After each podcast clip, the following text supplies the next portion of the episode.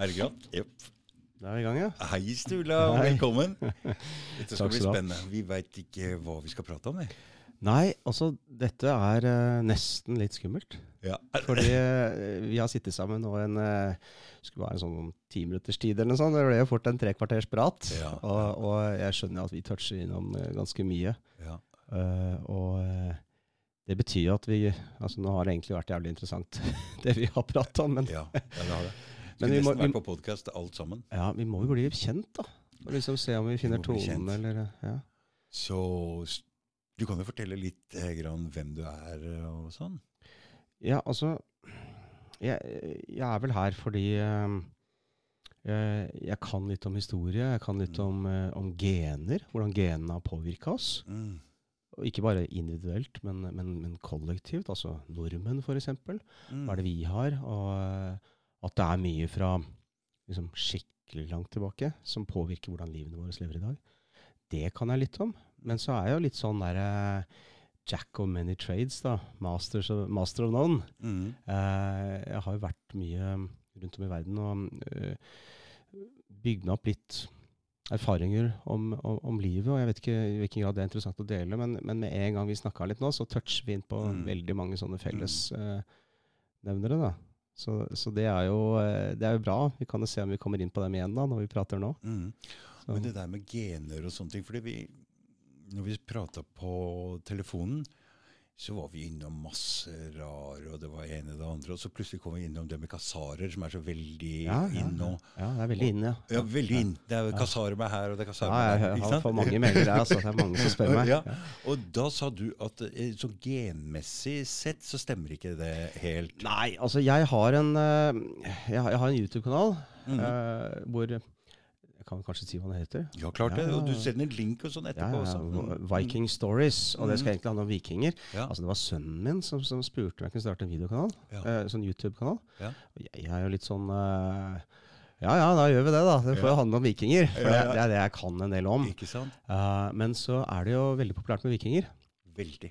Og, og jeg tror kanskje viking, hvis du ser på sånn merkevare, så tror jeg kanskje ordet viking er noe som verden over du bare Mm. rett og slett uh, Hvis du tar bort alle sånne kommersielle trademarks, mm. merkenavn, Mm. og sitter igjen med de som er ikke-kommersielle, så tror jeg Viking er på topp ti-lista. Kanskje helt i toppen. Ja. Altså Jeg har vært langt inn i jungelen i Brasil og på fest og møtt liksom uh, Var på en sånn fest og så, uh, på 1300 meters høyde, gammel sånn 130 sveitiske familier flytta dit. Nå for Burgo. Friburg. Frihet, Mm. ikke sant? Oh, ja. Eh, for 130 år siden. Eller 150 år siden er det nå. Mm. Og så er det etterkommerne der, da. Så er jeg på en fest, og så kommer en sånn der eh, svær, langhåra, mørkt kledd, ser ut som en satanist, eh, dytter vekk folk på festen og skal rett bort til meg. Sånn, da er du fra Norge. Ja. Og han viser, vet jo alt om eh, Norge og Norge, og du må oppføre deg som viking Ja. fra utlandet. Mm. Og, og overalt, altså. Der møter du på israelere eller, eller irer eller newzealendere. Det er liksom Ja, du kan drikke øl. Du kan slåss. Det er, det er sånn, ok, ja ja, men da kan jeg det, da. Det er disse stereotypiske oppfatningene vi har da, om, om folk. ikke sant? Generalisering. Mm. Eh, det er jo helt naturlig. Det er det vi har gjort i, i all tid. Mm. Eh, og mm, på denne YouTube-kanalen så får jeg en del eh, spørsmål om kasarer, og, Mm. og en del andre folkeslag. da, Kosakker også, det er veldig aktuelt nå i, i eh, Ukraina. Ja. Kosakkene var jo øst i Ukraina, men når vi ser på genetisk sett, så har Det er litt sånn pussig. En tredjedel av kosakkene, altså mennene, har et Y-kromosom. Det er da DNA i rett farslinje, ikke sant? Mm. bakover, Um, som er I. Eh, og det er en sånn haplogruppe som man, man sier I, det er sånn markør for viking, har man ofte sagt, men det er delt i to. Okay. Det er også jordbrukere. Uh, og, og, og vi vet det var mange jordbrukere før i tida også i Ukraina. Det, er jo, det blir kalt for Europas? Ja. kornkammer, ikke sant? Mm. Men, uh, men det er jo litt sånn pussig, da, for det, det har jo vært mye blanding. Og, da- ja, det ser man på disse kasarene også. Og jeg er, jeg er velkjent med alle disse, hva skal vi kalle det? Jeg, jeg vil gjerne kalle det narrativ. Mm. Ja. Det, det er et narrativ hvor man, kan, hvor man ehm, Det er nesten sånn øh, Jeg vil ikke kalle det cherrypicking, men, men alle gjør jo det. Selv akademikere driver og tar den forskninga som passer til ens eget Mm. narrativ, og så, og så bruker man det til å fremme eh, sin sak eller sin ideologi, overbevisning eller mm. andre interesser. Det handler jo ofte om makt. Mm. Um, men for å gi forklaringsmodeller for hvorfor ting er som de er. Og, og det er noe som kjennetegner oss mennesker, at vi søker jo etter å forstå. Mm. Og Der skal jo egentlig vi historikere komme, da. Eh, men så er det gjort forskning på elitegraver hos kasarene for 1000 år sia. Mm. Og de var ganske blanda, de òg. De var det. Og det, det har med handel å gjøre. Men, men vet du hva, jeg eh, begynner å forstå nå at eh, det der med religion, Ja. det er for å samle en nasjon. Det er for å kunne si her har dere en bok, dette er oss, dette er vi, Ja, ja, dette ja, er vi. Ja. Og de kasarene ble jo også, de tok til seg altså jødedommen, Ja. og, og da um, ble de vi. Ja? Selv om de er mange forskjellige stammer Ja, ja. og folkegrupper og alt mulig. ikke sant? Ja. Og det er, det er, jeg, jeg liker å sammenligne dem litt med sånn som, som elver renner nedover fra et felles utløp. Mm. For der har du litt den historien til rusvikingene. De, Ja. de kom jo ut fra Skandinavia. Og så Dette er spennende. Ja, Dette ja. er litt spennende. Ja, for det, her har du en felles Det, det har skjedd et eller annet i Skandinavia. Og det, her kan du si akkurat sånn som indoeuropeerne. Mm. De, disse som eh, Det er sånn De kaller det urheimat. Den teorien av hvor kom indoeuropeerne fra, for det var krigerfolket. Ja. Og for 4500 år siden så kom de i full fart inn i Europa og bare overtok alt.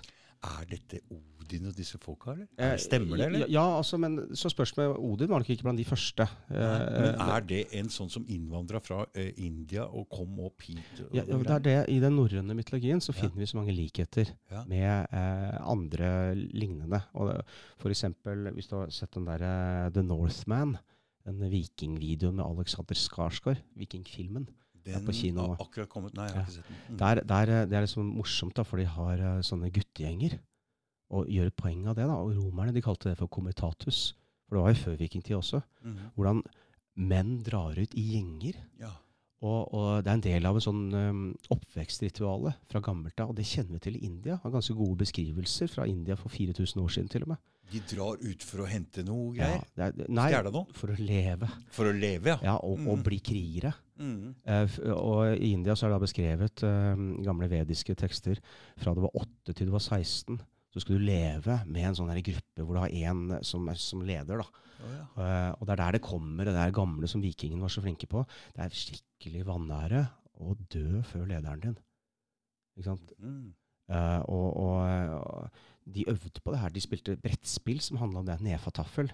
Neve, nefa, og Mm. taffel, tavle. Eller eh, Mm, mm. bord også, for den saks skyld. Men Mm. altså, brettspillet hvor det handler om at du er angrepet fra fire kanter. Så skal du få kongen i sikkerhet. Du skal ikke dø før din konge. Da, da kommer du ikke til Valhall. Altså, Sjakk er jo Ja, men dette er før sjakk. Ja. ja. Dette ble spilt i århundrer før sjakk. altså Goterne spilte det. Mm. Um, og, og vi finner mange sånne spillbrikker uh, overalt. Men, men det er perfekt for å lære seg hvordan du skal oppføre deg i strid. Mm. Og, og, for jeg, har spilt det en del, og det er, det er utrolig sånn derre Så det fint, så Du veit akkurat hvordan det spillet er? ja, Du kan spille på sjakkbrett. sja- sjakkbrett i stedet for å, det, det er sjakkbrett er åtte ganger åtte. Mm. Uh, men du spiller på linjene i stedet. Da blir det ni ganger ni, og da kan du spille det. Mm. Uh, og um, det kan du faktisk trene på for å se hvordan du skal oppføre deg kamp. Mm. Og jeg har jo en del eh, kampsporterfaring, og det, det der er eh, Det henger så på greip, altså. Mm. Men dette er en sånn tusenvis år lang tradisjon Mm. som vi fortsatt har i dag. Og det er litt av det som er min greie med historikere, å liksom fortelle hvordan vi kanskje ikke er klar over det, hvor mye vi lever i dag. Uten å forstå, Fortiden. Ikke sant? Og uten Ja. å forstå selv. Ja, ja. ja, ja. Vi bare gjør det, og det, vi kaller det instinkt. Ikke Ikke sant? sant? Men vi kan få litt innsikt, da. Så kan vi, kan vi forstå hvorfor vi er på den måten og den måten. Mm. For da disse kommentatusgutta, det, det var jo de voksne. Men det er det oppvekstritualene var jo det samme. Det er Mm. funnet graver i jeg lurer på om det er dagens Ukraina eller Russland, hvor um, en sånn, helt sånn guttegjeng er begravet, men av tydeligvis uh, folk som kjente dem. For det er respektfull begravelse. De, og de er begravd med hver sin hund, hver sin jaktfalk og sine våpen. Oppsann! Ja, ikke sant? Og det er tenåringer. Oi, Og- og så kult! Veldig spesielt, altså. jo, Men, men tenk hvor kult det er å gå ut med ten, som tenåring med egen Ja, hund og ja. egen jaktfalk. Og, Ja? Det skulle vært moro å leve da. ja, det der er helt voldsomt. Det er litt morsomt at de har med denne filmen The Northman. Mm. Men, men du, Dag Thomas, jeg har, jeg har uh, Dette her har påvirket oss helt til dagens samfunn. Uh, vi vet både på Island og Norge, og det å sette bort oppdragelsen til barna dine til et Mm. annet sted. Harald Mm. Hårfager han vokste opp i, i Sogn, ikke sant? Ja. Uh, og han fant seg en kone oppe i Vang. eh, hun Gyda, som han, det, han, håret hans, ikke sant? Som det var hun Mm, som mm. sa du må gro håret ditt. Eh, og, og vinne Norge, da. Og hun var også på en annen gård i Vang, da. Og den, det er den samme gården som på 1200-tallet, hvor det var en annen som var veldig viktig under Birkebeinerstriden, som, som vokste opp på den samme gården. Og han hadde en søster også som ble gifta. Altså, det var en ære å oppdra andre eh, store menn sin, eh, sine barn. da. Sånn som eh, Håkon Adelsteins ofre. Mm. sønnen- yngste sønnen til Harald Hårfagre. Men dette fortsatte på Men hvorfor ble det gjort, egentlig? Nei, det er samme tradisjonen. Du, de skal oppdras, Ja. og, og, og de skal bli krigere. Og det indoeuropeerne De hadde må det samme. bort fra mamma? Ja, ja, bort fra mamma. De skal være menn. Ja. Og, og, og det handler om også øh, hva du trenger da, for å øh, Det er litt aktuelt i, i, i våre dager. Hva, hvordan skal vi oppdra barna våre? Eh, og for fem år siden, eller noen måneder siden, så var det kanskje mange som så litt dumt på deg. I hvert fall en mor, hvis du som far sitter her og jeg vil at sønnen min skal være litt robust i tilfelle det kommer krig. I, i. Han kan overleve. Da ser hun litt rart på deg og sier hva, faen er det du snakker om? Det er jo alt, alt skal bli bra. Alle skal være venner. Mm. Regnbueflagg og dette skal gå bra. Eh, og så rister de på huet og tenker ja, ja, det er ikke sånn jeg kjenner verden. Det er, det er jævlig mye greier ute i verden. For du, du, du, du går tilbake nå og ser i tid, så ser du at det var mye mer menn. Menn fikk lov å være altså gutter og Ja, men- menn ja, men og den greia der. Det- Tenk deg, da. Det, det, Ja. altså, det, det, nå er vi inne på noe Ja, vi snakka ja, om ja, det ja, før. da, jeg vet, jeg vet. Ja, men vi kan jo ta det igjen, da. Det er sikkert eh, altså, du, du, fordi det er noe jeg vil gjerne si, for jeg har jo drevet og prata litt med en dame, og vi prøver liksom forstå hvordan vi er, hvorfor vi er. ja, Og vi ja. må hele tida gå tilbake til landsbyen Ja, den gangen. ja, ja, ja. For å liksom forstå Ja. hvorfor vi er som vi er. Det er Ja. ikke så lett å se at vi er forskjellige i dagens samfunn, Vi men vi er forskjellige. Og da må vi gå tilbake i tid og se hvordan var Så det har behov for å putte folk i bås. Det er også noe for å liksom se For, for å henge folk på knagger nærmest. Man vet liksom Mm. det, Her handler det om trygghet og en slags form for konformitet også. Så du har oversikt. Det er helt naturlig, det. Um, I eh, Kasakhstan, jeg har vært mye der, Det er søken etter hvor indoeuropeerne kom fra. Hvor er Kasakhstan? Nei, Det blir jo, altså det er jo et kjempestort land i Sentral-Asia. Ja, Eh, de har over 100 forskjellige etnisiteter. ja. Og, og det, så det er litt sånn der eh, Saddam Hussein Irak holdt eh, kontroll på et stort land, liksom. Mm. Eh, det er olje- og gassland, har grense til Russland. Mm. Eh, men de har vært veldig flinke i krigen nå, som Russland fører i Ukraina, ved å ta avstand. Ja. For de fikk samme krav, de, som, som Lusjenko i Hviterussland. Ja. Men de tok en annen holdning til det, for de har alltid sett på seg selv som en sånn fredsnasjon. Mm. Eh, men så var det jo opprør der. Det var noe bråk der rett før. Ja, Det var det, var det ikke sant? Mm, Så, så det er jo Her er det Ingenting er jo svart og hvitt. Det vet jo vi som har levd litt. Altså Det som foregår, Hvis vi skal begynne å dra den greia hva som foregår nå, det er et stort eh, Jeg tror det er en slags maktovertagelse og en eh, skifte i eh, Ja, nå, nå i Kasakhstan, så får vi ikke bytte for mye på temaet, Ja. men der har de sånn Hver gang man møtes, så lurer man på hvor man er fra. Apropos røtter, ikke sant? sånn som hun dama du snakka om. mm. Ikke sant? Eh, du kommer derfra, ja, eller etternavnet ditt, og så er du fra den klanen eller den stammen. Ja. For det er klan, og så er Mm. det stamme, som Mm. er flere klaner. Mm. Og det er, vi gjør det i Norge også. Det er det samme, altså. Dette er også den samme arven. Det er samme røtter. Ikke sant? Eh, 'Å, du, hvor er etternavnet ditt?' Eller har, ja, 'Da er du fra Sunnmøre', da. Eller 'Å, Ja. du er fra den Nordmøre-delen som utvandra fra Sunnmøre'. Ja, ja, ok. Mm. Eller som, 'Svømmer du sånn', da? Eller Mm. bergensere Svømmer du sånn? Ja, ja, sunnmøringer gjør det. ikke sant? Flinke med penger. Oh, ja. Ja. Stav Stavangerfolk, siddiser, de er på én måte. Um, eller sunnfjordinger, der hvor jeg bor, de er veldig konfliktsky sammenligna med andre folk langs kysten. Men dette ser vi jo litt, grann, at eh, en fra Sørlandet og en fra Nord-Norge Ja. er litt forskjellige. Ja, ja, Lynne, altså, vi hører på språket òg. Ja, det er, er gæren? Og så er det fjellfolk. Vi har jo en egen sånn fjellfolk. Jeg syns det var litt synd da de drev og delte opp Norge på nytt nå i nye fylker og sånn. At de ikke hadde en sånn her fjellfolklandet. Fjellfolklandet. Ja, det hadde vært kult, fordi fjellfolk er mer robuste. Det, det er det. Jeg har mange venner. Jeg er både jeg har sånn, i Ustadås, Geilo og andre steder. Og, og jeg ser når de eh, liksom oppdrar barna sine, da, da er liksom bare Ja, nå må du ut. Bike på sommeren, eller Og så er gutten fem år, ikke sant? Og, og rett ned, eller det, det, det, Men er, er, de fjellfolket litt, grann, litt sånn eh, skeptiske òg? Fordi hvis jeg ser på de lavlandene, sånn som Nederland og Danmark, så er de sånn der eh, De er litt mer lugne og litt rolige. Og så ser jeg liksom i forskjell til Norge, som er jo Mm. et fjelland, Mm, mm. hvor vi er mer skeptiske og litt mer mistroiske og litt mer eh, Ja. Det er jo fordi vi er lenger vekk fra periferien når vi er i fjellene eller i fjordene. Ja, Og da er man jo litt skeptisk ja, alt. ikke sant? nye, nye Ja. ikke sant? Nytt og Og det har jo litt med at man har blanda seg med sine egne. Det er geografi som gjør det. ikke sant? Og det er litt spesielt med nordmenn. At, mm. at eh, det er bare inntil nylig tid at man eh, liksom gikk over eh, fylkesgrensa eller innafor fylket. Møre og. Romsdal er For nå hopper jo egentlig fra Kasakhstan, for det, hvis det er Kaukasus, er det det? Nei, det er lenger øst. det. Det For det er fjellfolk igjen. Ja. Georgia. Jeg har vært mm. mye der òg. Ja. og Tsjetsjenia. Jeg har vært der òg, og Ja. jobba med som forsker. Uh, og der møter du på de samme fjellfolkene. Ja. Og I Tsjetsjenia husker jeg var det aleine. Det var litt sånn spooky, for da drev de med sånne der, eh, det var tsjetsjenere som bl.a.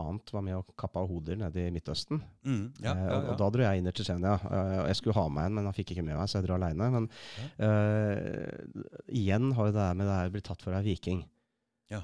Jeg ble dratt fra hjem til hjem til hjem i Grosny på Mm. kveldstid, og, og fikk te og viste fram våpensamlingene sine.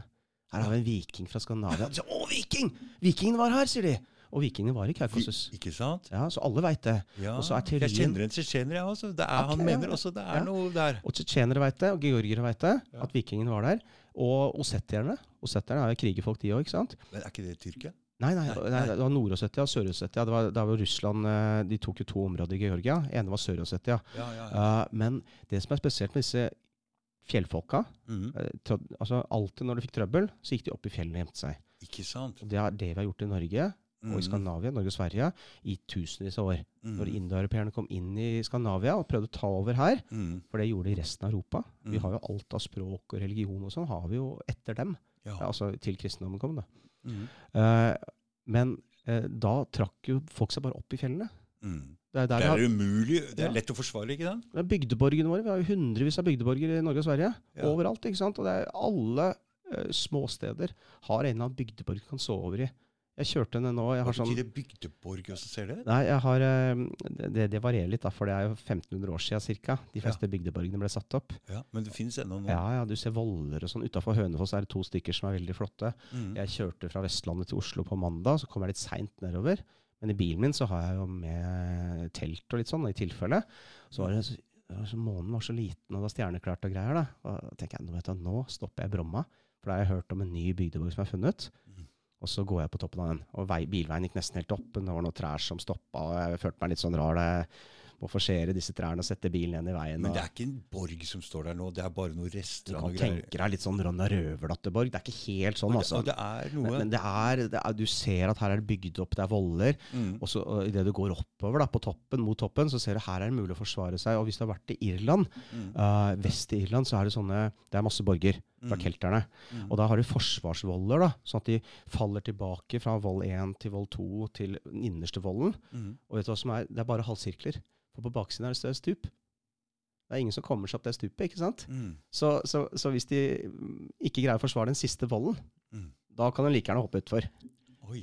Så, så, og det er virkelig vanskelig mellom hver vold å komme fra vold til vold, for der er det steiner i alle retninger som ser ut som sånne glasskår som kommer opp av sånn Hvis du har vært i Brasil eller latinske land og ser hvordan de ikke vil ha Gå over gjerdet. Ja, nettopp. Mm. Så er det glasskår og sånn. Ja, akkurat sånn ser det ut. Mm. Um, men det er, med bygdeborgene så er det sånn også. Altså, det, du ser spor med at her kan man forsvare, og, og her er, samler de seg. Og, og, og jeg tenker at hvis det skulle bli krig i Norge, så er bygdeborgene er fantastisk å søke tilflukt. Det eneste problemet nå, som vi har sett i Ukraina, er at droner, Ja. som har sånne varmesøkende greier, Ja. da, da blir det litt mer komplisert igjen. Da må Ja. du begynne å grave deg ned. Ja. Eh, men det er fullt mulig å gjøre i bygdeborger, da, for så vidt. Det, er, det må bare forberede litt. Og så er det dette med vann og tilgang. Um, men eh, men eh, det litt spesielle med bygdeborgene, sånn som denne Bromma Jeg sov over der da, Mm. natt til tirsdag på vei til Mm. Oslo. Å, ja. På, våkna på toppen der og ser du, har- Det er alltid tilknytning til elver. Ferdselsårer. Det er ferdselsårer, ikke sant? Ja, og på den tiden, Mm, dette var jernalderen. Ja. Og, og det folk flest ikke veit, er at um, vi var et veldig krigerfolk i Skandinavia da. Og eh, mm. Når var jernalderen? Uh, dette er skal vi si 1000 år før vikingtida. Hvor lenge siden er det? Uh, vikingtida starta sånn ca. for 1200 år sia. Oi, det er lenge siden. Og så har vi 1000 år. Men når du sier lenge siden, så, Mm. så, så snakker du med ditt narrativ. Ja, Eller din, ditt ja. forståelse for tid. ja, ja, ja, ja, ja. For, for jeg er sånn, når jeg har vært i Kasakhstan og snakket med disse nomadene, uh, de har jo et helt annet syn på tid. For dem er 1000 år ingenting. Og det, og det betyr at når de møter meg, da, eller deg, eller oss, som, eh, som eh, vikinger, så sier de ja, vi er nomader til lands, og dere er nomader til sjøs. Det er helt riktig, det. Mm. Fordi eh, jeg har lært mye om avstand og tid. Og, og eh, for dem er fem dager på hesteryggen er ingenting. Og da er det Europa. Ikke sant? Jeg tørka kjøtt, og så bare Eh, Og det samme har jeg til sjøs. For jeg, jeg er fra Østlandet med, med slekta mi og, og har seilt mye. Mm. Og fem dager til sjøs er ingenting, og da er jeg på Island. Og fem dager til så er jeg på eh, vestsiden av Grønland, og fem dager til er Amerika. Eh, og sånn var det for 1000 år siden også. Vikingskipene. De gikk jo like fort, de, som dagens uh, seilbåter, faktisk. Det er litt spennende. Med, med, med nev- god, eh, riktig vindforhold, da. Når du nevner det, altså at det er så kort til eh, Amerika, så, Mm. så vi har vært der. Ja, ja, ja. Ja, ja, ja, ja, ja, ja. Det har vi bevis for. Det var Helge Ingstad og kona som, som, som utrettelig jobba for det, men de, de fant det på slutten av 60-tallet. Og, eh, og det er veldig morsomt. Og da er spørsmålet hvor langt sør kom de? Jeg var på sånn TV-serie med Peter Stormare. Han er en bra kar, altså. Han er eh, Jeg tror han er rundt 70 nå, men han er, han er, han har, han er sånn vigør. Ja, det er veldig kul skuespiller òg. Ja, ja, ja, ja. Det er helt gæren. Han, han, han, han er så ung som du skulle tro han var 30 år, Ja. og har så mye sånn positiv energi. Har møtt de folka som liksom Du får så bra energi av dem. Mm. Og han er sånn. Og du, du blir bare energisk, ikke sant? Mm. Og, og så er han veldig nysgjerrig. Og, og han ville vite om denne runesteinen som er funnet i Minnesota. Um, og den er nok ikke ekte. Og det sa jeg. Jeg, jeg kan jo bare, Hvis du kan på TV-serie og si det, det er på Viaplay, Mm. uh, så kan jeg ikke si at den er ekte. Jeg må være ærlig. Han sa 'flott, det er bra, vi trenger litt motstand nå'. Ja, ikke greit, greit. Så men vi drar på jakt vi etter vikingskip i Amerika Ja. sammen. Ja. I sesong to. Det er dritkult, altså. Og det, er, det var en kjempeopplevelse. Men var svenskene like mye vikinger som oss, som ligger bak eh, Østersjøen der? Ja, det kommer an på hvordan du ser kartet, da. Fordi hvis du er i Norge og ser sørover, hvis du snur kartet litt, så er jo det er rak i veien. Og det er litt poenget med jernalderen. Mm. Uh, veldig mange er ikke klar over at uh, før vikingtida så hadde vi ekstremt mye jern i Skandinavia. Det har jeg fått med meg. Ja. Mm. Bra jernmalm, ikke sant? Jern, ja, sånn Mm. myrmalm. Myrmalm som er det beste jernet, ikke sant? Ja, og en Mm. viss høyde. Du må opp i elver og, ikke sant? Okay. Mm. Helt opp til Vang og Geilo, opp i fjellene. Fjellfolket. Mm. Uh, Så de, de fikk ut det med alle disse milene, og, og, og det var masse trær, så de fikk all den krafta som måtte til for å, for å smi og lage disse uh, fine mm, klumpene, og så sende det nedover elvene. Og jeg tror disse bygdeborgene også var med på å si fra, for dette var ekstremt. Det var sånn gull som Det kommer nedover. ja. Mm. Og, det kan du jo bare gjøre når det er eh, viss vannføring. Og det, du sender jo ikke bare én og én båt, du, altså du kjører, sender laster ned, og det er Mm. kjempemye. I resten av Nord-Europa. Du har Karpatiene, det er fjellområdet, men resten det er ikke så stort. Så, så hele Nord-Europa bortsett fra Skandinavia er ikke optimalt for å utvinne jern. Nei. Så tenk deg da når disse skandinaverne og de germanske folkestammene Germanerne, Beste våpna òg, ikke sant? Ja, ja, ja, ja. Så du har liksom det som ble germanere, alemanere, frankere, anglersaksere, anglosaksere, ikke sant? Eh, Alemann? ja, Det er tyskere. ja, alemann var en av de gruppene. Mm. ikke sant? Og, og germanerne var også en annen gruppe, men alle kom fra dagens Skandinavia og, og, og Nord-Tyskland. Altså, altså det, og så dro de sørover, fordi det var eh, varmt. Det var, da er det fødselsoverskudd. ikke sant? Masse, masse vok menn og gutter vokser opp i disse guttegjengene og flokkene. Mm. Eh, comitatus, som, som, som det ble kalt. ikke sant? Men det er jo i den filmen The Northman så kalles de for eh, Eller det er ulfhedin, altså berserkere. Og de gjør litt narr av dem. da, Det er litt sånn som bikere. Mm. De er liksom 'Å, se på de tøffe gutta! De er fulle av rus hele tiden og ruser seg hele tida'. Ruser de seg? Nei, ja, altså, det er eh, Har du vært og sett filmen, du? Ja, jeg har vært og sett filmen. Og, er den verdt å se? i, absolutt. Det er en av de bedre Ja. det, vikingfilmene. Det er, Valhalla Rising likte jeg veldig godt. Og hvis du ikke skjønner i starten av Valhalla Rising at Mats Mikkelsen egentlig er Odin, han har ett øye, ikke sant? Mm. Og han bare fucker med de der eh, nyvikingene som er posere. De tror de er tøffe vikinger, men så er det bare å bli kristne. Oh, ja. De skal, de skal kristne verden. Så egentlig handler filmen om at det er Odin som fucker opp livene til de kristne. Jeg har ikke sett den heller. Ja, det er fantastisk. Og hvis du, oh, ja, hvis du oh, ja. skjønner det de første fem minuttene av filmen, Mm. så er det bare en herlig psykedelisk tripp. Oh, ja. For, for det er det. Og det er det samme til Northman. For han regissøren er ganske kompromissløs. Han er det, altså. Og så har han tatt inn en kar som jeg har jobba litt med i en sånn viking-DNA-paper en gang, Mm. om DNA og han er litt sånn eh, Hva skal vi si Har jeg lov til å si woke på podkasten din? Ja, litt sånn bekymret, da. Hva vil folk tenke, og hvordan kan dette brukes? og litt sånn. Det var ganske irriterende, faktisk. Um, for han ville ikke ha med Det sto noe om lys hud, Ja. i, at det er seleksjon på det. Vi ser at det er de med lysere hud får flere barn gjennom Ja. vikingtiden. Ja. Og det ville ikke han ha med, da, for det kan misbrukes. Og så ble det et kompromiss, da, så nå står det bare kodene for de to genene med lys hud. Det står ikke lys hud eller pigmenter, det står ikke noe om det, for da kan det misbrukes. Nå står det bare kodene. Herregud, folk er så redde for å snakke om rase og Ja. sånne ting. Og det er poenget. ikke sant? Det er hvordan du snakker om det.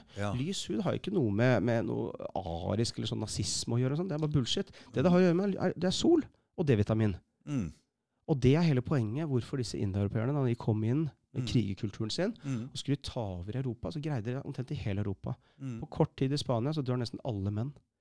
Og på kort tid i uh, Altså som var der fra før. Alle jegerne. Jeger- og sankersamfunnet fra gammelt av. ikke sant? Alle mennene blir borte. Hvorfor Ikke noe spor igjen i dag. Baskerne og alt. Uh, det kan ha vært pest. At det var pest som gjorde at veldig mange døde, og så kommer indoeuropeerne, for da var det mulig å komme. Mm. Og så tar de de damene som er igjen. Men det har ikke overlevd. Ellers så kan det ha vært en veldig, veldig voldsom tid. Mm. Og det var det nok. Uh, men De eh, indieeuropeerne, var de i lyset? ja, de hadde ett av de to genene for, for, for lyshud. Det hadde de. For de Mm. blanda seg mye med de, disse um, jegerne. er egentlig to uh, grupper. da. Det er Eastern hunter-gatherers og Western hunter-gatherers. Nå skal ikke jeg bli for teknisk, Mm. men, men Eastern kom fra øst, de òg. Så det er en viss blanding der òg. men det som er spesielt, da, at i Skandinavia så har de blanda seg Mm. uh, mye mer enn resten. Det er ikke bare de Western hunter-gatherers. De Western var de, de var de som var litt, de var litt lave. Hadde Ok. mørkere hud, Mm. hadde blå øyne. Mm. Uh, men de som var Eastern hunter-gatherers, de var Mm. høye. Mm. Og, og de hadde da et av de genene for lys hud. Jordbrukerne som kom etterpå, de har, fra Anatolia, altså dagens Tyrkia, de hadde andre gener for lys hud. Men, men hele poenget er at de trakk seg opp i fjellene når disse krigerne kom. Trakk seg bare nordover. Nordover og nordover. Mm. Og, og så kommer de ned igjen. ikke sant? Geriljakrig. Mm. Uh, og jeg er overbevist om at det som står i Snorre, i kongesagaen og sånn, men spesielt i Eddaene, hvor Mm. beskriver hvordan disse gudene kom, Odin og Thor og hele gjengen, Mm. kommer fra um, Eller forfedrene deres Mm. kommer fra øst. Det er historien om indoeuropeerne. Og så møter de på et kjemper, et kjempefolk. Jotuner, jotner. Mm. Altså gjetter på svensk, ikke sant? Mm. Mm. Fra Jotunheimen. Er det gjetter? Er det Mm. Jotun? Mm. Mm. Og Jotunheimen lå oppe i nord. Ikke, ikke der det er i dag. Nei. Nei, det er en som heter um, Vinje på 1860-tallet han, han, eh, og 70-tallet. Det var så mye britisk turisme som kom og skulle gå i fjellene, så da bare tok de Jotunheimen fra Var? Finnmark og bare smakka det ned på kartet. Her skal det Jotunheimen være, liksom. Der har det vært siden. Og, og bare bullshit. Det er oppe i nord. Og poenget er at der bodde disse høye kjempene. Og vi vet til og med i bronsealderen så har disse høye kjempene vært nede i Middelhavet og, og, og vært med som leiesoldater. Også gjennom hele jernalderen. Men da hadde de også jern og våpen. For vi ser jo det på det norske folk, at her er det bra blanding. Mm, mm. Vi er mørke, lyse, Ja, ja. rødhåra, korte det, er, det er stor eh, Ja. Det er ikke noe eh, Vi er ikke Altså, jeg, jeg, jeg har møtt litt trøbbel pga. det, da, fordi jeg, jeg liker å forske på DNA, skjeletter og vikinger. mm, Og da er det mange som liksom Å, herregud, hva er dette for en ekstremist? Ja, og ekstremist. Ja, ja nei, jeg har en arkeolog her til og med som sa liksom Nei, det, det er så suspekt at du er så snakker positivt om Nei, snakker om at vikingtida er en fin og flott tid, sa han. Mm. Eh, for det mente ikke han. Nei, men hva vet han om, visste han om det? Nei, han kan ikke så mye, tydeligvis. Det han plukker opp, er da det som nazisten trodde, som er feil. Å, det greia der. Ja, ikke sant? Og så putta han meg i den båsen der. At det er behov for å putte folk for å forstå Skal vi folk. virkelig drive og blande inn annen verdenskrig og den nazismen der inn i det greiene her? Det, er, altså, det er, nå må du slutte opp med det greiene Ja, her. jeg er helt enig. Det er helt tull. Det er lenge siden den krigen nå. Men du er inne på det, ikke sant? Vi har blanda oss mye. Ja. Og det folk kanskje glemmer, er hvor mye ressurser det egentlig alltid har funnes i uh, I Norge, ja. Ja, Mm. Ikke sant, for Jeg var en fyr her og prata om litt, og da var det allerede ved bronsealderen. Mm, ja, Som er tinn og kopper, ikke sant? Ja. Og vi har jo Koppevik. vi har Ja. sted som heter Tinn her.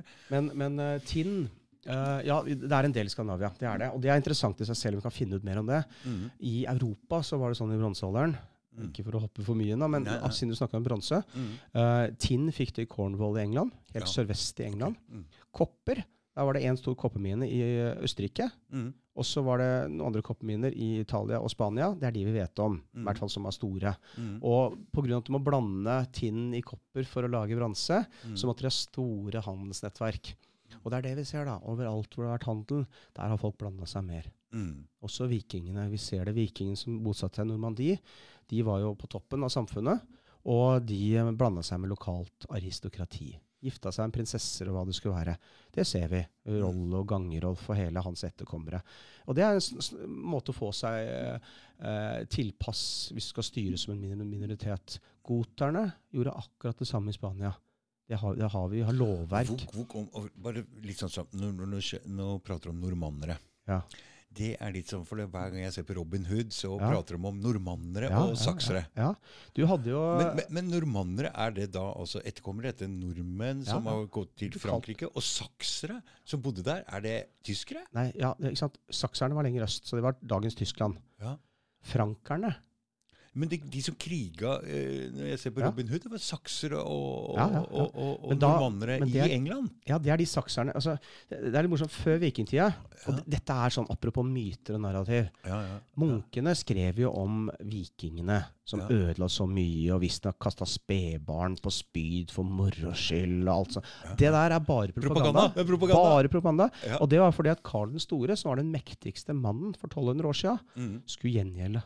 Angripe vikingene. mm, Det er flere historikere som har pekt på det her. altså han, Torgen Titlestad han har vært flink på det i Norge, skrevet masse bøker om det. mm. Fordi uh, Lindisfarne, som var liksom det første Ja, den har vi aldri hørt om. Ja. Mm. Lindisfarne, det var eid av en uh, altså Den munken som kontrollerte det, var en biskop som het Alcuin. Mm. Og han var i hoffet til Karl den store.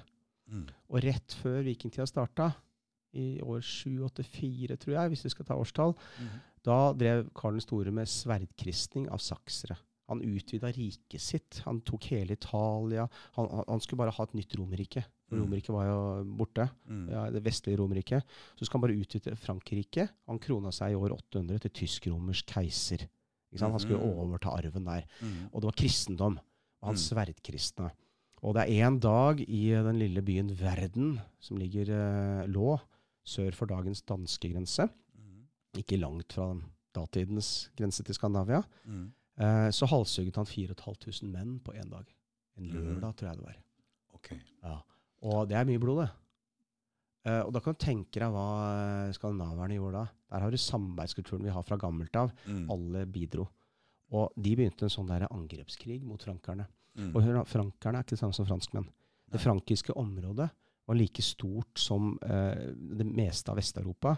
Og omfattet eh, Da det delte seg opp i år 843 i tre deler, de tre delene ble Frankrike, Italia og Tyskland.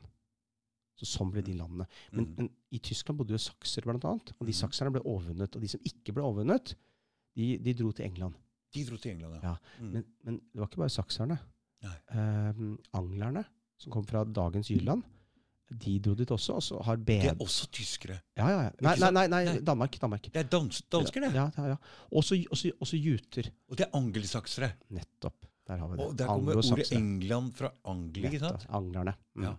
Og det er derfor du ser sånn som uh, den filmen The Northman, det handler om Hamlet. Nei, ikke Hamlet, Amlet. Altså, Shakespeare sin Hamlet handler om en, en, uh, en helt fra legendesagaene våre. Som, som man Hamlet, er det fra Danmark? Ja, det er akkurat det. Det er Mm. poenget mitt. Mm. Uh, og dette er historier som, som anglerne og jydene, eller ju, juterne altså Det var tre folkeslag skriver Bede om. Det er en sånn Munch da han skrev om det. Han er en god, kredibel kilde. Mm. Eh, tre folkeslag kom inn til England, og lederen for dem het Hengist og Horsa. Og de var, eh, de var ikke anglere, og de var ikke saksere, men de var juter. Altså jyder. Eh, Jutland, eller Jylland. Det er fra Danmark. Og, eh, og det morsomme med, med hengist og horsa, det er jo hingst og horse. Altså det, det er hingst og hest. Mm. Og dette er en sånn tvillingmyte fra gammelt av. Dette er røtter tilbake til indoeuropeerne. Altså. Flere tusen år. Dette er ikke ekte navn. Ikke sant? Det, det, det, er, det er som Romulus, altså disse to ulvene som, som grunnla Roma. De, de, de skal ha de samme legendeberetningene om hvordan England ble overvunnet av Mm. disse germanske folkestammene som kom fra Skandinavia. Mm. Um, så det er litt morsomt hvordan dette henger sammen. ikke sant? Mm. Og det er veldig mange som leser historiebøker på skolen og alt sammen, som ikke noe av dette her står. Eh, men nå er jo mye av det her ny forskning, da. Og, og jeg prøver å fortelle om det her, for det er, det er mye mer fascinerende, syns jeg. Og så kan vi lære det er masse. spennende. Det er veldig spennende. Ta, ta det kompetatusgreiene. Min far, han var den første som måtte ha ungen sin rundt seg i hele min oppvekst. Jeg var den første som opplevde å vokse opp med min far i min familie. Altså, med andre ord, så langt tilbake i tid vi kan huske på min fars side, på Nordmøre, Mm. så har alle menn vært enten sjømenn eller fiskere. Mm. Det betyr at de er borte flere måneder av gangen hvert Mm. eneste år. Mm.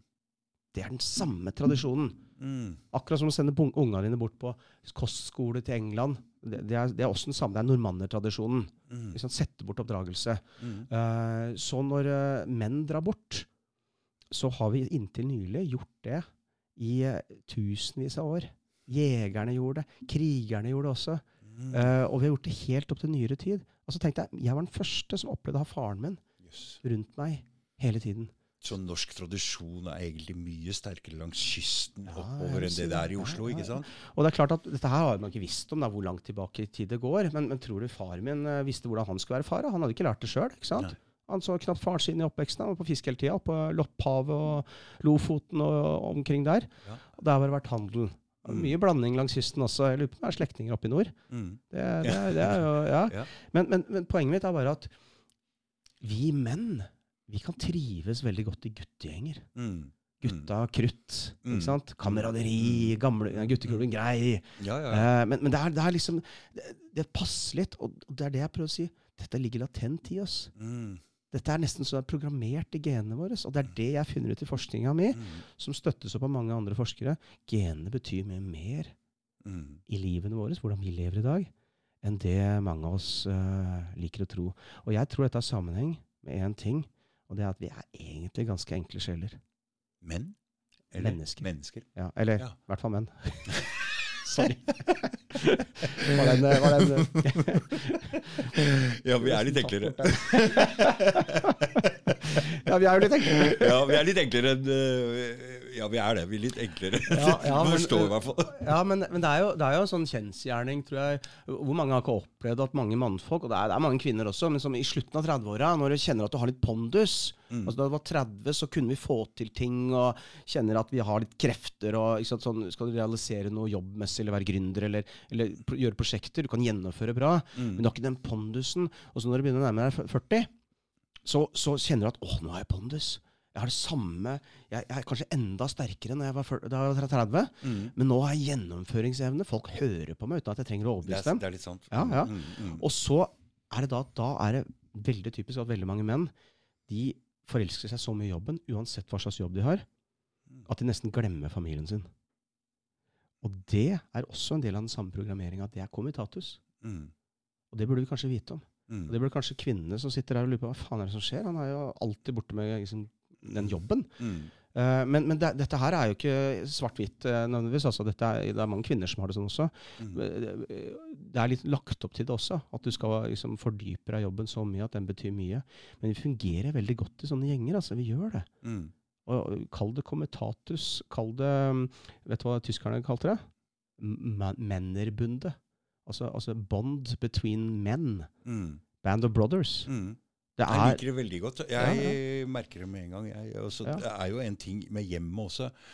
Ja. Eh, er, ja. mannen, mannen klarer ikke øh, Jeg finner ikke veldig ro og stusle rundt i hjemmet, og mannen trenger et eller annet å gå ut og drive med et eller annet, og gjerne sammen med noen andre. Og, Altså, jeg har det sånn når jeg har vært ute på reise.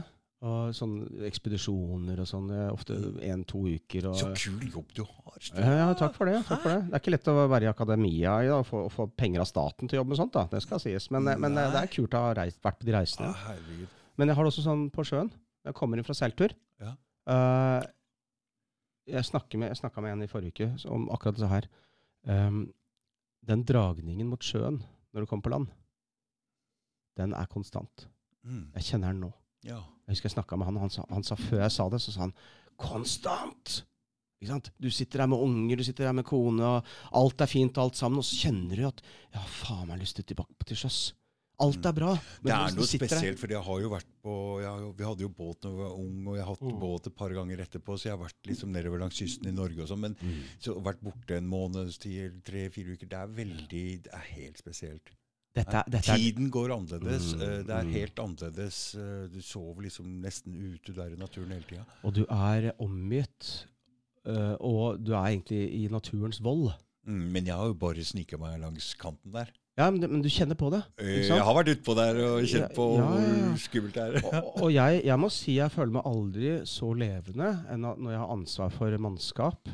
Mm. Og, og altså, du er Hvert eneste valg du gjør, hvert eneste sekund, du er så levende. Det er on fire. Mm. Det er dette du er lagd for.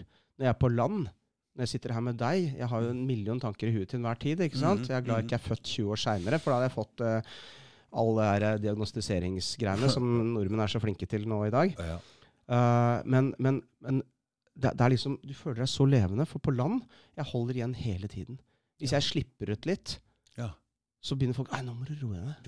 Ja, nå må du roe deg. Liksom, nå, nå må vi begynne å tenke på Så menn trenger et sted å oppleve litt og være litt i fare. Men jeg ser jo det, jeg, sønnen min spiller jo fotball nå, og noen av dem er litt sånn kranglete ikke sant, på banen. Og jeg sier drit i det, dere er her for å bruke ut testosteronet for å kjefte Ja. litt, for å ta i litt. Drit i hva de andre sier om noe krangling, det er bare det er en del av greia. Det er nettopp derfor vi nordmenn er så jævlig flinke i idrett. Hvis du teller sånn eh, eh, gullmedaljer Vi teller Mm. bare gullmedaljer i Norge, ikke? Ja, ikke sølv og bronse. Hvis du teller gullmedaljer per nasjon, per folketall, Ja, ja, uh, enten det er vinter- eller sommer det er jo helt sinnssykt i Skandinavia, eh, Mm. Norge og Sverige. Mm. Men altså, poenget er fra steinalderen så har vi sånn veldig konformt samfunn.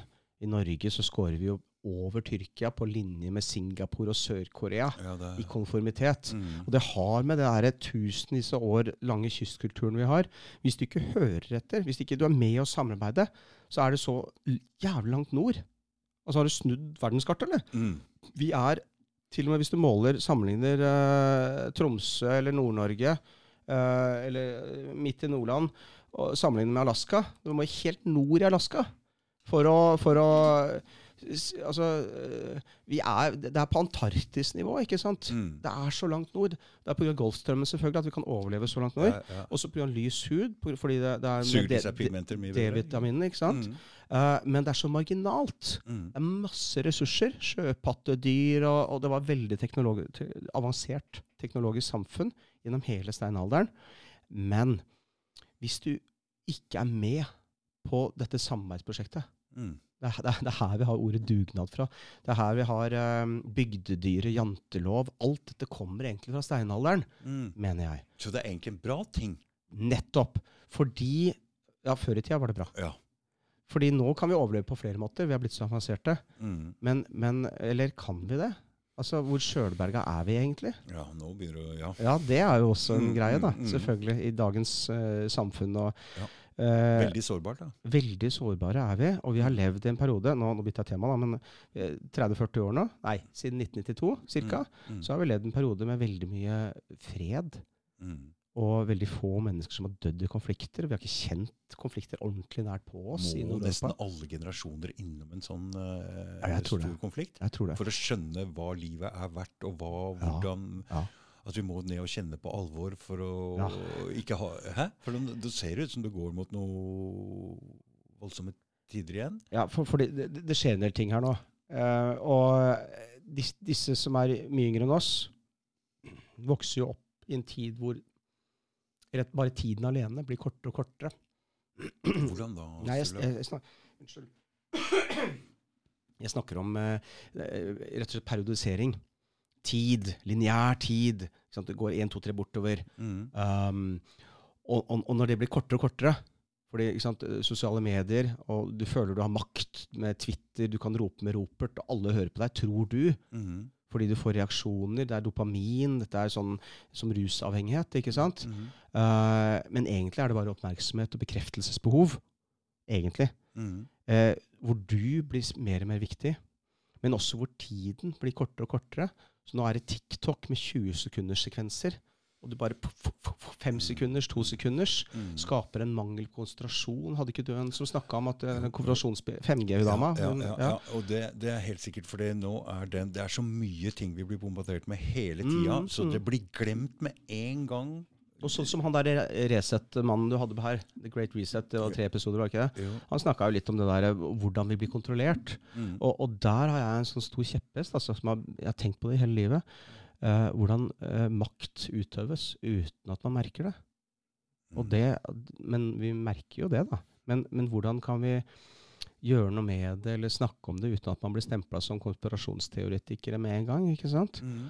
Um, fordi eh, det som vi har levd med inntil nyere tid, Mm. det er at tiden ikke er lineær.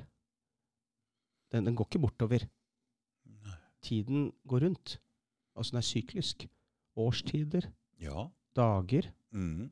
Eh, og eh, år og måneder. Mm. Det er sånn som er målbart. Men, men men, også, det det, men også de store linjene, tenker du? Nettopp, ja. Ikke sant? Uh, og, og Som historiker kan du se det. Du ja, ser det samme. ja, ja. Det samme som, som skjer nå, Ja. det skjedde for 110 år siden ca. Hva var det? Nå har, har vi vært gjennom en 20-30-årsperiode hvor veldig mange ikke vet hvordan det er å leve i frykt, f.eks. Mm. Og så sier jeg da det jeg ser nå, hvor, hvor utenriksministeren til Russland sier nei, nå kan vi ikke garantere lenger at uh, det skal være atomfri sone i Østersjøen. Nå som Nato skal utvide grensen til og med Finland. Du, nå er veldig mange folk som er redde nå. Det, det skjer på onsdag. Onsdag skal, altså, nå er vi eh, i mai, Mm. og når vi snakker sammen nå. Mm. Og 9. mai skal Putin endelig ha tatt Mariupol. Uh, han har ikke greid det ennå. Det er 2000 stykker som holder stand. Mm. Og, og 12. mai og 15. mai da skal Finland og Sverige si fra vi skal inn i eh, Nato. Ja. Og, og, og Russland truer og truer og truer. Mm. Eh, og eh, dette her med å leve med atomfrykt, Mm. vet du hva? for meg er det trygghet. For det er det jeg er vant til. Og det er, det, jeg, snakker med, med flere om det her, jeg, som kjenner, kjenner det her fra barndommen. Ja, vi husker det her. Hvordan det var å vite hva du skal gjøre for å overleve i enhver krise. Det snakka vi mye om. Vi trente på det i skolen. Jeg vet ikke om du Ja, gjorde det? Nei, jeg tror jeg ikke fulgte med på det der i hele Du tatt. var ikke så mye på skolen? Jo, jeg var på skolen, jeg dreiv med mine egne greier, tror jeg. Ja, ja, det, ja, det, det gjorde jeg Jeg tror jeg var altså. bare på skolen for å Men vi visste, alle visste da vi Var var det små. bomberom? Vi visste hvor bomberommene var. Ja, det visste det vi, og bomberommene var utstyrt. Mm. Det var ikke noe bullshit der. Nei, og så gikk den der eh, alarmen Ja, en gang iblant og testa den og sånn. Ja, og det vi vet er at Hvis vi ser den der skyen ut av vinduet, atom eh, soppskyen, Ja. da må du, det første du må gjøre, er gjemme deg under pulten. Dette her visste vi, altså. Ja, ja. Må gjemme deg under pulten, for det kommer glasskår. Det er lufttrykket først, ikke sant? Oh, ja, oh, ja. Så med en gang du ser skyen, gjennom pulten, så blir du ikke full av sår. Oh, ja. Og så har du sju minutter på å komme til nærmeste bomrom. ja. Og når du er inne på bomberommet, ikke gå ut før det har regna. Hvis det går to Dette her visste ikke jeg, Sture. ikke det? Nei. Det er life skills som, som jeg har vokst opp med. Ja. Eh, for, fordi du må vente til det regner. Hvis det er, hvis det er atom eh, Altså sånn eh, radioaktivitet utenfor Ja, ja. bomrommet, Mm. så venter du Du kan ikke gå ut før det har regna. For regn, regnet fikser det der. Mm. Eh, selv ikke med verneutstyr kan du gå ut. Eller bør du gå ut. Ok. Eh, men nå er jo da atombombene blitt noe helt annet enn det det var da vi eh, var unge. Mm. Men, men dette er sånne ting som liksom, Hvordan overleve enhver situasjon? Mm. Eh, nå snakker jo veldig mange folk om prepping og sånn, og plutselig, jeg er kjempeglad for det. Mm. Men, og sjølberging, og det er landbruksoppgjør akkurat nå. Det er Mm. plutselig blitt mye mer viktig enn det noen gang har vært, Mm, virker det som. mm. Men så har du da en hel generasjon med unge som, som påkaller seg selv retten til å bli hørt. Og retten til å bli krenket. Og være så overfølsom at du lurer på det Her snakka vi om i stad også, disse, Mm. disse rockerne som er gjennomtatoverte. Og, og, Mm. Du har ikke tatoveringer, jeg har ikke tatoveringer. Og så ser vi disse som skal være så jævlig tøffe, og så lurer vi på er de bare fløtepusser. De går kledd sånn derre Chris Cornell i Soundgarden, eller Audio Save, da. Han tok jo livet sitt for uh, fire år siden. Mm. Og vet du hva, jeg skjønner han så jævlig godt. Mm. Eh, de siste dagene, det er liksom dokumentert av de siste dagene av livet hans, han sitter med fuckings posers rundt seg hele tiden. Mm. Og det er sånne nerder som har sittet og runka på gitaren sin i oppveksten helt fra de var små. Og, og, og så kler de seg som sånne tøffe tryner, Mm. og er rockere. Mm. De er jo ikke det. Men jeg tror, det der har jeg tenkt litt på, for jeg har jo sett oppover oppveksten. Jeg tror at det første man gjør, det er å dekke over sin største svakhet. Ja, Ja. Så hvis du går dit For jeg har sett det før, så jeg har lest politiforklaringen. Jeg ser han går litt tøft, han snakker jævlig tøft, sånn, han er ja, veldig tøff. Men jeg har jo lest politiforklaringen hans. Mm. Så jeg veit jo han er ikke jævlig tøff, han der. Ja, ja, ja, ja. Så Nei, jeg, jeg ser det jevnlig. Altså. Jeg ser folk som uh, kan uh, sitte og snakke om hvor uh, vokste opp på gata. Ikke og vært litt sånn eh, Ikke sant? Det blir litt Og så blir det litt for mye. Og Eh, da er det noe som ja, da, da det skurrer litt, ikke sant? Ja, det skurrer litt, Og hvis det skurrer, så er det noe. Ja. Og, og jeg har møtt på jevnlig sånne folk altså, som skal uh, kle på seg en, med greia. Og det som er det som overlever en krise, det tror jeg, hvis du er ærlig med deg selv, du må alltid starte med deg selv. Mm. Og det er fint om du kan være den du er, da. Mm. Ikke sant? Og Mm. ikke Men da er du trygg. Da, som, ja. det er dem som er tøffe. Jeg har jo sittet i, liksom inne sammen med Og folk tenker 'Han er sånn!' Jeg bare Nei, helt vanlig. Mm. Så folk får et sånt rart eh, Ja, jeg kjenner det, kjenner det fra kampsportmiljøet. Jeg var jo en del på Finfight i de tidlige dagene. Det var lov å skalle og greier. Det var mange kamper på samme kveld. Oh, ja. Det var helt Mm. sinnssykt. Og så har det i Japan på Pride i de der eh, Å, har du vært der? Ja, altså ikke Pride-tog, men eh, Pride Fighting Ja, jeg vet, jeg vet, jeg vet Pride ja. Mm. Og, og vært med nordmenn som har slåss som jeg har trent med og sånn. Og, og, og møtt på sånne yakuzaer i ja, men dem er, ikke, så- er helt vanlige, ikke sant? Ja, de er helt vanlige. Det Fordi eneste, de trenger ikke å late som det er tøff når du er tøff, vet du. Det eneste du ser at er yakuza, det er, er lommeboken. For da, jeg husker det var et veldig stort poeng å vise hvor tjukk lommebok du hadde. så det liksom, Ok. Vi skulle spandere på oss hele tida. Ja, ja. Men vi var vikinger, Mm. så det er klart at vi skulle bli tatt vare på. Fordi vi skjønte, skjønte den samme krigerkulturen, hvor viktig den er for, det, for dem også.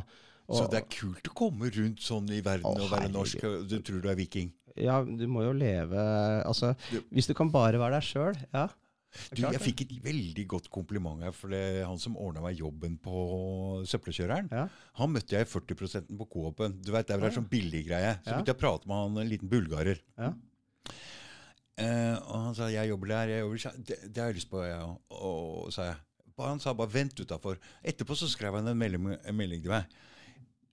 Altså, Nå har jeg bodd i Norge i så mange år, og jeg aldri var godt å si at det endelig var en første gang jeg har sett en viking, skrev hun eller noe sånt. Jeg tenkte ja, så bra Ja, det er eh, å leve opp til stereotypen, ja. Eh, hvis du kan leve opp til stereotypen med bare være deg selv uten å late som. Mm, Eh, I militæret så kaller de deg en bra mann. mm, Og det er en du kan stå skulder til skulder med og være sikker på mm, at du kan stole på livet ditt. Altså Det er Ja. kommentatusgreia også, for så vidt. da. Ja. Eller, eller hel ved. Mm. Ikke sant? Og det er det, det er det jeg mente med Chris Cornell. da. Han sitter der med eh, bare nerder. Som, altså da, da vi vokste opp, da, eller på 80- og 70-tallet Mm. For min del blir det 80-tallet. Da. Mm. da Da var det bare tre typer. Det, var, det er sant! Det var Ja, bare tre ja. typer! Det var rocker Ja, og sos og nerd. ja, det var bare, Du kunne bare si hva slags musikk liker du, Mm. og så var det, var det Ja, sånn. ja. Og så søkte de mot kjernen av det, kanskje. Ja. Og jeg husker på 90-tallet så kom det første skillet, og det var blitzerne og rockerne. Ja. Fordi blitzerne ble så politiske. Mm. Og de begynte å ha sånn eh, liksom, Vi var anarkister, Mm. mens de, var, eh, de ble sosialister og, og, og, og kommunister og hva det skulle være. ikke sant? Mm. Og på 80-tallet handla det mye om at du skulle bare du, du likte ikke å bli styrt. Det var dette med makt. Mm. Og det preger meg ganske mye fortsatt. da. Og Mm. Spesielt nå i disse dager med vaksinasjoner og Mm. korona. Og jeg snakker med flere folk som, som, som både er eh, smartere enn meg og kan ha veldig mye kontakter inn til de som styrer. Ja. Uh, og de er overbeviste om at um, den makten som politikere nå har sett at de kan uh, få, ved å gripe inn i din hverdag, ja, i ditt liv, Mm. og innskrenke dine friheter, Mm. den kommer de aldri til å gi tilbake. Og det ser vi akkurat nå. Mm. Jeg ser sånn som i Oslo her nå. Jeg er jo en del i Oslo og kjører bil i Oslo med elbil. da. Mm. Uh, og, og nå, liksom, nå skal alt bare bli så dyrt at du bare dropper å kjøre Men Det er ikke tvil om det. Har, Den, den planen har vært i gang lenge. Altså. Ja, så har jeg en kamerat da, som, som, uh, som er veldig flink til å tenke. Han tenker veldig mye av og til. Og, og hvis jeg ringer han og sier du, skal vi møtes på Alnabru? Mm. Eller kan du plukke meg på Ekeberg, eller, og så kjører vi opp dit? Og da begynner han Ja, men vent, da. Jeg må, jeg må, jeg må se hvor batteriet har, og, og så skal vi kjøre den veien. Da må jeg ta Ja, der er nedoverbakke. Da kan jeg kjøre tilbake der. Men du skjønner, det blir så dyrt. Må, og så begynner han å tenke på sånn 100-150 kroner. Mm. For meg er det litt av det samme. Politikerne altså de kopierer da en slags um, Hva heter det? Presedens. Altså de, de har fått lov til å gjøre innskrenkninger Mm. i det du opplever som din frihet Mm. på et så liksom fundamentalt nivå, egentlig, at eh, det er rart vi liksom går rundt litt sånn derre i ubalanse eller sinna til, eh, på, på grunn av det. Mm. Og så ser vi det nå. Liksom, nei, nå bare skrur vi opp de prisene der. Men det vi egentlig gjør, er å lage tankesystemer i ho hodene våre. Sånn at vi må begynne å finne frem til en sånn labyrint av logikk hver gang vi skal gjøre den minste ting, som å kjøre fra vestkanten til østkanten i Oslo. Mm. Uh, og da blir det veldig mye altså det, det, det hemmer. Det er hemmende. Mm. Det, det, jeg kom til å være aleine igjen i Thailand en periode. Ja. Jeg hadde ingen venner eller noen ting. Det var to dager jeg ikke hadde motorsykkel. Ja. Det var helt jævlig. Fordi å kunne ha et kjøretøy utafor her, Ja. det betyr at jeg kan dra hvor jeg vil, når jeg vil. Mm, mm. Og det er en frihet som jeg vil fremdeles ha. Men de har lyst til å ta den fra meg. Det ser jeg. Og vet du hva? Vi er egentlig, hvis du tenker på det, vi nordmenn er jo egentlig nomader. Akkurat sånn som i Kasakhstan eller nomadefolkene. Det med å kunne bevege på seg. Hvor Mm. mange nordmenn prosentvis av alle nordmenn, vok voksne nordmenn, tror du har enten en hytte Mm. eller en båt Mm. eller en campingvogn? Er, jeg tror det er 70 eller noe. jeg. Mm. Har tilgang til et sted å Mm. dra i For helgene. vi trenger, et, Ja. vi trenger det. og vi gjør det hele tiden. Mm. Ikke sant? Mm. Det er akkurat det samme som nomadene i Sentral-Asia. De må ha et sånt sted å dra til. Det er veldig deilig, for det med en gang Og man båt. kommer seg bort litt, ja, ja, ja, det letter på trykket. Det blir trykkende å være på ett sted hele tiden. Og det er en frihetsfølelse. Ikke Det å kunne dra, Du tar vare på ditt liv, du stikker av. Mm. Sant? I hvert fall før i tida så var det sånn at du skulle ha en hytte som ikke kanskje hadde strøm engang. Du må hente vann. og Mm, ja, du, skal, du skal greie å overleve. mm, Og, og det er det liksom, vi snakker om litt. Du skal ha robuste barn. Eller, altså, vi må jo oppleve det der. mm, Og, og jeg er litt bekymra for de som er litt yngre, som, som har um, eh, jeg, jeg kaller det et egosentrisk verdensbilde. Eh, men, men, altså, det, det, det ligner litt um, mm, De kalte det før et geosentrisk verdensbilde. Når du putta jorden i sentrum. Og så Mm. trodde de at alle planetene og solen gikk rundt jorden. mm, mm. Og jeg, jeg kaller det egosentrisk verdensbilde. er når du blir styrt så mye av sosiale medier, og du tror at din Twitter-rett til å bli hørt ikke sant? Da kommer folk og ah, 'Det stemmer ikke, du er dust.' ikke sant? Nordmenn er jo verdensmestere og kaller han duster. Veldig frekke på nettet. Ja, jeg husker, husker en sånn morsom eh, sånn tegne, tegning en gang, hvor, hvor eh, da det var så mye som piratvirksomhet utenfor Somalia, Mm, mm. så var det et skip med, et militærskip med briter. Så sto, hvor alle sto på skipet og pekte mot et sånt piratskip med somaliere. Ja, men det var en bitte liten båt. Ja, ja, ja. Og så på den tegningen da, så står begge og peker på hverandre, og Mm. begge sier det samme. Pirates! Ja.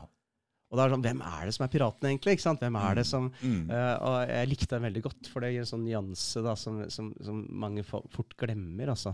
Mm. Det, er, det er så mange Her ble jeg inne på det med narrativer og sånn. da. Mm. Uh, I uh, Ukraina og krigen der nede, Mm. det er så mange forskjellige narrativer Mm. som krangler om om oppmerksomheten vår. Mm.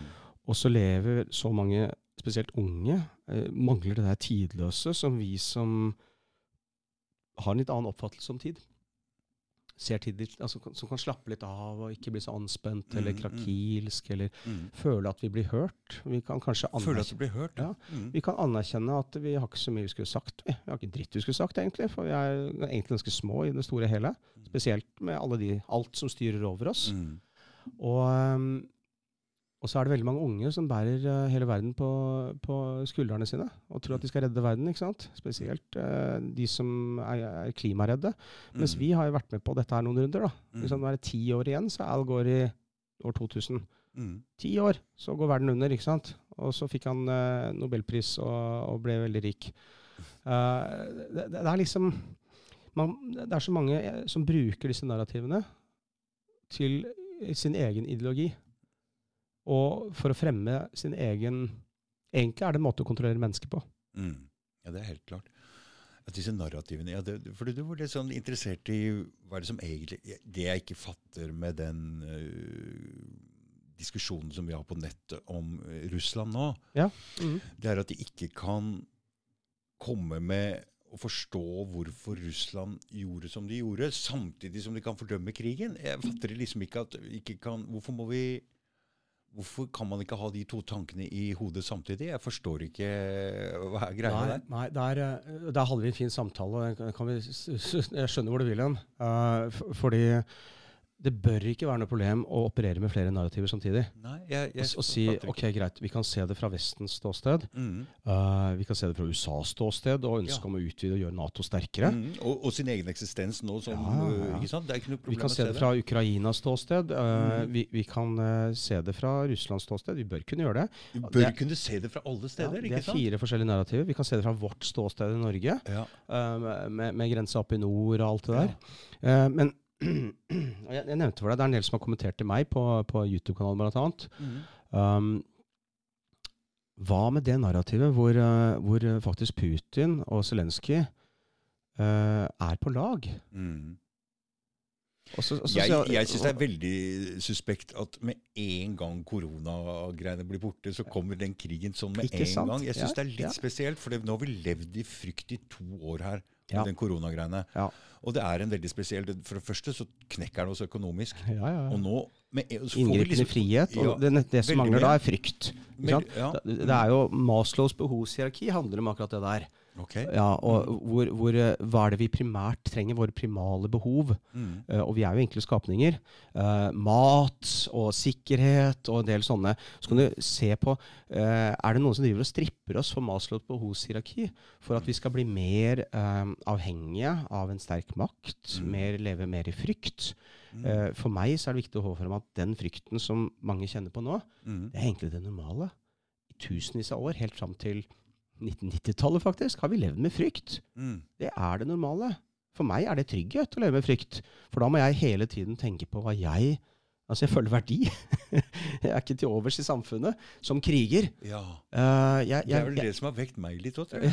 ja, For jeg har ligget i dvale her helt til den ja, ja, så venter du på at det blir behov for deg, da. Ikke sant? Ja, ja. Og, og, og, og det er klart så går du rundt og tenker ja, hva hvis det begynner å bli atombomber som regner over i uh, hovedstedene i uh, Malmö, København, Oslo.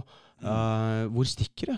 Hva gjør du? Skal du ha en grabbag klar? Hvordan skal ungene dine overleve? Det er det viktigste. ikke sant? Mm, mm. Og, og mm, det der er uh, uh, Jeg som har reist litt i, og møtt på mennesker som har opplevd det der før. Jeg har vært på Krim, jeg har vært i Mariupol, Mm. jeg har vært i eh, Azov og i Kiev. Ja. Uh, og jobba med forskning, lett etter gotere, for det bodde kri- krimgotere der. Og, ja. ja, Goterne som kom fra Skandinavia, de dro først ned til, eh, til Krim. Og så dro de inn i Romerike. Og ødela Romerike. Og de som ble igjen på Krim, het, ble kalt for krimgotere. Og det har vi spor etter på 1500- og 1600-tallet til og med. Er det Tusen. Gotenborg, eller? Hm? Er det Göteborg? Göteborg, Jøteland, Gotland. Ja. Og Jylland, dobbel L før, det var T. Jutland. Mm. Og den, eh, jeg har fått høre noen lingvister si til meg at den J-en var også litt mer sånn som en G. Så Mm. da har liksom har Jylland, Jøtaland og hele Du, Dette er goterne, ja. Ja, ja. Mm. Um, og Husk på at det var romerne som hadde behov for å kalle disse i forskjellige grupper. Og så eh, på 500-tallet så ble det mer og mer etablert. da Jordanes er en sånn, han var jo goter, da, som skrev eh, litt om, eh, om disse germanske folkestammene. Men, men de var jo ikke germanere opprinnelig. ikke sant? De kommer fra Skandinavia. Og, og jeg tror alt var egentlig gotisk på et eller annet tidspunkt. Det, det er nærliggende å tro, men vi har ikke noe bevis for det, så det er bare en teori. Mm. Og Det er fint å skille med teorier og sånn, men poenget er at jeg var Ja, der. Jeg ja, var der. Krim, mm, Ja, og så mm. møter jeg da på uh, 90-åringer og sånn som har opplevd krigen. Opplevd hungersnøden i Ukraina i 1932-33. Mm, mm. Av en kar som fortalte han var fem år og gjemte seg under huset sitt. For det var noe kannibalisme, det heter holodomor og noe greier. ikke sant? Holodomor, ja. Mm. ja. I Kasakhstan hadde det også. Eh, og det er helt forferdelig med kommunismen på sitt verste. Ikke sant? bare fordele. De, de fortalte at det, det sto soldater her rundt landsbyen vår, den Mm. landsbyen vi var i. Mm. Og det, det her hørte vi av flere fortelle i flere landsbyer. Eh, det var eh, havre og, og korn på åkrene, men vi fikk ikke lov til å ta det. Den ble De skutt. sulta i hjel? Ja, den, ja, så sulta i hjel. Og han der karen på noen og nitti, han fortalte han var fem år da, og, og gjemte seg under huset sitt. Under huset. Foreldra var døde inne, og naboen var en som spiste folk. Så han gjemte seg under huset for ikke å bli spist av naboen. Og Tenk å høre en kar fortelle det her. Eh, og så kom tanta hans og redda han. Og sånn redda han livet fra å bli spist. Så greia er her at det fins et hat i Ukraina mot, mot Sovjet, eller mot Ja, eh, det ja. regimet, ikke sant? Ja, Og det er veldig fint at russiske soldater heiser det kommunistflagget da, når de driver og overtar byer. Mm. Det vekker jo følelser, selvfølgelig. Mm. Uh, men dette er jo mange som har opplevd det. og Det er jo besynderlig at uh, kossakker og, og til og med tsjetsjenere, som har opplevd så mye av den samme skiten, er med å slåss for russere Mm. i Ukraina. Kossakene kan man forstå, for de bodde på Don, denne elven, gjennom Ukraina. Mm. De jo, det var ditt om, dem sitt område, så de skal liksom gjenerobre det. Okay. Men det var Mm. russerne som fordrev dem, da.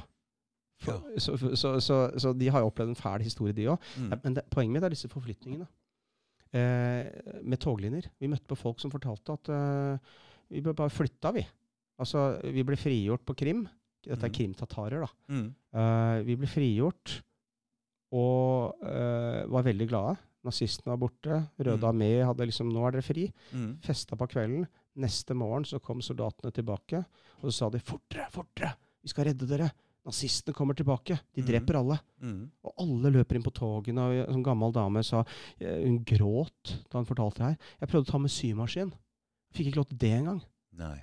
Jeg sitter her med tolk som hvisker meg i øret på engelsk, og, og, og får høre og se hun griner da hun forteller hvordan de bare stua inn i togene. Mm.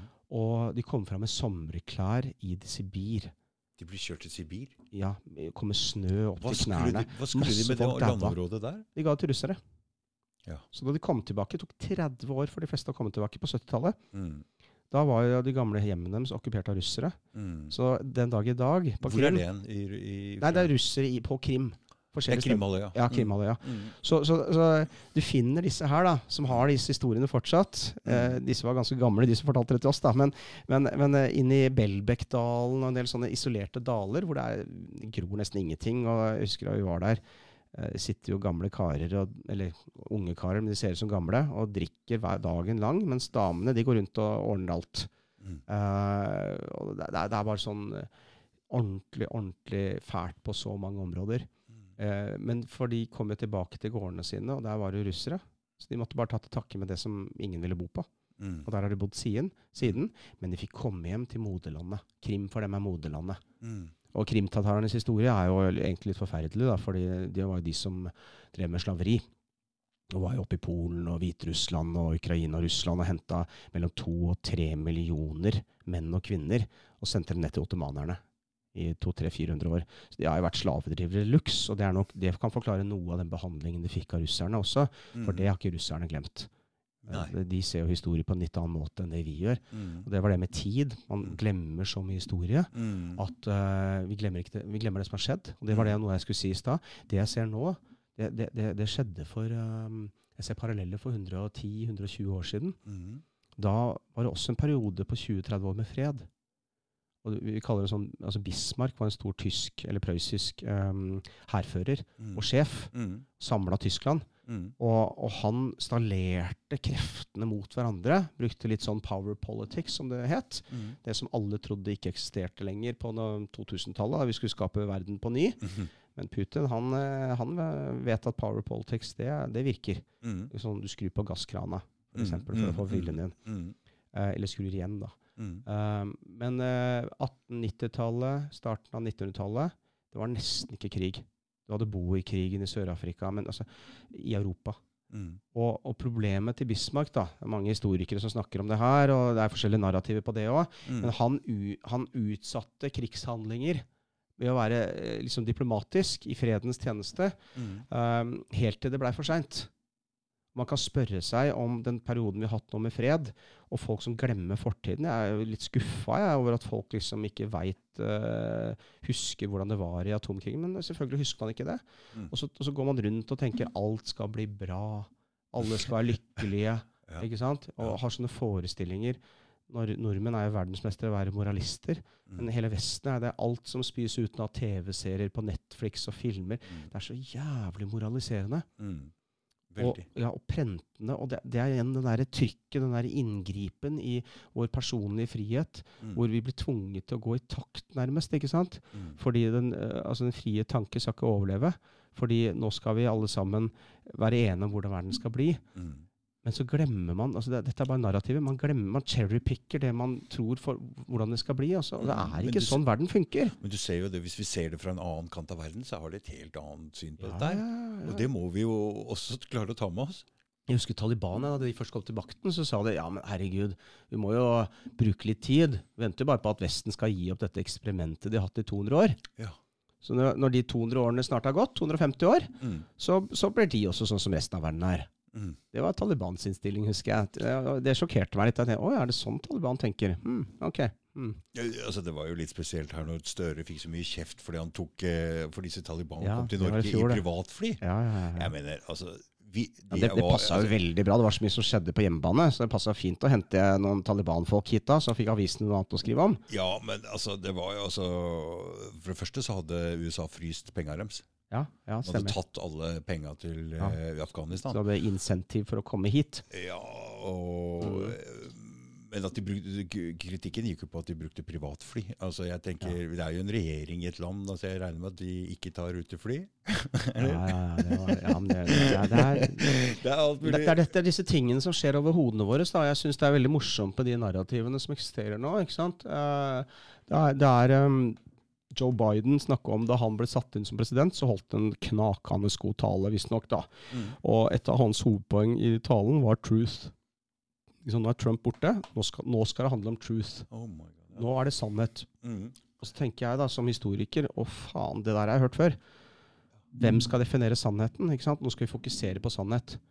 Og så, og så de neste årene så spyr du ut av moralisering av hvordan ting egentlig skal være. Men så er det jo ikke sånn verden funker. Og vi som har levd litt, skjønner at dette er egentlig bare bullshit. Nå sa Assar noe spennende her oppe i stad, at nå er de i ferd med 1984 med det som ble kalt for Sannhetsministeriet. Ja, ikke sant? Ikke sant? Ja. Det er med faktsjekkers og alt mulig, ikke sant? Ja, Og så må det ha faktsjekkere på faktsjekkere. ja, det er altså Men, Men, men det det er poenget at skal det være ett narrativ som alle skal sokne om? Som alle skal favne om? Eller er, skal vi tillate vi har flere narrativer? Ikke sant? Når, når- når folk begynner å snakke om, som jeg nevnte i sted, hva hvis eh, Putin, som jo er pro-Israel og pro-jødisk, Mm. er på lag med Zelenskyj, som er jøde? Ja. Um, og det er veldig rart da. Det, det, det er så rart. Her forleden fikk jeg et bilde av en kar som liksom En kar med hakekors på nakken og kalott foran den veggen nede i Israel. I, i, sant? Den, hva eh, er dette for noe? sant? Hva- Ja, sant? Hva er det? Det er så mye. Det er propaganda i alle mulige retninger i tillegg. Mm. Folk cherrypicker eh, alt de finner og putter inn i sitt eget narrativ. Mm. Og jeg syns OK, kan vi ikke bare slappe litt av? Mm. Kan vi ikke bare operere med flere narrativer? Så kan vi gjøre prosenter. Mm. Mm. Ikke sant? Ja. Den derre at, at um, Og så kan man spille ut narrativene. Mm, er kan ta den narrativ hvis, hvis Putin er på lag med Zelenskyj, og dette er planlagt. Mm. Det betyr da at uh, her er noen som trekker i trådene over dem. Mm. Og de har fått da brødrefolk til å krige mot hverandre og drepe hverandre. Mm. Det er utrolig skummelt i det hele tatt, for da er de jo veldig utspekulerte, hvis de har greid det. Uh, det vitner om hvor mye makt de har. Uh, men så kan jeg ta et steg tilbake og si det narrativet der, Mm. det har kanskje 1-2 sjanse Mm. sammenlignet med de andre narrativene, som jeg tror mer på. Men Mm. det er ikke noe problem å snakke ut det narrativet. Nei. For det er spennende. Det er som å følge en sånn derre Mm, ja, mm. Har dette noe med liksom eh, Bildenburg og Ja, ikke Bergen Bergenbilder. Ja, og, og verdens Og han, han Mm. tyskeren hva, som styrer uh, World Economic Forum. Ja, ja, ja. Ja, og Der er plutselig Børge Brende er der, som går Mm, rundt og snakker. Jeg så sånn reklamefilm han hadde lagd nå, hvor han mener at det norske sosialdemokratiet, som er basert på samarbeid, Mm. Det burde resten av verden ha. Og det er så uh, vettalaust og historielaust. Og greit nok, han, han aner det sikkert ikke engang, Børge Brende. Men hvis han kjenner norsk historie og vet hvorfor vi har den sterke samværs- og delingskulturen som går tilbake til steinalderen gjennom tusenvis av år for å overleve, Mm. pga. geografi, Mm. så er det derfor sosialdemokratiet funker bra i Skandinavia. Mm. Men kanskje ikke i andre land. Man må tilpasse alt til de forskjellige forholdene, basert på geografi og historie og folkeslag, for den Mm. saks skyld. Mm. Men hva vi er vant til, hva vi er programmert i genene våre og ligger latent i oss. Da- det, vi er ferdig til det at vi alle skal ha det sånn som her. Ja, Mm. og, og vi er jo, eh, siden eh, altså, den største feilen i nye norsk historie, vet du hva det er? Det er Gro, det er som ikke Gro Harlem Brundtland, som gikk ut og sa det er typisk norsk å være god. Mm. Den det Jeg husker den der, altså. Det var sånn alle som nikka. Ja, det er typisk sånn.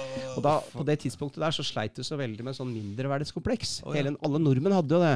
Okay. Idrett og alt. Vi var, sånn, svenskene var jo storebror, og eh, vi var, så, vi var virkelig en, så på oss selv som en utkant. Vi hadde ingen selvtillit. Ikke Mm. sant? Og så Mm. plutselig så eh, gikk vi fra å ha gjeld til å ikke ha gjeld, for da begynte oljefondet. Mm.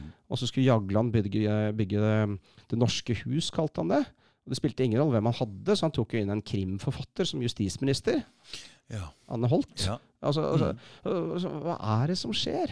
Ja. Og, så, og så stemte vi nei til EU, og så sa han i avisene ja, men det er jo bare et spørsmål om tid. Mm. Bare nordmenn skjønner det jeg har skjønt. Han sa Mm. ikke det direkte, da, men det var det han sa indirekte. Og vi ble jo Mm. så provosert. da. Mm. Og, det, og dette her handler om en historie om å beskytte oss sjøl. Om å være robuste og greie oss sjøl, og, og være litt sjølberga. Mm. Eh, det er jo veldig aktuelt nå. Men det har ikke vært aktuelt på 20-30 år. Det har ikke det. Nei, det er litt seint å bygge de siloene nå. Som du er i gang med. Ja.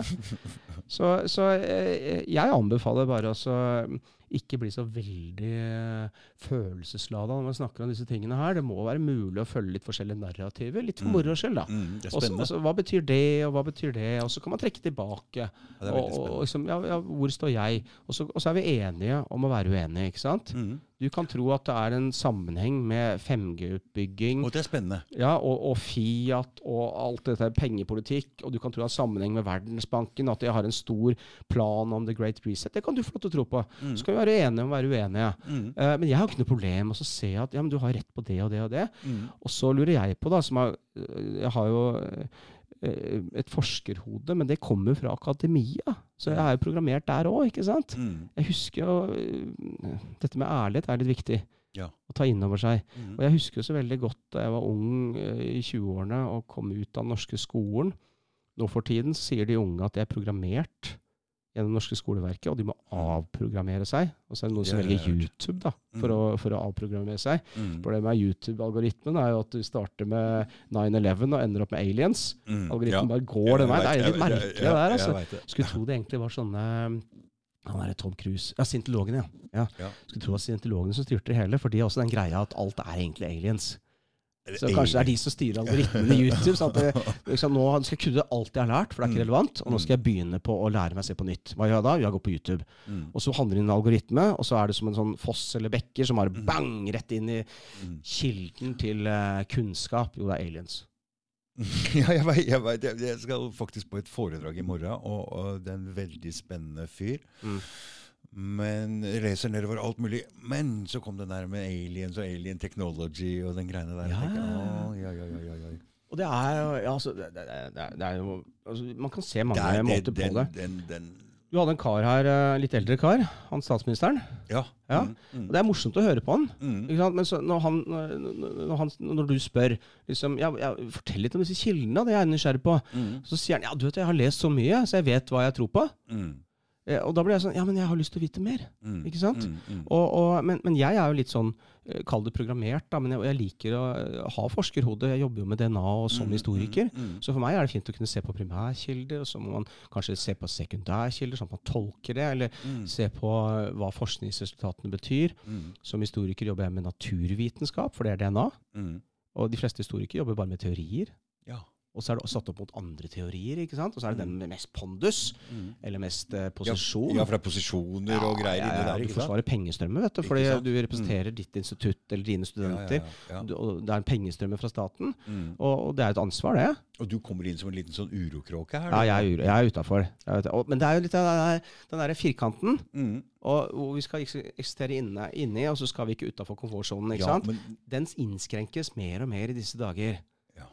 Og jeg, jeg er opptatt av at vi skal, den skal være stor. Den bør være den stor. bør være stor. Ja. Mm, mm. Den bør være Men når ting forandrer seg, altså oppfatninger og historie og greier, og alt Mm. dette forandrer seg jo litt, og vitenskapen forandrer seg jo litt, grann. Det Mm. er jo alltid en kamp for å få inn nye vitenskap inn i det gamle greia. Ja, og hvordan får man folk altså, Dette her hadde jeg en prat om eh, med en historiker som jeg har veldig stor respekt for, Peter Heather. Han var Mm. i Oslo i februar. Så gikk vi en tur i Frognerparken Mm. og spurte ham akkurat det der. Ja. Jeg sa liksom, du har noen fiender. I Mm. Toronto så er det noen sånne utrolig woke, eh, political correct mennesker, historikere, Mm. som er så sinna på han. Fordi han eh, snakker om eh, det som alle kan forstå, at eh, når folk vandret, så vandret de med ideer. Mm. Og så prøver de Toronto-skolen, som det heter, å si nei, nei, her var det ikke vandring. Her var det liksom altså, øh, De har en sånne øh, rare øh, Litt sånn jeg, jeg tror det har litt om at makt korrumperer. Altså, man blir korrupt av å ha for mye makt, for mye posisjon. Og da greier du ikke å ha klarsyn eller balanse. Mm. Det går til huet på deg uansett, altså. Mm. Det ser vi gang på gang på gang. på gang. Det er ikke bra at Så de forsvarer skal... ideene sine mot Ja. egentlig bedre Ja, og så sier jeg til Peter Ja, men kom igjen, da. Du ser den forskninga jeg er med på, til og med. Mm. Viser jo at de har feil. Burde ikke de da si Å, det var interessant. Burde ikke de Si det var interessant. Da endrer jeg på mine teorier, jeg. Ja. For det, nå er det ny forskning. Mm. Arne Næss, vet du, Ja. senior, han sa Mm. det her. Mm. Um, vitenskap er bare foreløpig. Mm. Altså forskning, naturviten, Mm. er Mm. bare foreløpig. Fordi det kommer nye teorier hele tiden. Mm. Jeg, altså, jeg skjønner ikke at folk er så satt at de ikke vil forandre og utvikle seg og ta inn ny lærdom. Det må jo være målet hele tida Ja, i livet det var det jeg lurte på. Han Peter Hedren sa nei, vet du hva? Det han, det han finner, er at jo mer Han presser på. Nei, nei, jo, mer, ja, jo mer han presser på, eller jo mer han viser til Se her, Ja. to Jo, streker under svaret. verre. Du har feil. Mm. Jo mer tviholder de på seg, og jo mer ekstreme blir de i å kalle han for ekstrem. Åh, dette her minner meg jo noe om nå, hvordan situasjonen er mellom folk, at vi har forskjellige meninger. Ja. Og jo mer du prøver å komme med argumenter og alt mulig, jo verre blir den Ja. motstanden. Så her må vi finne en annen teknikk. Altså Det går sikkert ikke an i den akademia der, men oss mennesker imellom så tror jeg ikke vi kan presse på Nei, For det de går i forsvar så veldig. Ja, men dette her er jo konformitet også. Ja. Ja, Det handler jo om uh, en sånn uh, samarbeids- og delingskultur faktisk fra langt tilbake i tid. Før i tida så var det sånn at hvis du ikke gikk i takt, Mm. så kunne hele samfunnet dø rundt deg. ikke sant? Mm, mm, mm. Kystkulturen i Norge, f.eks. Mm. Uh, og det er klart at det er farlig hvis det kommer noen med nye ideer. Eh, fordi da vet man ikke, da har man ikke kontroll lenger.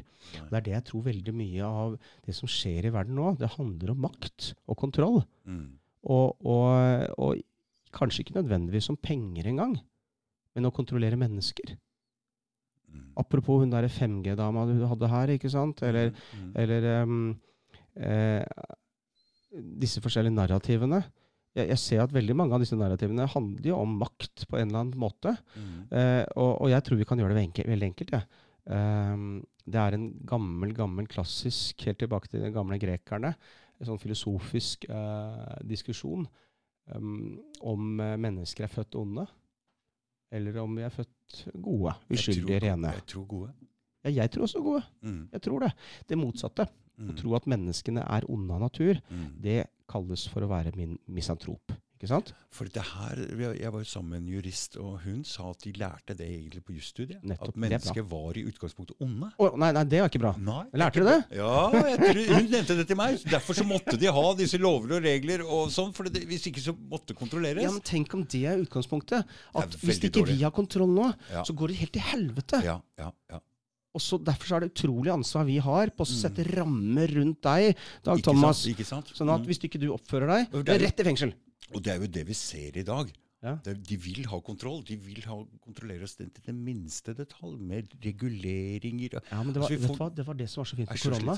Det, var- det var perfekt at korona kom på den måten det kom. Mm. Hvor alle skjønte at nå må vi bare la myndighetene gripe inn med alle disse grisefingrene i livet vårt.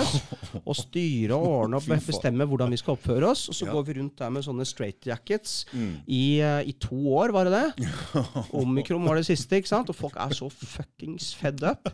Og i Norge så har vi jo pga. dansketiden vi har sivil ulydighet som en dyd, ikke sant? Ja. Du kan, ta, du kan prente alle disse lover og reglene over. ja. Eh, Så vi har det. ja, vi har det. vi har Det Det sitter skikkelig rotet i nordmenn. Oh, ja. Så det er naturlig, sånn som Ja, jeg har følt det. eksempel da. Prøv å sykle i København som nordmann. Mm. Og prøv å la en danske sykle i Oslo.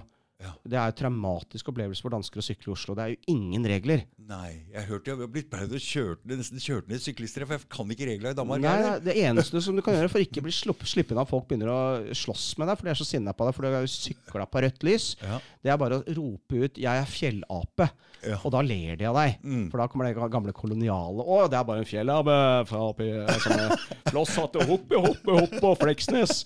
Ikke sant? Det er sånn som de elsker. Og så begynner de å prate svensk til oss. Ja. Uh, det er veldig morsomt med dansker. Jeg har mange gode danske venner, men, men det er litt besynderlig, det der. altså. Og, og vi har, Dette er gode egenskaper å ha. Veldig gode. For, ja, Om vi får EU eller Europa, kontinent, Ja, vil danske vil regler over Nei. altså Det er litt derfor vi har mange skilsmisser også. da, for Hvis du har koner og, og damer, eller, eller ektefeller, da, for å ikke dele opp i kjønn, Mm. som bare kjører på med regler og formaninger og forventninger, til slutt så bare gjør det som du vil. Og det, Stulla, det var veldig godt at du sier det, for det, sånn har jeg jo vært hele livet mitt. Ja.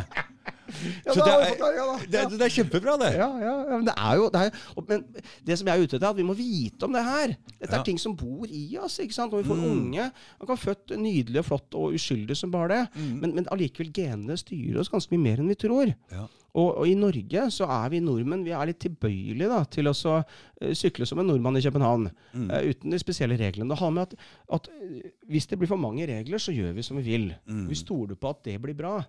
Um, dette uh, er også noe som en del mange andre land har også. Mm. Um, han der The Great Reset-karen du hadde her, han snakka litt om lov og sånn, og lovverk og sånn. Og, og øh, denne lovtekstene fra England for 1000 år tilbake. Det er normannerlov. Ikke sant? Det, er normann, det kommer fra normannerne. Mm. Og det, det, det uttrykket heter Norman law selv i dag. Oh, ja. Magna Carta og alt det her. Mm. Og det var det første der som kom i Vesten, med at hver person er en juridisk enhet.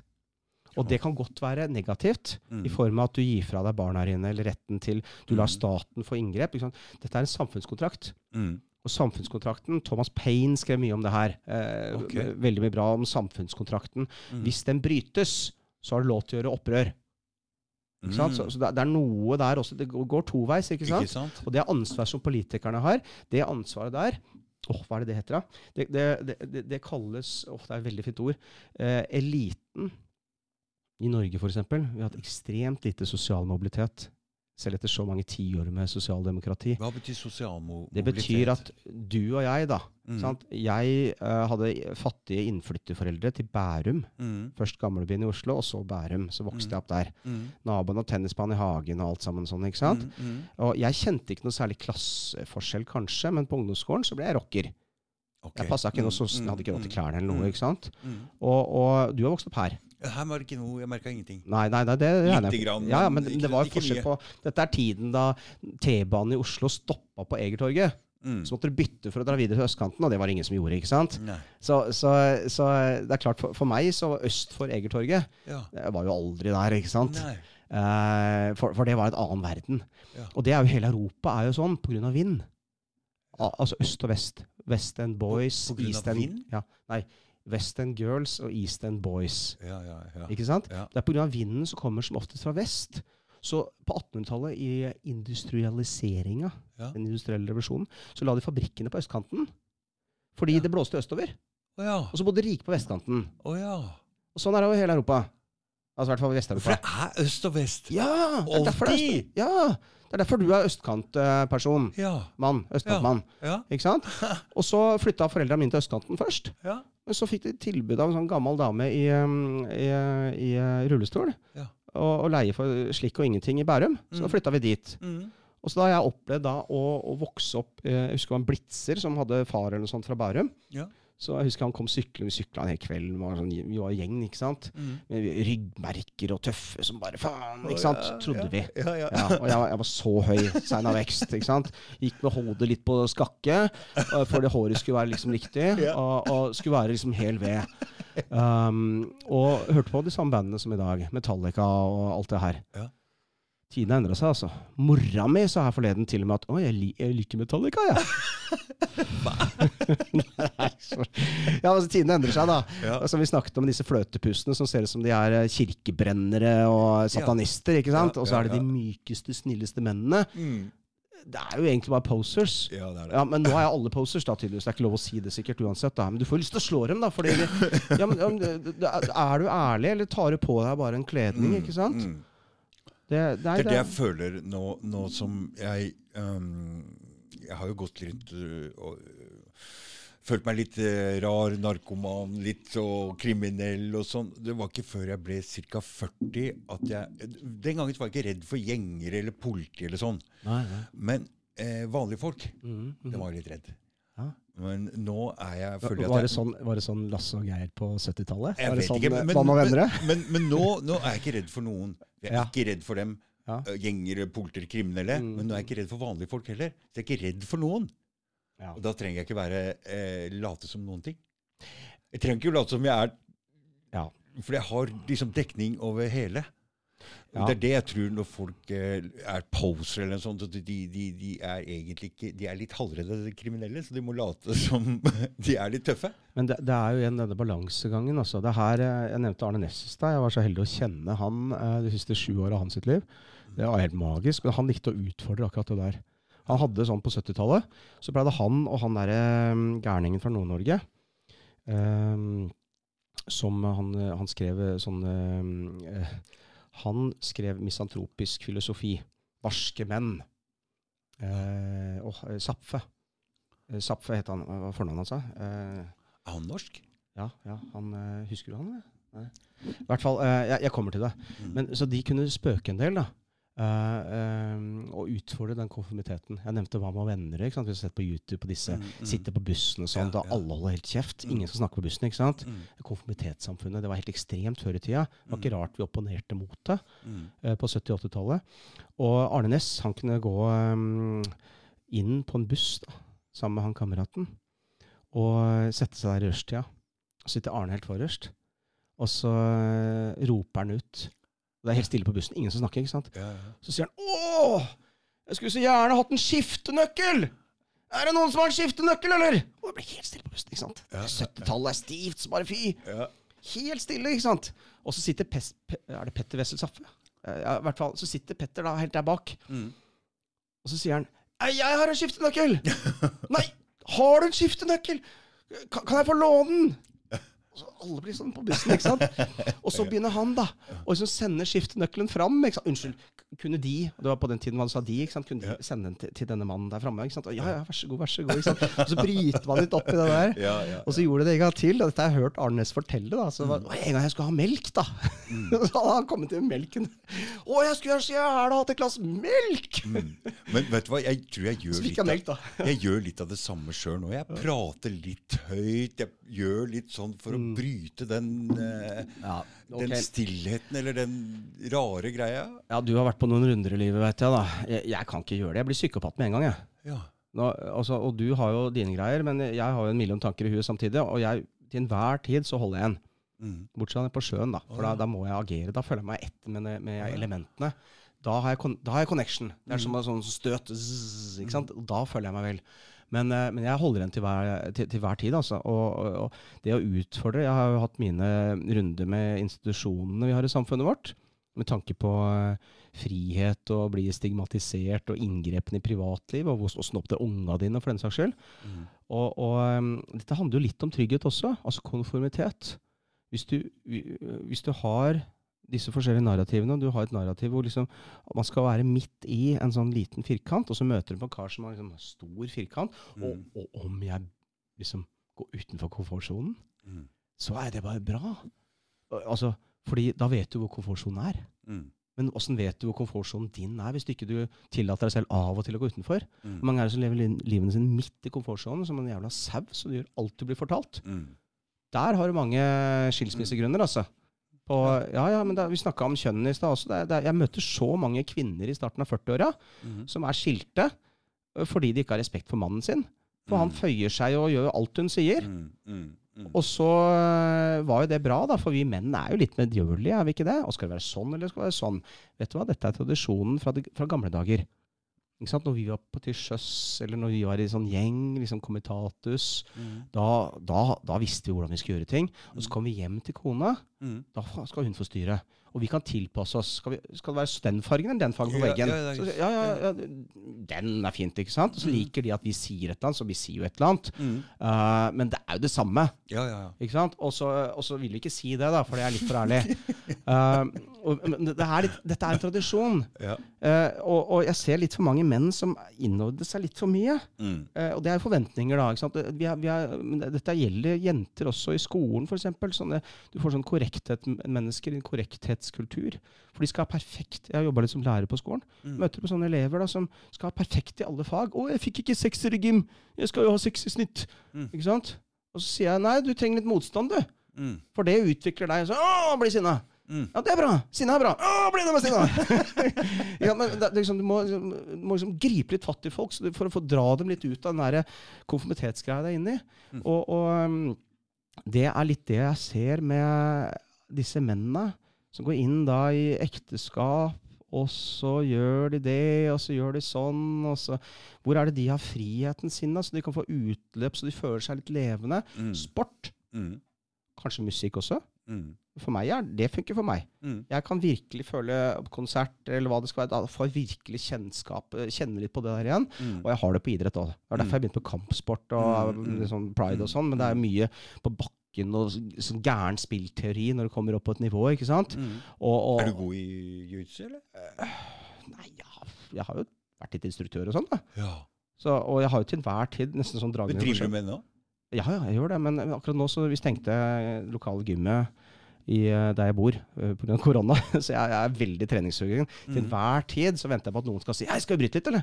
Det der har jeg lyst til å Ja. Det der har jeg lyst til å Ja. begynne med. Altså. For min del handler det om å få Men kan man det med den fingeren her? eh, det? Ja, ja, ja, du kan Ja, selvfølgelig. Se på den fingeren, da. Ja, ja, det er klart det. Det går bra? Gir du meg bannefingeren nå, eller er den andre? Nei, den er ødelagt. Ok. Jeg får ikke lukka den. ah, sånn, ja. Du, det går bra. Det går bra. Du, For det er mye grep, ikke sant? ja, det er mye grep, men, men du har de tre her. Ja. Du kommer langt med det, altså. Og du Mm. har lillefingeren der også, har du ikke det? Jo, jo. Ja. Og, og, og disse figure få-grepene, du kan ta dem uten å gripe, altså. Mm. For, altså det, det, det går fint. Og choken også. Altså det, er, det er mye Mm. bevegelighet og Mm. eh, så, så, absolutt. Alle kan gjøre det. Alle har godt av det også. Mm. Og, og jeg, jeg syns at flere mannfolk skulle altså Det er veldig mange som tar det ut i sport. Mm. Men det er også veldig mange, mange mannfolk i eh, barnefamilier som sitter der og gamer som de skal ha vært 15 år. Og det tror jeg må være det mest usexy for ei dame rundt på 35 år. Å sitte og se på mannen sin spille en hel natt. Bare for å få behov for det. Enten det eller TV-serier. Ja. Og så, Så vi har behov for noe et sted? Ja, ikke sant. Frirom. Mm, Ikke sant? mm, mm. Gå ut på fisketur eller et eller annet. ikke sant? Men hvis Ja. du ikke har det, Mm. så sitter du der og bare blir mer og mer lut når det går, og du tilpasser deg mer og mer, og blir egentlig utilpass. Mm. Men vi har en veldig god tilpasningsevne der, for det er sånn vi skal være i hjemmet. ikke sant? Mm. Da er vi i hulen som mor skal styre, mens du Mor er far. Ja. Mm. Men poenget er at hvis du går rundt der uten egne meninger og bare jatter med og sier ja, ja, ja Det er ikke sånn en mann skal være. det er ikke sånn de får respekt for heller. Og, og du skal tilpasse deg så mye i dagens samfunn også, så du tør knapt si din egen mening. Så du bare Mm. liksom tilpasser deg her og der og sånn.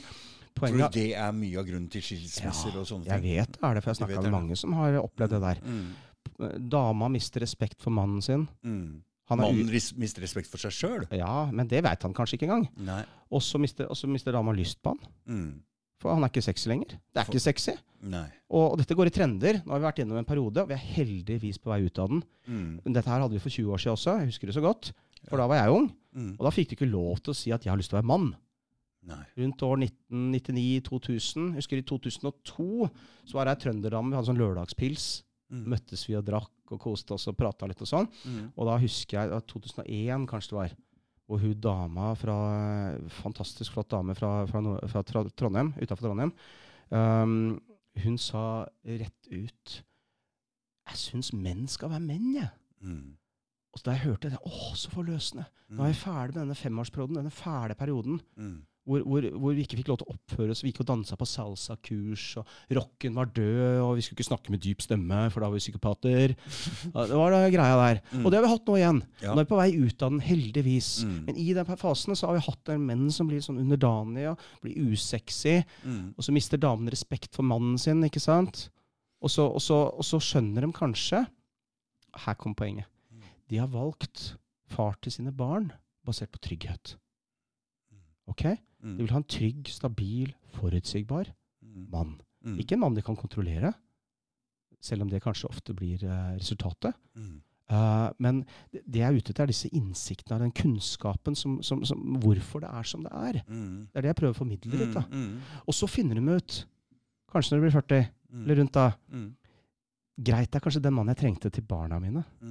Som jeg vil barna mine skal men, ha som far når de vokser opp. Mm.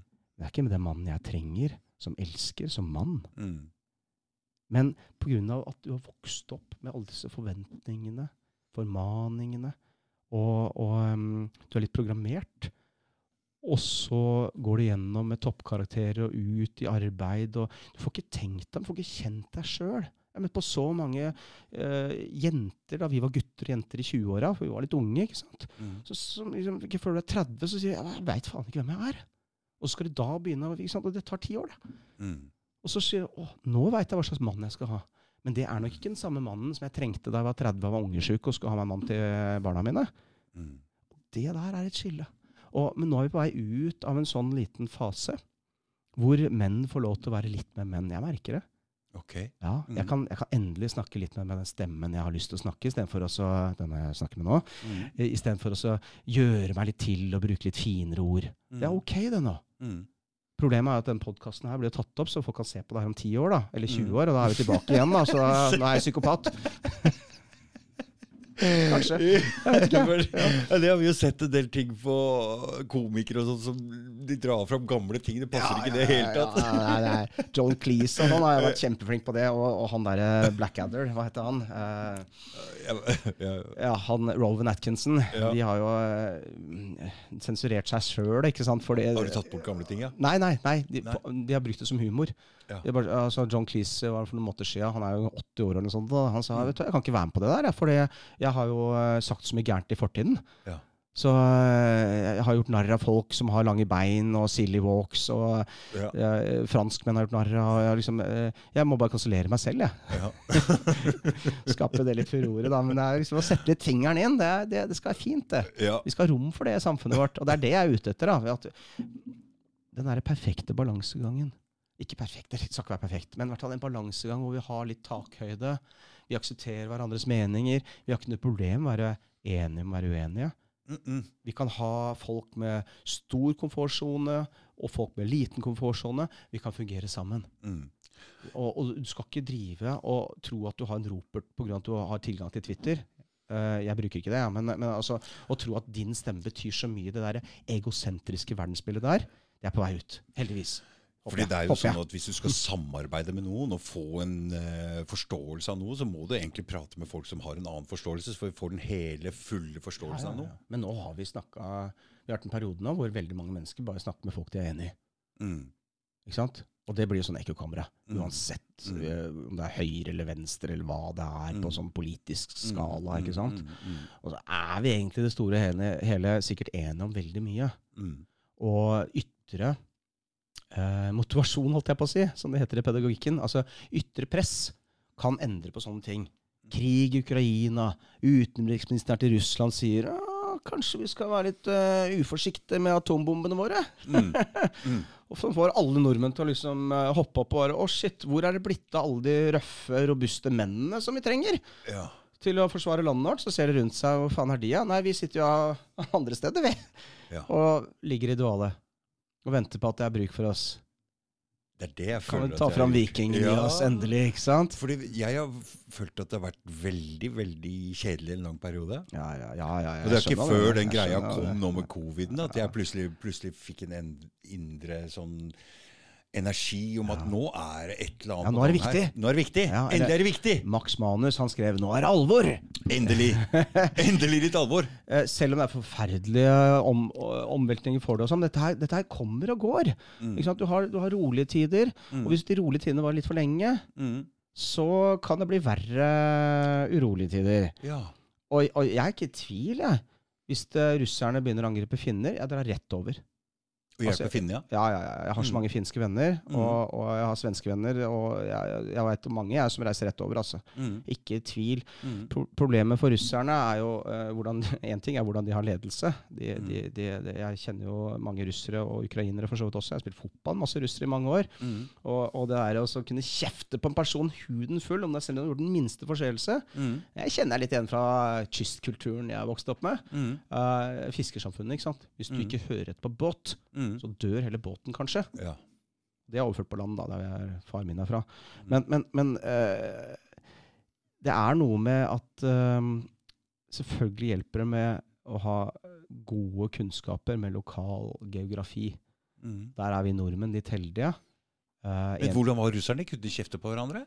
Ja, på fotballbanen og sånn. At du Ja. får så mye kjeft. Og jeg Ja. veit jo veldig godt at hvis det, Jeg spilte av og til på russer. Det var sånn hver dag i Oslo i, Nei, ikke hver dag. Hver søndag klokka ni i 15 år. Mm. Spilte Russland mot Frankrike. Oh, ja. Altså russere og franskmenn i Oslo Mm. spilte sammen. Mm. Folk fra alle mulige, alle mulige grunner til at uh, russere og, eh, og franskmenn flytter til Norge. Mm. Russerne var ofte ambassadefolk. Mm. Franskmennene de hadde ofte funnet seg en dame som var frankofil. Mm. 10-15 av alle norske damer er jo frankofile. Ja. De liker språket? Ja, ja, ja. Jeg, har, jeg husker han ene. Fantastisk kar, altså. Aksel. Han, ja. han, eh, han, er, han er flott. Jeg savner han. Ja. Uh, han, han var sånn uh, Hver gang det var en blond dame som gikk forbi når vi sto og snakka på gata, så gikk Mm. han tilsynelatende perfekt norsk over til å bli litt sånn mer fransk eh. Og det- han merka ikke det. Han var sånn, ja, du, du vet, eh, vi franske er litt sånn uh, Vi liker vin. Og, Og så snakker vi nasalt, ikke sant. Og så, og så går damene, og så, begynner han å snakke normalt igjen. altså det er, ja. Og, og jeg, jeg, det var mange der. altså Jeg har bodd i Brasil, så jeg også så jeg, det var mange brasilianere. Jeg snakket litt portugisisk. Og, Mm. og veldig mange av disse um, franskmennene, brasilianerne og andre som, som, som er menn som kommer til Norge, kommer dit pga. norsk dame. Mm. Mm. og jeg vet vel bare om én som er sammen med den damen Mm. som fikk han til Norge. Ja, Faktisk. Ja. Mm. Så det sier jo også litt om jeg vet ikke, kulturforskjeller eller hva. Mm. Uh, men, men russerne hadde jo også andre som var på lagene sine. Men det, det som var på lag med russerne, var at uh, hvis du får uh, en sånn tirade med kjeft, Mm. så må du kjefte like mye tilbake. Ja, du skal det. Ja, ja. Selv om du er skyldig. Ja. Uh, det spiller ingen rolle. Du skal bare kjefte like mye tilbake, og da har de respekt for deg. Ja. Da har de respekt for deg, ikke sant? ja. Eh, og, og, og, og det er sånn eh, Hvis du ikke svarer, Mm. så må du bare tåle å bli overhøvla, overhøvla, overhøvla. Du vet, Russerne har noe som heter Dobratsjneva, tror jeg det heter, Mm. i den russiske hæren. Mm. Det handler om å bryte ned uh, nye rekrutter. Mm. Uh, det betyr de gamles lov, eller bestefedrenes Vi ser jo jo litt av det i militæret nå, med veteranvirksomhet og litt Nettopp. sånn. ikke sant? Men vi hadde jo det da vi var i Forsvaret eh, som, som unge. Jeg husker Hvis du mista en gaffel eller noe sånt i kantina, alle skrek 'syl, syl!' Ja, ja, det sylgreiene. ja. og, og, liksom, og du skal ha respekt for eldre og sånn. Mm. Men det er jo, det er, og det er veldig i den russiske kulturen. Det er klart det, men, men det er sadisme. Altså, Mm. det, er virkelig tortur og sadisme. Mm. Og, og, og, og du skal virkelig oppleve eh, en grufull tilværelse det første året i militæret. ikke sant? Mm. Og, og, og, og lenger og lenger, til du selv blir som bestefar og kan være like ille. Mm. Altså, det er en, en, det Det er er en dårlig. sadistkultur som, som kan forklare hvorfor russerne eh, har oppført seg sånn som de har da, i, i Ukraina, med disse, i hvert fall det som er bevist da, av, i Ok. Botsja og sånn, med um, henrettelser og, og sånne ting. Ok. Ja, uh, men, men eh, så, så det sier jo litt om eh, lederskap også. Dette er også en av grunnene til at så mange generaler russiske generaler har mista livet. Nå har amerikanerne hjulpet til, til med etterretninga der, det skal sies. Mm. Eh, men du må ha dem på bakken. Ikke sant? Fordi uh, i, um, i Nato og i Norge så har vi noe som heter oppdragsbasert ledelse. Og det passer veldig bra med den norske kulturen. For det handler om at uh, du gir folk eierskap til operasjonen. Eller prosjektet. Dette er veldig bra i næringsliv og sånne ting også. Oppdragsbasert ledelse. Du forteller hva som skal gjøres. Du forteller hvorfor det skal gjøres, men du forteller aldri hvordan det skal gjøres. Det må du finne sjøl. Mm. Og jo lenger opp i hierarkiet du kommer med ordrer, Mm. jo færre ord skal du bruke. Sånn at det blir opp til de som kommer lenger ned, å tilpasse ut ifra de lokale Mm. forutsetningene. Ja, Ha litt sånn sivil ulydighet, eller ikke ulydighet, men altså, du, du tilpasser det sånn som du tenker at offiserene ville vært fornøyd med. Mm. Så du gir dem eierskap til prosjektet. Det funker kjempebra i norsk og skandinavisk kultur. Mm. Um, men det funker ikke bare i russisk kultur. Der er det helt motsatt. Du skal bare følge ordre, og det er blind ordre. Forklarer ikke hvorfor. Og du, og, og du får beskjed om hvordan du skal gjøre ting. Gå inn, gjør det. Og det blir jo ikke den der dynamikken som, som Det er det som er hele greia med, med, med, med krig. De må kunne improvisere. Mm. Ikke sant? Ellers så blir det stort mannefall. Det vet vi om alltid når russiske soldater har vært i krig. Mm. Så er det så mannefall at de ofte er kanonføde. ikke sant? Mm. Eh, og, og, og alle de som er kosakker og tsjetsjenere, og alle disse andre folkeslagene fra lenger øst, de har så høye dødsrater. Og det er fordi de vet de blir sendt inn først. Kanonføde. Skal vi storme det stålverket? Vær så god. Du veit det er kanonføde, ikke sant? men det er tradisjon for det. Mm. Eh, og det er klart, i Vesten så verdsetter vi jo liv litt mer, da. Uh, med de tradisjonene vi har, da. Uh, og, så det er jo en kjempeforskjell. Mm. Det er klart det. Men, men, men det er jo en del fordeler da, som Nato har, og som Norge har. Mm. Og som finner og svensker kjenner seg med, med, igjen i. Og, og um, vi kan greie oss ganske bra, vi. I, eh, i, eh, i krig hvis vi gjør det som har funka tidligere. Gjemme oss i fjellene, Mm. lokale kunnskaper som er gode. Mm. Uh, være i en gjeng med, med bra menn Mm. og en bra mann. Mm. Det er en som du vet ikke, ikke aldri sviker deg. Mm. Dette her er Det er jo det vennskap egentlig er. Ja, ja. Band of Brothers. Vennskap er egentlig det. En som du alltid kan stole på. Han kommer, han hjelper deg. Det er jo det, Ja, fordi, det vi er ute etter sant. I relasjoner og sånn, Mm. er, det, er det Man må ha opplevd litt. Du kan ikke bare si at det er en god venn. Mm, mm. Fordi du vet om hans verdier eller har hatt gode samtaler. Nei, gjør ikke det til en god venn. Man må ha vært på noen turer og opplevd det sammen. ja, mm. Sitte inne sammen. Eller, Ja, altså, det, det, et eller være annet samme Mm, Så vi veit at vi, i en krisesituasjon så, så er de der. Det handler om å være robust, tror jeg. Mm. Og, og, og, og det er jeg litt opptatt av, at uh, veldig mange av de som har vokst opp i den tiden fra 1992 til 2022, over en periode på 30 år, som ikke aner hvordan det er å leve med frykt i forhold til hva vi har opplevd i sovjettiden og under jernteppet, um, som Altså, de har det i seg. Men jeg har ikke merka noe til den frykten, men jeg har jo hatt en, du, annen, ja. slags, jeg har hatt en annen slags frykt. vet du. Ja, det er jo Jeg har jo vært kriminell hele, mye av livet mitt, og da har jeg jo hatt en annen fiende. Ja, selvfølgelig har du det. Så jeg Ja. har jo levd i ja, Men er det ikke litt morsomt at vi møtes her nå, der hvor vi er i alderne våre? Kan jeg få litt av det? Ja, selvfølgelig. Vent da, jeg, skal bare, jeg tar den oppi her. Mm. Jeg er så dårlig på kald kaffe. Altså det Men det er ikke litt morsomt at vi møtes her nå, da. For Mm. dette, er, dette er sånne ytre forutsetninger som gjør at vi um? Du er fra østkanten, jeg vokste opp i Bærum, i Mm. militæret. Jeg er liksom Bærumsgutt og? Det, Mm, mm, mm. det er stereotyp å um, ha hengende over seg. Det er ikke noe kult altså, når det er nei. innflytterforeldre til Bærum, og du sjøl er fra en fattig Det- det ja, ja, ja, det er klart det. Men du, og så har du vært rocker og alt sånt. sånn. Eh, men, men så har vi de der eh, for, fors- forskjellige greiene. ikke sant? Du har eh, sittet inne, du har vært kriminell i mm, perioder, ikke sant? Mm. Uh, jeg har uh, kommet ut av skolen i Bærum og vært veldig strigla. Mm. Um, og så begynte jeg å studere økonomi, Mm. fordi det var det alle andre gjorde i Bærum. Mm. Og så fikk jeg sånn der faen i meg. Mm. Jeg slutta etter to år. Et, uh, så fikk jeg to års praksis. Jeg tok en bachelor i økonomi. Men da jobba jeg i et meglerfirma og satt i sånne dyre dresser. Det var ikke meg i det hele tatt. Nei. Vet du hva jeg gjorde? Fordi jeg skulle være den første som tjente over en mill. Ja. I Østre Bærum, der hvor jeg vokste opp. Okay. Og det var jeg. Ja. Og, og det var kult. Og så slutta jeg jobben. Den uh, månedslønnen som var høyest, en august i 1998. Da hadde du gjort det? Ja, Jeg hadde gjort det. Jeg slutta jobben. Ja. Og sjefen var kjempeforbanna. Men jeg, jeg skulle ut, jeg. Fordi jeg hadde skjønt da, da var jeg 25. Jeg hadde skjønt at faen, jeg har jo vokst opp med sånn bomull rundt hele meg. Jeg vet jo ingenting om verden. Mm. Men det jeg veit, er at det er moralistiske greiene. For jeg bodde et år i USA. Mm. Og det jeg veit, er at uh, da jeg kom tilbake fra USA, så sammenlignet jeg alt. og Jeg hadde sånn moralistgreie. Mm. Norge er best. Det er typisk norsk å være god. Mm. Jeg sammenligna åh, veiene i USA er så dårlige, uten å tenke på hvordan det er med natur og vær og vind og sol og varme. Uh, det er så mye bedre enn Norge. Og sammenligne alt, men det er, det er selektivt, det er cherry picking. eh, eller det var, da. Det er ikke det nå. Mm. Eh, og så sier jeg faen, jeg, jeg jeg ikke sant, igjen da, programmert. Jeg brukte ikke de ordene, men det var den følelsen. Mm. Og det som var verst for meg, det var det som var maktøret. Jeg følte at jeg, jeg, er i sånt eh, kontrollert av noe som jeg ikke kan, kan sette ordet på, som har bestemt hvordan jeg skal bli, og jeg er ikke enig. Mm. Det passer ikke. Mm. Og så bestemmer jeg meg for å reise jorda rundt, og jeg gjorde det i to år. Mm. Sånn av og på. Var i Norge her og der også, da. Mm. Um, en veldig spennende tid. Aleine, eller? Ja, ja, ja. Backpacking og her og der. Og, og jeg bodde på steder hvor um, du hadde uh, sånne steder hvor andre reisende er. da, Så møter andre reisende. uh, Fantastisk interessant. altså. Jeg var i Brasil mye, men um, da, da møtte jeg på en serber, husker jeg, som var skikkelig skada fra uh, Nato-bombing og greier. da. Mm. Han var skikkelig forbanna på Norge, for vi hadde da for første gang på over 700 år hadde angrepet en annen nasjon. Mm. Tok 20 minutter i Stortinget å bli enige om det, at vi skulle Mm. gjøre det. Mm. Bondevik var var statsministeren var en prest. Mm. Uh, og, og så angrep vi Serbia med, med jagerfly.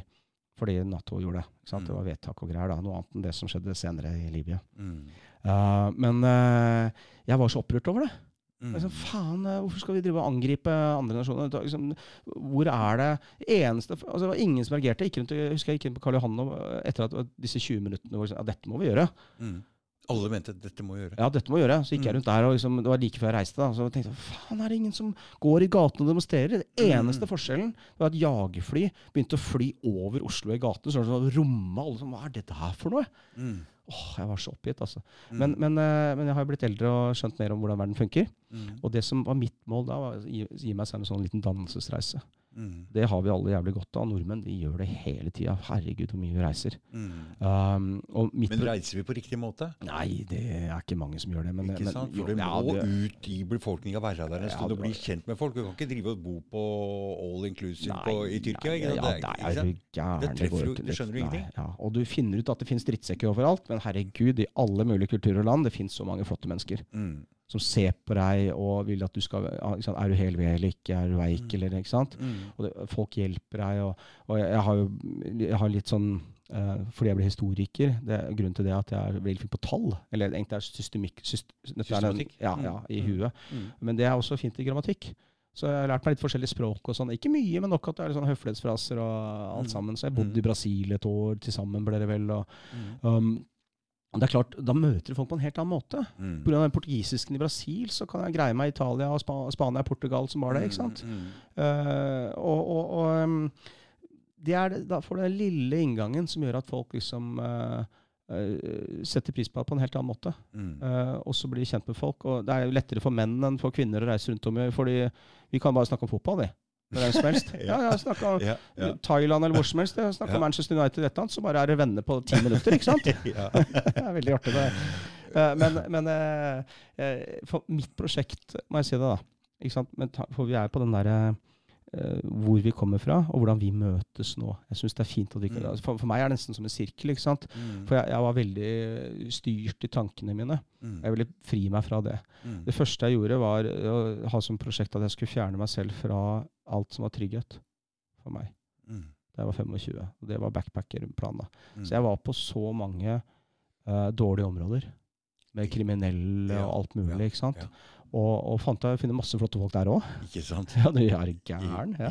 Og, um, og jeg husker i i Pelorinho i Salvador i Bahia, Mm. så, så bodde jeg mye der på et av disse områdene. Det er, som, det er sånn fantastisk kulturelt område. Capoeiraen eh, kom jo derfra. Mm. Største afrikanske kulturelle senteret utenfor Afrika, visstnok. Mm. Uh, og jeg bodde i et sånt dårlig område, da, og politiet de gikk hjem klokka ti. Ja. Og det var sånn, liksom, Alle turistene fikk beskjed om det. Ja. Ikke vær der etter klokka ti. Nei. Um, og da begynte de kriminelle å komme ut. ikke sant? Og jeg, og jeg, jeg var sånn uh, jeg, jeg tror jeg må ha vært litt rar for dem. Jeg hadde veldig langt hår uh, og veldig blond på den tida. Mm. Og disse um, brasilianske horene de syntes jeg var så morsomme. De var sikre på å homse, fordi jeg var ikke interessert i dem. Mm. Jeg syntes så jævlig synd på dem. Jeg, da. Men altså, det, nei, det var, det var så mye skitt. Det var så mye skitt også, rett og slett. Altså. Men det var, en, det var en veldig fargerik tid, da, kan man si. Mm. Mm. Og eh, de barna som gikk rundt der på kveldstid, de kunne ikke gi dem penger. vet du. Alle var avhengig av crack. Disse dopdealerne som okay. på en måte var, det var jo, Jeg husker det var en dopdealer, han pleide å ta litt vare på meg. Vi Mm. prata sammen og var litt reflektert, eh, og sånn. Mm. Og han var også oppgitt. Hvem faen er det som selger crack til disse tiåringene? Mm. Jeg husker en sånn 11 år gammel jente, hun bare venta på å bli skjønnsmoden, så hun kunne begynne å selge seg. Fy faen. Og, og, men du så hun var smart, ikke sant? Mm. Oppegående, smart med, som type. Mm. Men uh, hun bodde jo der, da, og, og og var avhengig av crack. da. Dem mat, da, men hun var ikke så interessert i mat. Hun var interessert i crack- cracken. Eh, så hun har sikkert fått et fint liv. Uh, men, og han dopdealeren han husker jeg sa flere ganger at liksom, Hei, du, du Stula!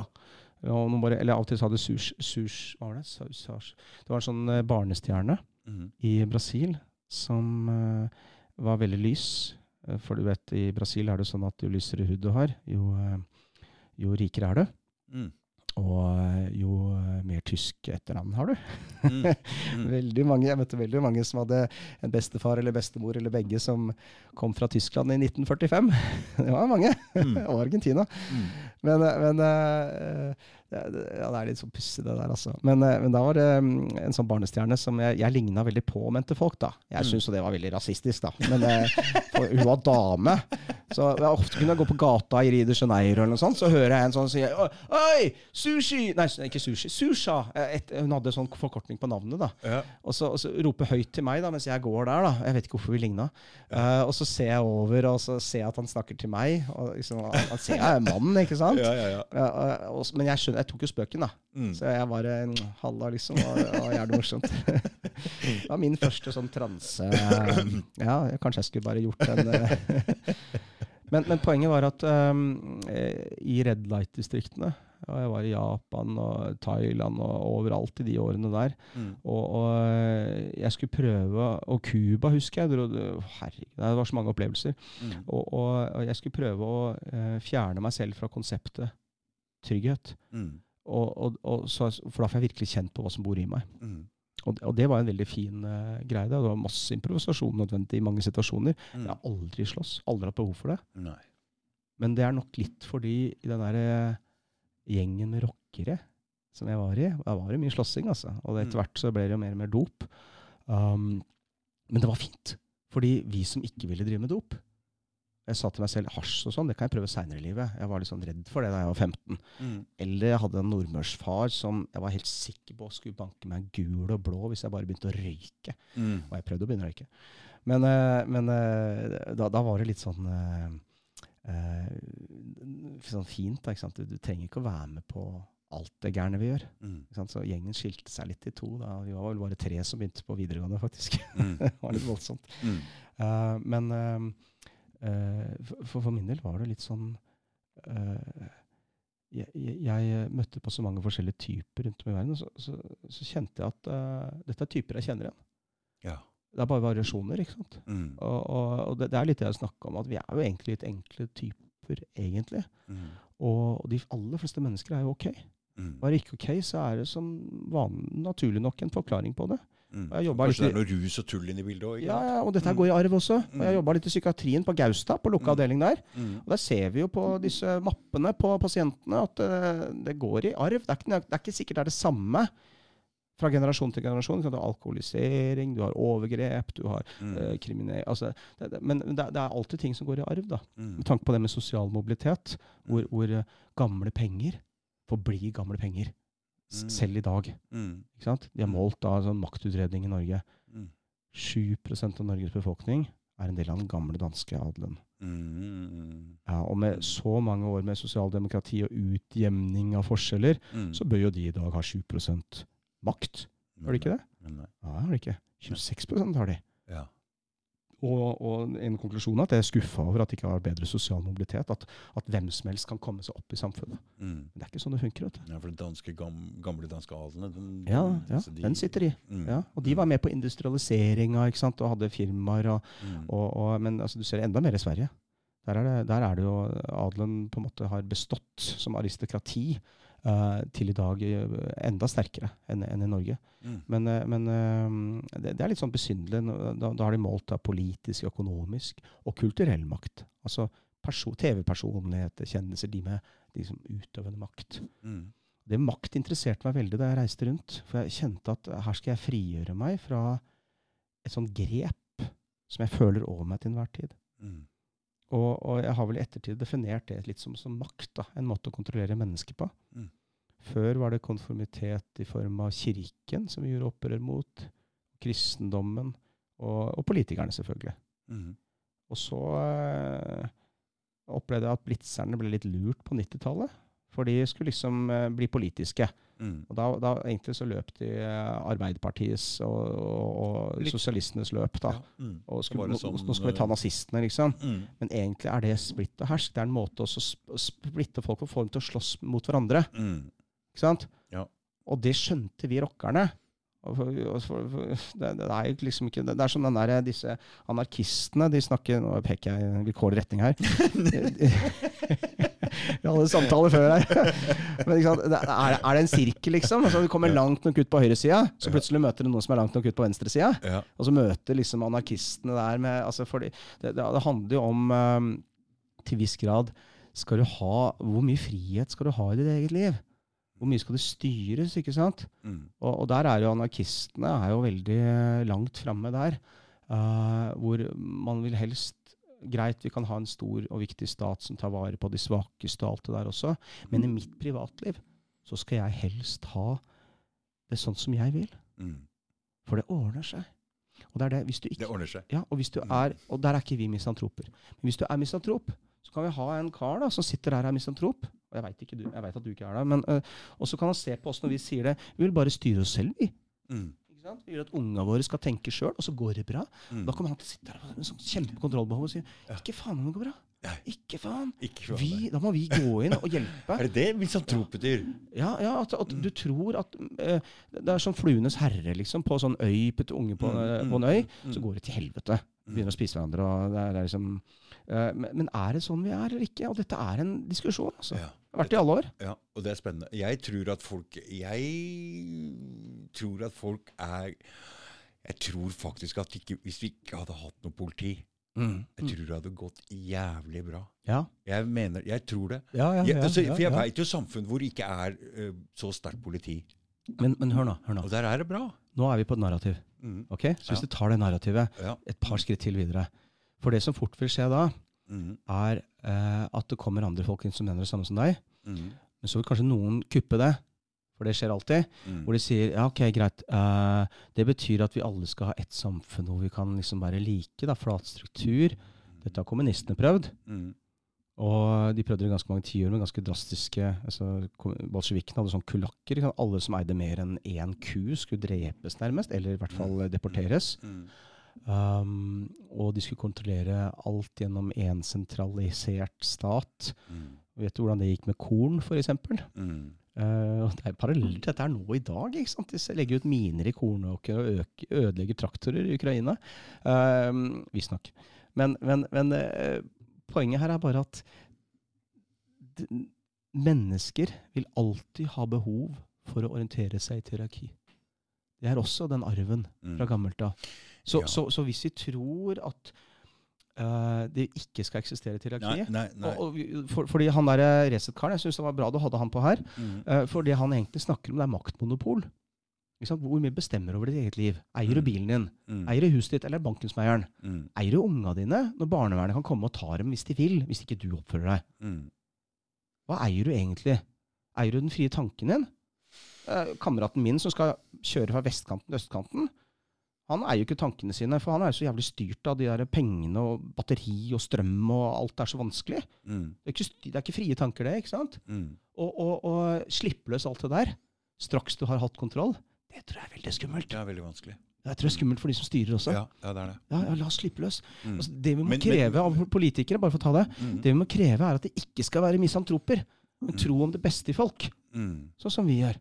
Ikke sant? Mm. Men jeg tror at hvis du tar bort politiet, så vil gjenger forme seg. Ja da, det For- vil for, det. ja, for vi er formert på den måten der. Det vil det. Og jeg har vært i så mange land hvor politiet er gjenger. Og det er mange som vil si at det er det i Norge også.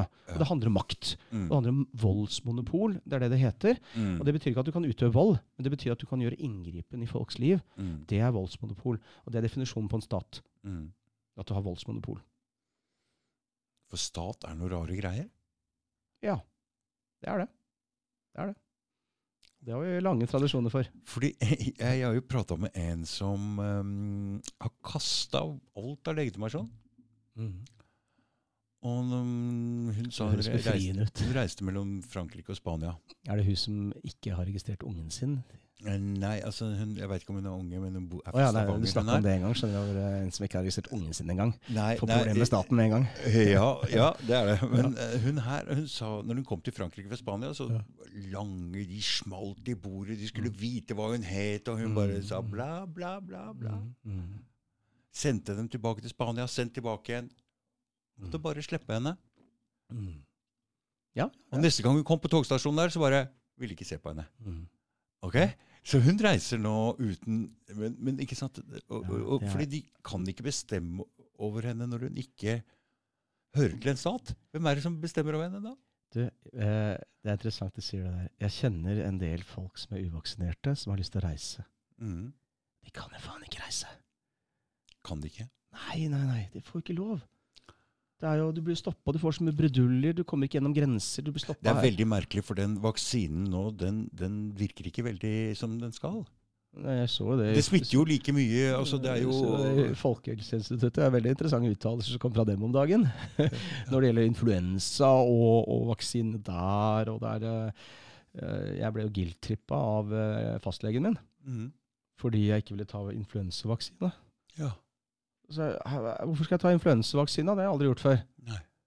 Og så sier hun ja, men vet du Nå skal ikke jeg etterligne det henne eller dialekten, men, eh, men eh, så sier hun ja, men hva med hun der bestemoren på 80 år da, som har dårlig immunforsvar? Mm. Og så smitter du henne med influensa. Da kommer hun til å dø, da.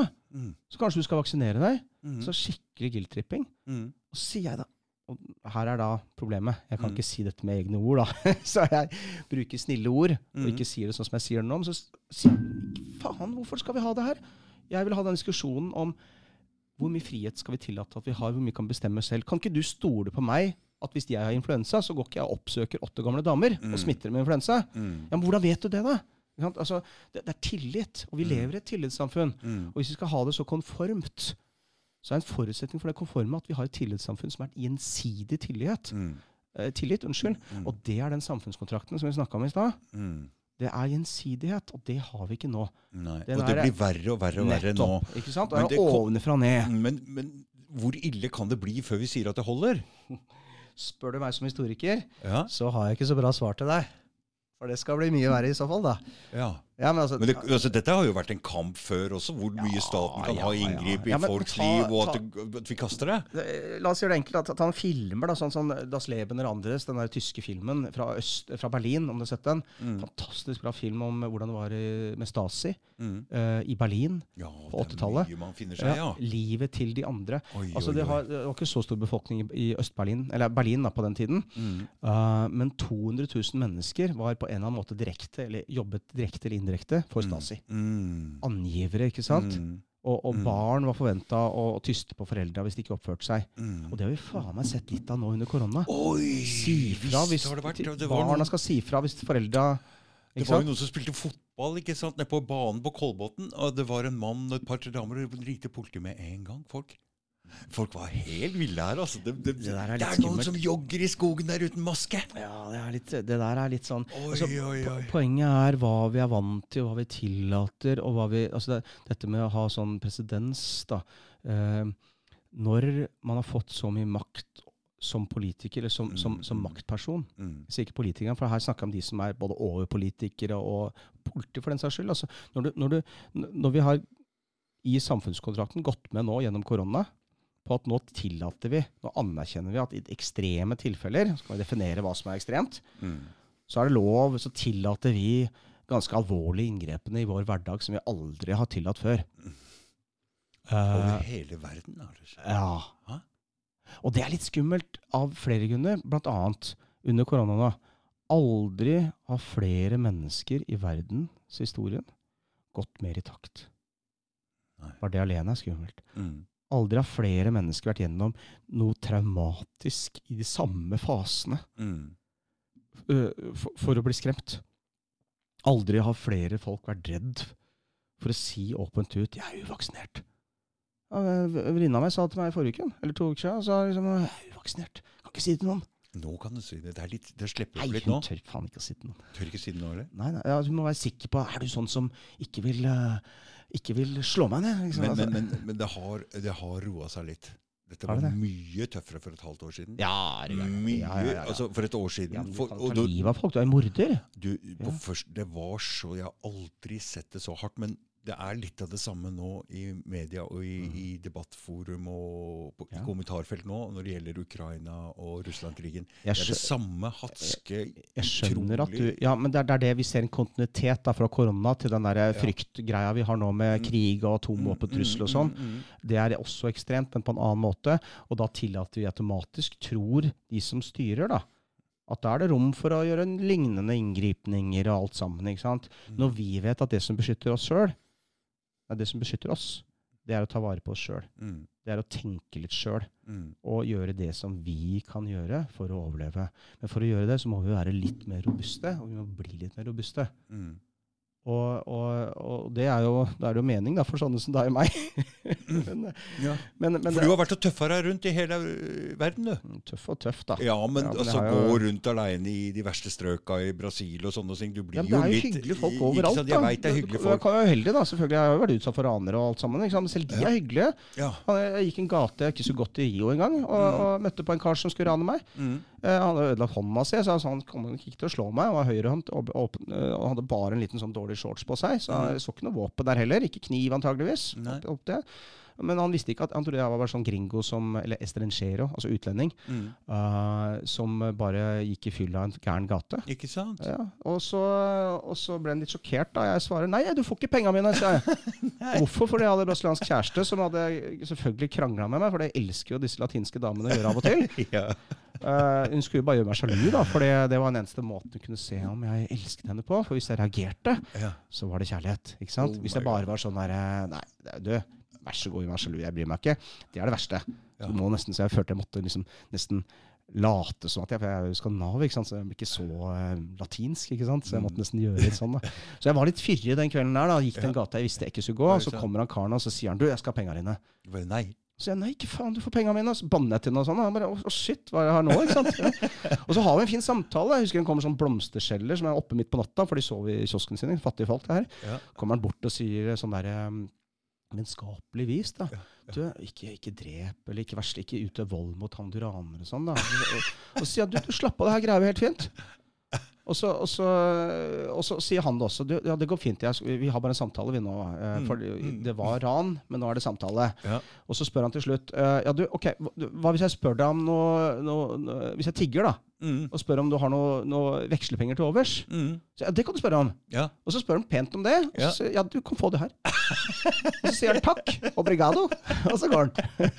Det er kult. Ja, men altså, og, og, og, for meg var det fascinerende i en alder av 25-26 år å oppleve dette her, i de, de, den perioden jeg bodde i Brasil. fordi For dem så var det en sånn der, um, universal dette her med, med godhetsgreie, for så vidt. Ikke godhets, da, det er helt feil ord å bruke, men, men, eh, men om vi er eh, født gode eller onde. Mm. For, for dem så var det sånn uh, Ja, du kommer fra det rike Europa. Ja, klart jeg skal ha litt av deg. Ja, ikke sant? For, for, for du har penger. Mm. Jeg har ikke penger. Nei. Og derfor så bør du gi meg litt penger. Ja, det er jeg enig i. Ja, For, for, for du, har, du har jo penger, Ja. uh, og det er jo helt riktig. ja. Uh, men, men samtidig så er det sånn stolthet. da. Mm. Tigging er jo eh, faenskap der borte. Mm. Så, så selv på bussen, når de kommer med sånn jævla dårlig eh, godteri, for det, det spiser du ikke, altså, Nei. som de har stjålet eller lagd eller et eller annet, Mm. så kommer de på bussene og så selger det gjennom bussene. Mm. Så kjøper de bare for å gi penger. Mm. Og de får penger for de prøver å jobbe. Mm. Og, og, de er helt ærlige på det. Altså, skal, skal jeg gå og rane med pistol, eller skal jeg prøve å selge det her? Ja, ok, greit, vær så god. Mm. Tøffe karer. Mm. Brassutse. Altså Mm. brasiliansk. Det er sånne Mm. Um, og, og de har sånn uh, veldig fin holdning til det der at uh, i solidaritet, når du har, og jeg ikke har, Mm. og jeg trenger, Mm. og du trenger vel egentlig ikke gjøre det, Mm. Så er jeg jo enig i det, og da bør jeg egentlig gi, ikke sant? Jeg er enig. Ja. Men jeg har jo egentlig ikke lyst til å gi til tiggere, for du skal jobbe for det. Ja. Og, og, Og ikke til ranere. Nei, ikke til ranere heller, ikke sant? Nei. Så, så du må bli en Ja. mellomting der. Mellomting der. Det, er, altså, det, er- det finner bra folk overalt. Ja. Uh, også blant kriminelle, selvfølgelig. Og, Ja, ja. Men, men det er jo så mange grunner. Ingenting er jo svart og hvitt. Og det, jo eldre vi blir, jo Mm. mer veit vi det. Og det var der du skulle tilbake til ringen jeg slutta når du sitter her sammen med meg i dag. Nettopp. Ikke sant? akkurat det jeg tenkte på. Ja. Men jeg sitter jo her nå sammen, og jeg ligger jo ikke skjul på den bakgrunnen her i det hele tatt. Og sitter og prater med professorer meg her og Ja, er der. det og flott, le- Det er kjempekult. Ja, Og folk klarer å høre. Ja. Og det er viktig. ja, det er viktig. Og at folk kan ikke hisse seg opp, men heller si ja, det var interessant. Og så, Mm. og så går vi videre. Mm. Og så, og så velger man det som passer til seg. Det er det jeg gjør. Fra Ja. hver eneste gjest her Ja. så er, har jo de en litt annen Vi har jo forskjellige oppfatninger om alle Ja, ting, alle. Så jeg peller med meg litt, det som passer, og får en litt økt, økt forståelse av mange ting. Og vet du hva jeg tror nøkkelen er? At man er nysgjerrig. Slutter aldri å være nysgjerrig. Det er det viktigste som er. Det lærte jeg av Arne Næss, og han var jo veldig flink til å formidle på den måten der. Mm. Det var en journalist som spurte han en gang når begynte du å klatre i trær. Mm. Så svarer han 'jeg slutta aldri'. Mm. Eller um, det der med å stille spørsmål og utvikle seg selv og aldri Mm. være nysgjerrig. Nei, alltid være nysgjerrig. Det, er meninga med livet, tror jeg. Ja. Og det selv disse rikingene driver og snakker om det. De har sånn der five hour rule. Hvis de ikke lærer noe hver dag, så er ikke dagen verdt, verdt noe. Da har du ikke noe sånn derre Og det, det er litt sant, men det er mange måter å tilegne seg kunnskap på. da. Det er jo det. Men samtaler er en fin ting. Veldig. Jeg er helt enig. Helt enig. Og vi har jo, har jo, har jo tone, og mens vi kommer fra forskjellige sted. Ja, Og forskjellige noe- opplevelser. Ja. Men vi snakka om det litt i stad, som er kanskje verdt å nevne. da, fordi sant, Du har ikke tatoveringer. Og så møter du sånne tøffe karer som snakker om gattegutta. Liksom på, liksom, ja. og, og, så, og, så, og, så, jatter du med dem, selvfølgelig. da. For du er flink til å jatte med. Det gjør du med meg nå, ikke sant? men, men på, på, Du gjør det for feil nå, sier ja, ja, vi, vi koser oss, gjør vi ikke det? Jo, jo, jo. Men, men, eh, altså, poenget mitt er at jeg opplever deg som hel ved. Mm. For du, jeg opplever deg som veldig ærlig. Ja, men jeg Sånn trenger er- ikke. Jeg trenger ikke. Nettopp, du trenger ikke å prøve. Nei, jeg trenger ikke. Trenger ikke å male deg en eller annen eh, Nei, kostyme. det, det det jeg sier, for det, nå føler jeg meg trygg. Jeg er ikke redd for noen. Ikke kriminelle, ikke sånne, ikke Ja. sånne, og ikke vanlige folk. og Ikke, jeg er ikke redd for noen. Jeg trenger ikke late som noe. Og din kjempefordel er at du har tatt de erfaringene i livet, Mm. og så har det gjort deg, det har gjort deg til en bedre menneske. For du fortsetter å nysgjerrig, fortsetter å lære, fortsetter Ja, å utvikle deg. Mm. Og så blir du mer reflektert. Og det er altfor mange mennesker som bruker mer tid på å se seg bakover enn fremover i livet. Mm. Og, det, eh, og, og da stopper det. For da lar det traumatiske påvirke deg. Mm. Sånn, ja. Ja? Mm. Eller du bruker rus for å takle traumer, f.eks. Mm. Og alle bruker rus på en eller annen måte. Jeg gjør det hele tiden. Jeg, med trening, f.eks. Herregud, jeg spilte squash i går. Jeg, Mm. Jeg kult. hadde så behov for å få ut litt er der. kult squash. Squash er en av de sportene hvor det kan virkelig kline til, og så går det bra. Ja. Det er ikke mange sporter du kan gjøre på. Altså. Skikkelig, altså. Få det ut. Og, og, og, og det, er, det er bare rus. På en måte, ja. Ja, det er det. Mm. Det, er, det var en kar som skrev en flott bok en gang. Jeg har ikke lest den, da, men jeg har lest om boken. Mm. Uh, The Fix, jeg tror han heter. Et eller annet. Altså, på, på, han, han, Istedenfor å se på rusen, så ser på det som er bak.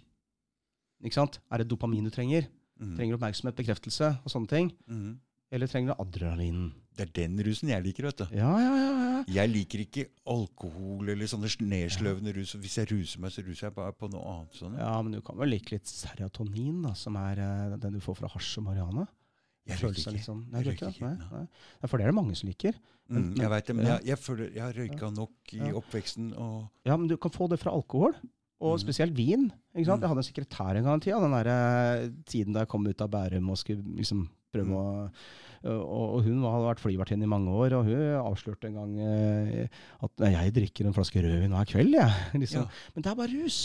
Og det er serotonin ikke sant? for å døyve følelser og, Mm. og ha en sånn fin helhetsfølelse. Mm. Jeg syns det er mye bedre å snakke om rus og snakke om de hormonene Mm. som man frembringer. Og du Mm. kan gå og leve livet ditt litt sånn rolig. Mm. Og bare litt sånn små bølger. Det er helt greit, det. Mm. Men av og til så må det slippe ut Ja, litt. ja. Ja, Mm. og adrenalin for meg, det er, det, jeg bruker sport, jeg, da. Spesielt én-til-én-idrett, for da blir jeg så jævla sinna på han der motstanderen. Ja. Og det er, det er ikke så viktig å vinne heller. Det er dopaminen. Ikke sant? Mm. Belønningen. Mm. For meg er det mest viktig å bare få det ut. Ja. Uh, så om jeg taper, så er ikke det så farlig heller, så lenge jeg har liksom Mm. uh, og, og det er viktig for meg, men serotonin virker ikke så godt for meg. altså. Men hvis du har motgang Og jeg har hatt noen tøffe økter i livet, jeg også. altså. Eh, men alt er relativt, og, og, og det er opp til enhver person hvor tøft man kan føle ting, selvfølgelig. Mm. Mm. Men da hjelper jo serotonin. For du, du, altså sånn CBD for den saks skyld, ikke sant? Mm. istedenfor THC, altså med disse Ja, jeg vet den. Ja. Mm. hvor, hvor du ikke tar det som fremkaller rus, men det som eh, hjelper deg på serotonin. Så, den, så den har en funksjon, CBD, i, i Å ja. ja. eh, Ok. Mm. Problemet er at Big Pharma, Ja. altså legemiddelbransjen, har skjønt det her. Mm. Og de skal jo tjene penger på disse medisinene som de har produsert, og alle som står i kø, som de skal tjene penger på i fremtiden. Mm. Akkurat som Microsoft gjorde på 90-tallet med Vi venter et år til neste oppdatering, Mm. for vi må jo tjene penger på det vi har allerede. ikke sant? Det er bare ren kynisme. Og i EU så har jo legemiddelbransjen sagt ok, greit, vi skjønner at det er umulig å unngå å selge CBD. Mm. Men hva hvis vi gjør CBD-en så lite sterk da, at det ikke har noe særlig effekt? For det er jævlig dyrt. Ja, Det som man får kjøpt, det der er jævlig dyre Det de gjør nå, er at de har lagd lover og regler. Nå har Fran Frankrike akkurat letta på det. Men resten av EU er sånn at du kan kun lage CBD fra denne planten, altså marianaplanten eller hemplante, Mm. på blader, stilk og røtter. Du får ikke lov til å ta det i blomsten. Mm. Og grunnen til det er at da blir det for sterkt. Da virker det jo. Da trenger du ikke bruke Ritalin eller alle disse andre. Mm, Mot mm. tankekjør, angst Mm, eller, mm, eller mm, øh, Det er fysiske ting også. Det-. Smertelindring, for den saks skyld. Eh, det er så mange, Jeg, jeg kjenner masse folk jeg, som, som, som tar CBD og, og, og har kjempegod effekt. Ja. Og trenger ikke å bruke legemidler engang. Tankekjør, angst, masse sånne ting. Problemet er at du, du får ikke tak i ren nok CBD i, i Europa. det selv, da? Ehm, det er vel mulig, det, ja. ja. Det er mange som lager ting sjøl. Det er Mhm. klart det. Og du kan røyke det, du kan ta olje, CBD-olje, du kan ta krem. ikke sant? Mm. Uh, jeg har en kamerat i USA som, la- som lager CBD, Mm. og han lager kun på blomst. Mm. De fleste driver og vandrer ut og gjør det Men da må svakere og han ta tar ut THC-en ut av det. Ja, nei, han, han bruker planter som er hemplanter. Så, Ja, er, som, ikke, som har lite, så det går an å få Ja, planter sånn ikke som 0,5 Mm. CBD, nei, THC. Det er over Ja, grensen, så man liksom får det ned under Mm, 0,3, mm. tror jeg det er. Eh, men, men herregud, det er fascinerende å se det har, det har effekt. altså. Mm. Det er en mor, Jeg kjenner de, noen som driver og selger det litt. og En, en mor hun skrek etter hjelp da, for, Mm. for sin sønn, som var voksen og skulle slutte med heroin. Og han var av, han tok sånn den sterkeste sånn nano-CBD, Mm. som er bare superkonsentrert. ikke sant? Mm. Um, og han brukte det for å, altså han slutta tvert med heroin. Mm. Og han var av abstinensene på var det ett døgn eller under to døgn Mm. med CBD. Mm. Er ikke det, Jeg kjenner ikke så godt til, men det er jo ganske bra. jeg, jeg, jeg veit ikke Ja, helt. jeg, jeg har inntrykk av at det er ganske bra. Altså. Men hun var i hvert fall Mm, mm. og han sjøl også var glad. Mm. Og det er så bra at sånt virker. ikke sant? Mm. greit, du stikker den litt til uh, Big Pharma, Mm. ja, og det har jeg ikke noe problem med å gjøre. Det syns jeg. Ja. Her er det mye grums, Her altså. er det mye grums, det er klart. De skal tjene penger, disse her. da. De skal jo Mm. det. Mm. Det er jo litt av det som er problemet, som du har snakka om mye i disse podkastene her, med Mm. at én ting er at det er så korrupt, og det er så kap, eh, kapitalisert. Altså. Du skal tjene penger hele tida. Mm. Mm. Og så, og så skal man tjene mer og mer og mer. ikke sant? Men egentlig så bare er det på en måte inflasjon. Du bygger opp mer og mer.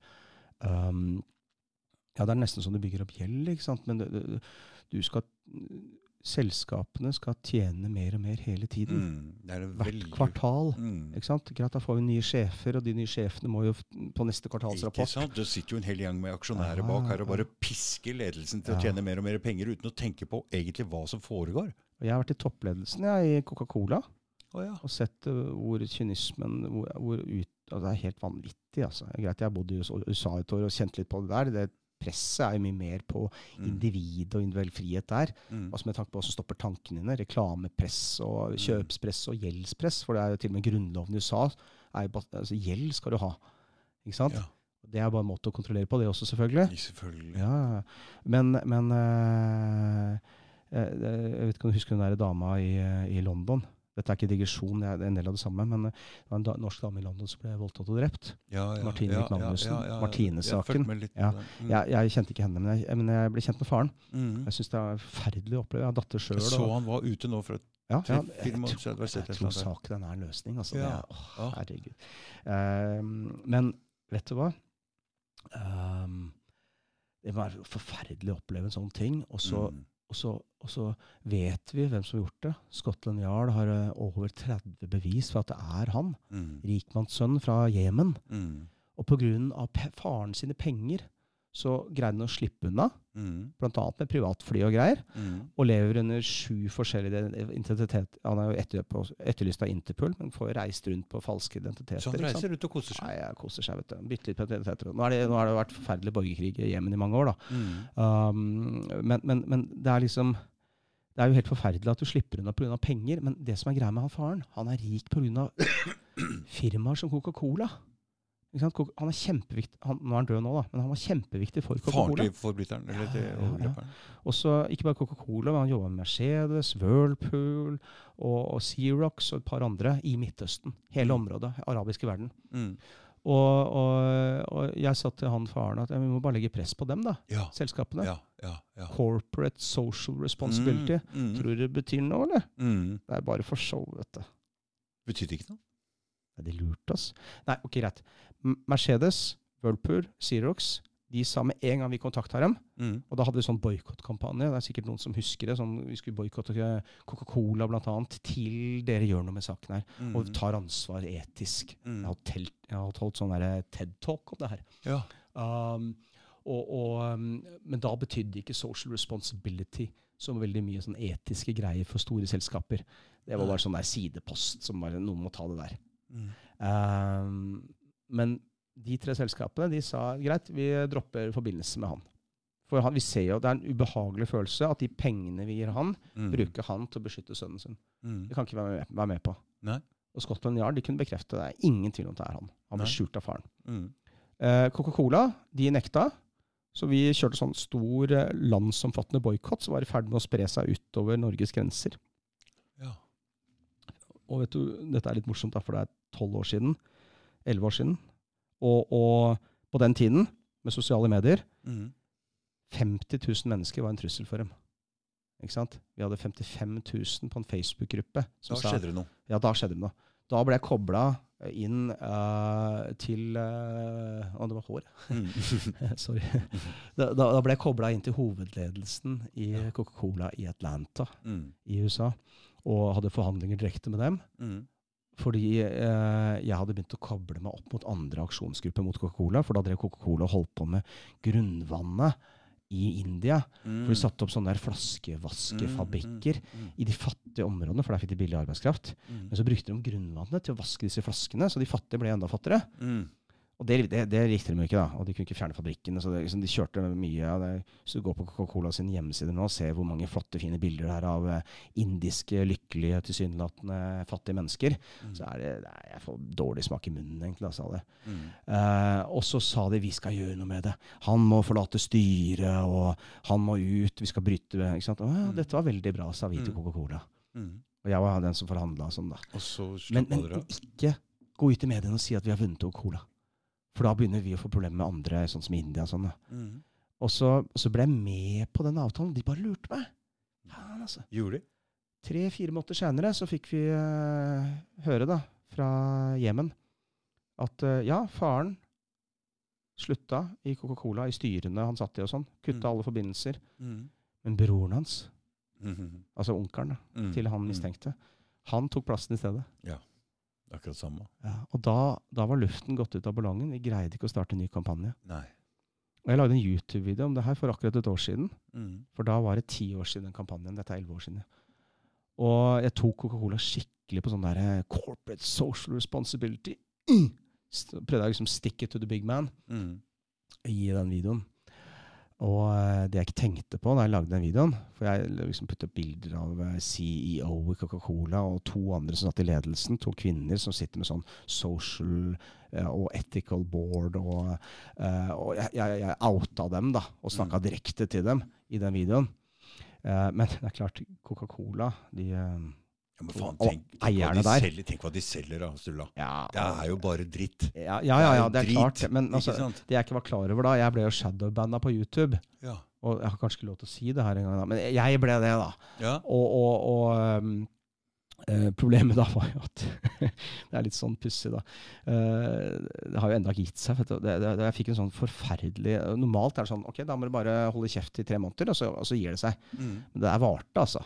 Jeg hadde sånn kjempefin vekst på YouTube-kanalen. Dette er kjempegøy. Mm. Og så bare stoppa det, og jeg mista. Og så mange skrev til meg at jeg har, jeg har blitt Tatt av- ja, ja, Tatt bort abonnementet. abonnementet. Mm, ja. mm, mm. Tre-fire ganger tar de på abonnementet igjen, og fortsatt så forsvinner Mm, mm, ikke sant? Jeg mm, mista masse abonnenter, Mm. og det varte i tre måneder. Uh, men, uh, men null vekst etter det. Og det var Coca-Cola. Ja. Mm. Og det er selvfølgelig når vi ser på hvem som eier Google, eller YouTube, da. Mm. Og, som eies av Google og Alphabet, og hvem som eier Alphabet. Og så har de de samme eierne som eier Cola. Ikke sant? Mm. Ja, Så jeg dreit meg ut der. Bare for å si sånn. Jeg prøvde å ta en sånn match og stikke det litt uh, til the big man, og fikk en rett i fleisen tilbake. Mm. Og så tenker jeg det er ikke så jævlig viktig med en YouTube-kanal, her i det?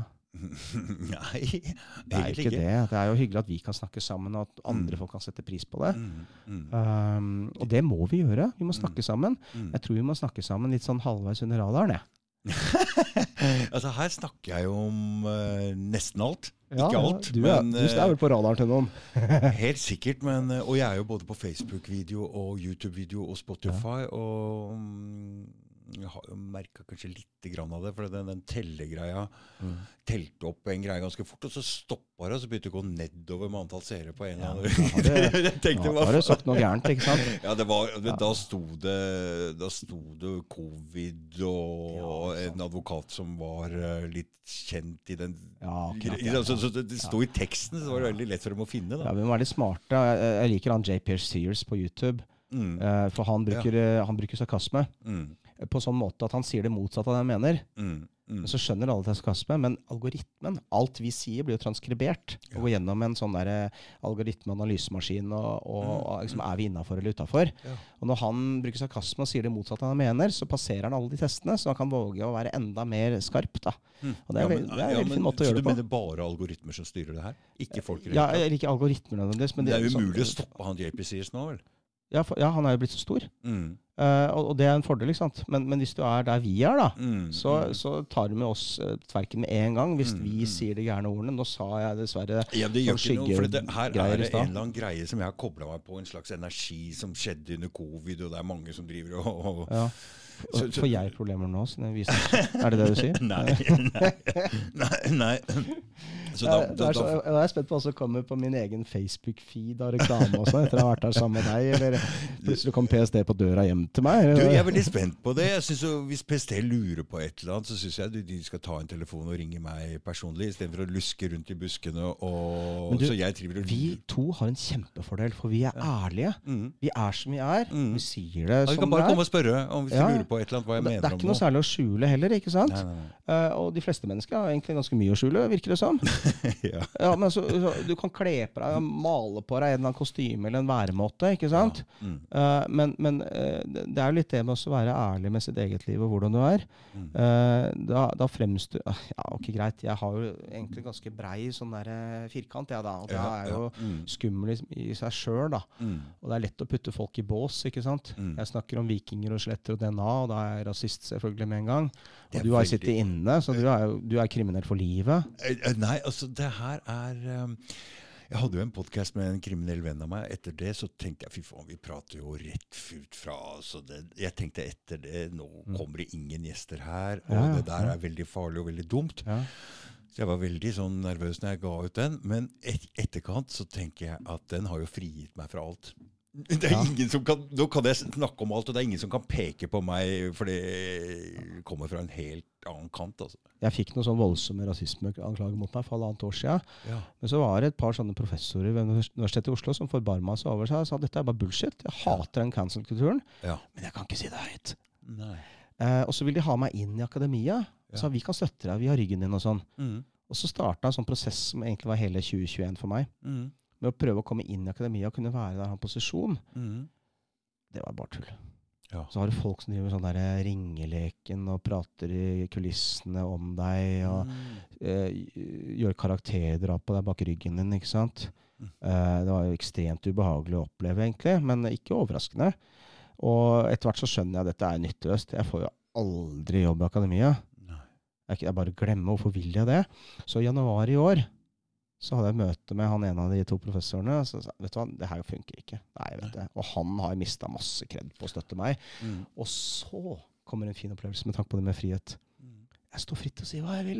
Ja. For hele 2021 så jeg må passe meg litt hva jeg Passe sier. Og jeg, Mm, mm, mm. Folk putter meg, tar minste ting jeg sier, og, og, og putter meg i en sånn der fæl bås Men- og leser men- ting men- i verste mening. Mm, Men, men øh, jobb i akademia? Ja, det var det som var hå- håpefullt. Jeg får jo faen ikke jobb. Jeg vet, du, hva skal jeg gjøre med inntekt? Nei. Sant? Nei. Så nå, nå driver jeg og jobber litt med formidling og tjener penger på å holde foredrag og sånn. Og Ja. det er jo kjempefint, det. Ja, for folk er jo interessert i det her, og du er jo Ja. god i engelsk også. Ja, ja, masse, Og- ja, ja, så- Ikke, det ikke er sant? veldig Og vikinger, som du sa, er jo en greie. Og jeg har fortsatt forskningsprosjekter som jeg er involvert i, Ja. med folk som har litt mot. Og det var en sånn greie som Arne Næss var veldig opptatt av. Du Mm. må tørre å vise mot. Mm.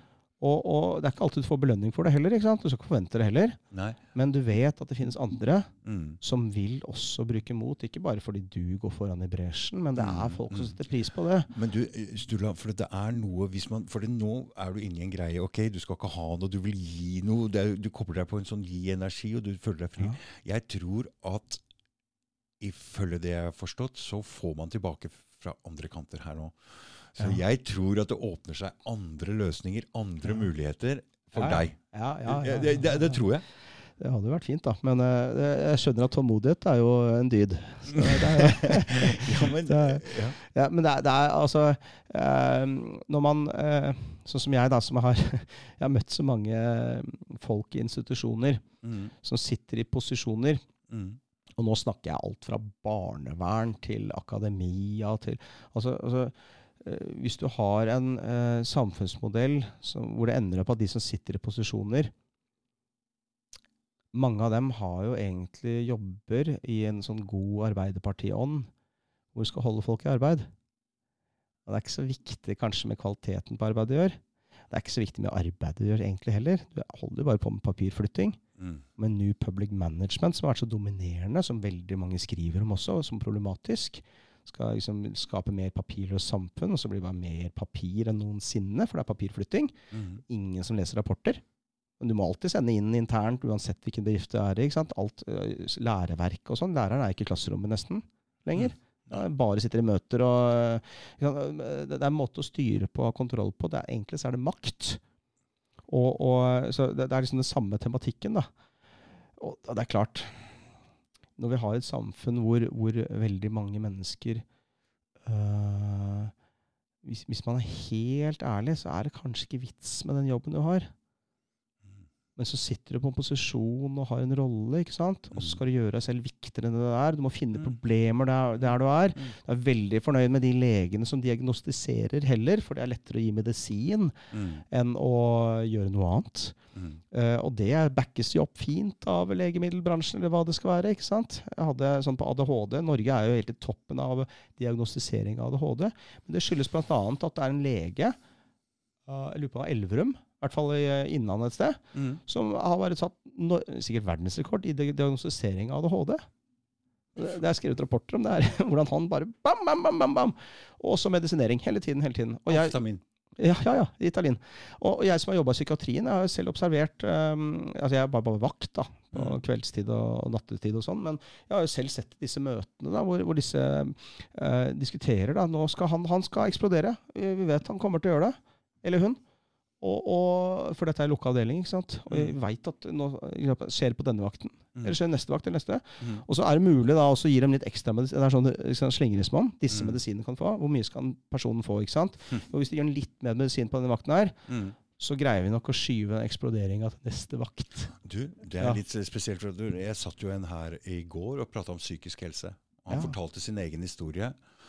Og det der med de psykosene som de går inn i, det er egentlig der han måtte gå for å finne Til slutt måtte han jobbe seg mot de psykosene sjøl for å stå i det. Nykter. Uten de rusmidlene. For å jobbe seg gjennom den Mm. for å bli bra. Det er interessant. Mm. Det er veldig interessant. Det var det, den Men første det- psykosen med masse dop. Og etter hvert, så- så etter hvert Mm. fikk han en god venninne hvor han frambrakte psykosen selv for å stå inn, for å kjenne på den, for å bli kvitt den. Ja, ja. Interessant. Da må du være veldig trygg på deg sjøl. Ja, det, var, altså, det var jo Ja. over mange år, ikke sant? ja, ja, men du skal, du skal virkelig ha opplevd mye. Kjenne igjen mønstrene som du går i. Ikke sant? Kjenne deg selv. Mm, mm. Jeg tror det, det må ha vært en veldig ærlig person. Veldig ærlig han, da. Ja, for det han er, har jobba mye med det her. Det er Ja. jo, ikke sant? og jeg har en, eh, altså Moren min kommer fra bibelbeltet på Sunnmøre. Mm. Og, og det der når du vokser opp i et samfunn med litt for mye moralisering, litt for mye fasade og overflate, som betyr mye, Mm. um, da er det vanskelig å være ærlig med seg sjøl. Mm. Mm. Ja. ja. Og jeg tror det er det kanskje det viktigste vi lærer barna våre. Mm. Det er det med ærlighet, Mm. men også ærlighet med seg sjøl. Mm. Så jeg skal ikke overkomplisere ting, tror jeg. Og vi er egentlig litt enkle mennesker, egentlig. Det er ikke så komplisert, nødvendigvis. Og jeg vet ikke med deg, men min erfaring i livet er at jo mer du har vært gjennom sånne kanskje traumatiske opplevelser eller år med motgang, Mm. og, og da snakker jeg sånn våkenetter, eh, liksom altfor lang tid og, og, og virkelig, virkelig mørke tanker. Der hvor du liksom du, du, har, du tror at bunnen er nådd Mhm. for, eh, for tiende gang. Gjennom en periode på et år eller flere år. Mm. Uh, altså når det virkelig er der, Uh, og, så, så kommer det ut av det, Mm. så tror jeg flere og flere, i hvert fall det er min erfaring, og nå spør jeg deg, Mm. og, og det er at vi er egentlig ikke så kompliserte. når man er inne det, så overkompliserer man når man leser og tilegner seg kunnskap. Uh, og så er det kanskje ikke nødvendigvis så komplisert. Å komme ut av det, tenker du på? Ja, Eller forholde seg til det i ettertid. For- ettertid, da? Ja, Fordi vi mennesker er ikke så kompliserte, egentlig. Vi er jo dyr, Mm. for eksempel. Vi reagerer på vanlige være, altså, Hvis du er lillebror eller lillesøster, så, så har du kjempa om oppmerksomhet i en søskenflokk. Mm. Og lært deg teknikker som funker. og Det er veldig mange som bruker de samme teknikkene i voksent liv. ikke sant? Mm. Ja. Det er, det er Mm, typisk det. ikke sant? Jeg, jeg, jeg husker eh, jeg studerte en, en gang, så var det en sånn Marit, veldig hyggelig jente. Hun var sånn eh, lillesøster som sa alltid til nærmeste gutt Kan ikke du gjøre det for meg? Jeg er ikke så flink på det her, jeg. Det er sånn jeg har Ja, gått ja, ut på sosialt ja, før. Hjelp meg! ja. Jeg kan ikke det. papir.» Papirer. du må bare gjøre det her for meg. Kan du ikke det? Og så litt sånn skjerm, og så hadde en smilet, da. ikke sant? Og så sier jeg ikke faen jeg skal gjøre det der for deg. Nei. Og blir helt sjokkert. Hvor ikke, hvor ikke? Jo, for dette her har du gjort siden du var liten. Og jeg er ikke faren din. Ja, ja, ja. Og, og, og hun, var jo, hun skjønte jo det, da, men hun har aldri tenkt den tanken for at hun bruker de verktøyene og metodene hun lærte seg som liten som voksen. Ja. Og dette er sånn lillesøsken, Store? Storesøsken er ofte litt mer ansvarsfulle, for de har ansvar for søskenflokk. Sånne ting påvirker oss, akkurat som gener Mm. påvirke oss. ikke sant? Mm. Miljøet påvirker oss også. Traumer fra besteforeldre. Det Mm. vet vi jo at det påvirker livene våre og helsen vår, vår mentale helse. Mm. Og jeg tror nå, fremover, Mm. Så er det en tid for å være litt mer robust. Helt klart. Ja, jeg, helt, Altså, jeg over- ser ja. så mange piler som peker på at det kommer mot hardere tider nå. Det er Ja. så mange ting. Ja, og det er lettere sant? å ødelegge enn å bygge opp. Og nå er det veldig mange krefter, føler jeg, i verden Mm. som er mer interessert at ting skal ødelegges, Mm. for så, For så å bygge opp igjen etterpå. ikke ja, sant? Det er mye lettere Ja, enn å drive og stange ja, mot ja. ting hele tida. Hvis du gjør en skikkelig sånn, så kan de forandre på Og jeg, jeg som historiker har jo sett litt på det her, fordi vi lever jo av å lese historien. mm. Så kan vi bomme, selvfølgelig, det gjør vi jo hele tiden. Men, Mm. men, men det er en del ting som går igjen. Jeg husker da Obama fikk fire år til. Mm. Så rent, eh, jeg nevnte det med tall, så rent matematisk, så ikke det, er ikke det så bra. Nei. Skjønte vi. Fordi han hadde fått fire år, og det var, det var bra, for demokratiet skal jo fungere sånn at nå skal de forsøke, og så drar de den veien, og så drar de den veien. Det Mm. er ikke én vei. Nei. Det er derfor I demokratiet skal du ha motpoler som virker mot hverandre. Mm. Men du kan ikke ha sånn at motpolene blir dratt lenger ut for hver gang. Nei. Dette er pendelen som svinger, samfunnsånden. og Og det, hvis du ser i USA, da var det voldsom splittelse som er der nå.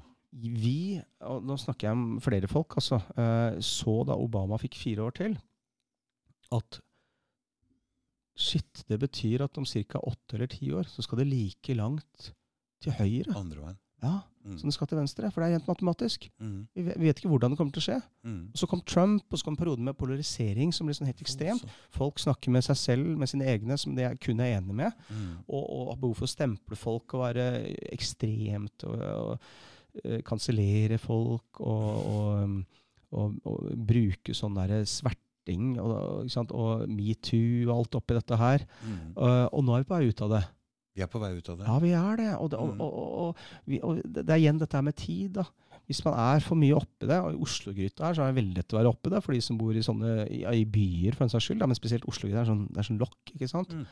Og så, og så glemmer man litt å se litt større perspektiv på det. Og det i sosiale medier hjelper jo ikke da med Twitter, og, og du blir så inne i en sånn greie. Mm. Ta et par steg tilbake. Mm. Vær litt mer ute i naturen. Mm. Så kjent litt på hva som er inni her. Mm. Og, og ha kontakt med røtter. Det tror jeg er veldig sunt for å være robust og, og slappe litt mer av. Mm. Eh, så vil man se at eh, nå skal det gå den veien her. Mm. Se på, Akkurat nå har vi Johnny Depp og Amber Heard i rettssak i USA og sånn. ikke sant? Du hørte hva jeg sa? Det kanskje var et helt skuespill alt sammen. Ja, du- Fra begge sider. Ja, men det er jo ett narrativ, ikke sant? Det har ikke jeg hørt før. Nei, hva var det som Å slo ja, meg de er på lag! Og de, de er skuespillere når vi ser på dem De er jo skuespillere også! Ja, de er jo det, men er, Og dette er, er, er jo nå et skuespill for hele verden. Ja, det er det Alle også. aktiverer seg. Ja, ja, ikke jeg, da, men, men, Nei, men mange. Ja, Det kommer jo på YouTube-feeden min hele tida. Det er voldsomt. Jeg ser ekstremt mange som har uh, Meninger om dette. ja, Og så har de høyere seertall enn de noensinne har hatt før. Ja. Bare Johnny, Johnny Depp bare smiler litt når Amber Heard forsnakker seg det hun prøver å si hvor hardt uh, Altså hun er dårlig skuespiller, da. Veldig så du den? Men liksom bare 30, 37 sekunder med det på YouTube er jo sett av 3-4 millioner på eh, null tid. ikke sant? For Eh. dette genererer. Men, men poenget er at dette er en del av disse, dette er bølger. Du ser på det, Dette er sånne ettereffekter. Det er en ekstrem tid, og nå, nå kommer sånn sug. Det blir sånn, sånn Før en tsunami så forsvinner vannet. Ja. Og da veit du at nå skal du faen meg passe deg, for nå kommer vannet. Det kommer enda mer. Ja. Uh, og, og det er disse sugene, dragsugene, som, som, som vi opplever sånn etterdønninger. Og så er spørsmålet hva kommer etter? Det vi trenger nå, er egentlig litt mindre polarisering, og der er vi på vei. Vi er på vei, ikke sant? I et narrativ. Og så- er det et annet annet men så er narrativ det- Ukraina-Russland-greiene. Det er veldig fiendskap igjen. Ja, og det skal jo egentlig Altså, det jeg lurer på, da Akkurat nå eh, Nå har jeg sagt det her om liksom, Nå ser vi at det skal bli mindre polarisering. Ting skal bli Vi skal Mm. snakke litt sammen på tvers av mm, sånn meningsbryting. Ja, Skal jo være et positivt ord. veldig. Ja. Men, men um, det er jo et scenario her da hvor, eh, hvor ting skal bli mye mye verre før det blir bedre. Mm. Og der har vi bare så vidt starta. Ja. Og så er det spørsmål disse narrativene. da. Dette scenarioet her. Det er Mm. ett narrativ. ikke sant? Og så er et narrativ at alt blir bra. Mm. Jeg hører deg selv sier at alt blir faen ikke bra. Men la oss si det, da. Og, og vi håper på at alt blir bra, Mm. og at ting skal ordne seg, og vi skal lettere å snakke sammen, og vi skal slutte å ha disse kanselleringsmenneskene som ringer rundt og skal liksom fy, fy, fy, du. Mm. Uh, og så kanskje vi får litt mer plass til at vi oppdrar uh, færre misantroper. Og har flere folk som tror på det beste mennesket. Mm. Det trenger vi. Eh, og det er et veldig flott scenario. Jeg vil gjerne tro på det. Jeg gir det 60 Ja. Men så har vi det andre narrativet, da. Hvor uh, vi anerkjenner at ting skjer i verden som vi ikke forstår. Mm. Men det er noen jævlig smarte mennesker som sørger for at ting blir verre, sakte, men sikkert. Og da passer det jævlig godt inn i det du sa i stad, med at først har det korona, inngripen i privatlivisk innskrenkning til Mm. de grader som vi aldri har sett før, på så mange mennesker samtidig. Mm. I milliardtall, altså, faktisk. Og, økonomien Ja, og så kommer økonomi Mm. med gasspriser og Problemet er at alt henger sammen. Alt henger sammen. Globaliseringen Ja, har gjort at nå er det liksom butterfly-effekt. Skjer det noe i Kina? Ja. I dag så jeg at en Jack Ma i Kina ble tatt av uh, han, Dette er litt morsomt. Grunnleggeren av Alibaba heter Ma til Ja, ja, Ja. ja. ja, ja. Ja, Mm. og, og så var det en annen med akkurat samme navn som ble tatt av, eh, ble tatt av for korrupsjon. Ja. Og da tenker jo alle at uh, det er han i Alibaba. Da sank Alibaba-aksjene. Med 240 milliarder eller noe sånt på bare liksom en time. Og så var det ikke han!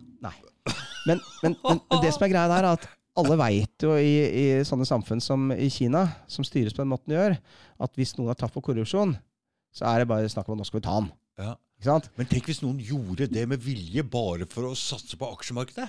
Ikke sant? Når de veit hvordan dette fungerer? Det er ett narrativ. Oh.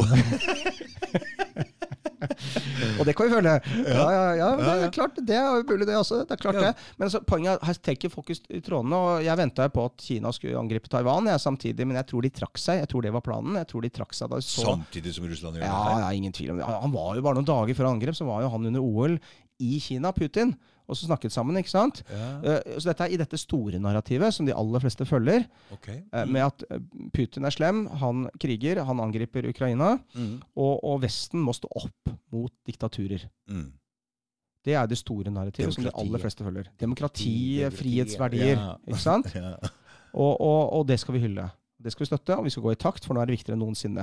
Mm. Poenget er at i det narrativet Mm. så, så har jo Kina da sett hvordan Vesten har samla seg. Og det er jo ingen tvil om at de har feiltolka stort hvem det er som styrer USA. Altså, herregud, Camilla Harris, Ja. Joe Biden, Sleepy Joe. De har jo ingenting de skulle sagt. Mm.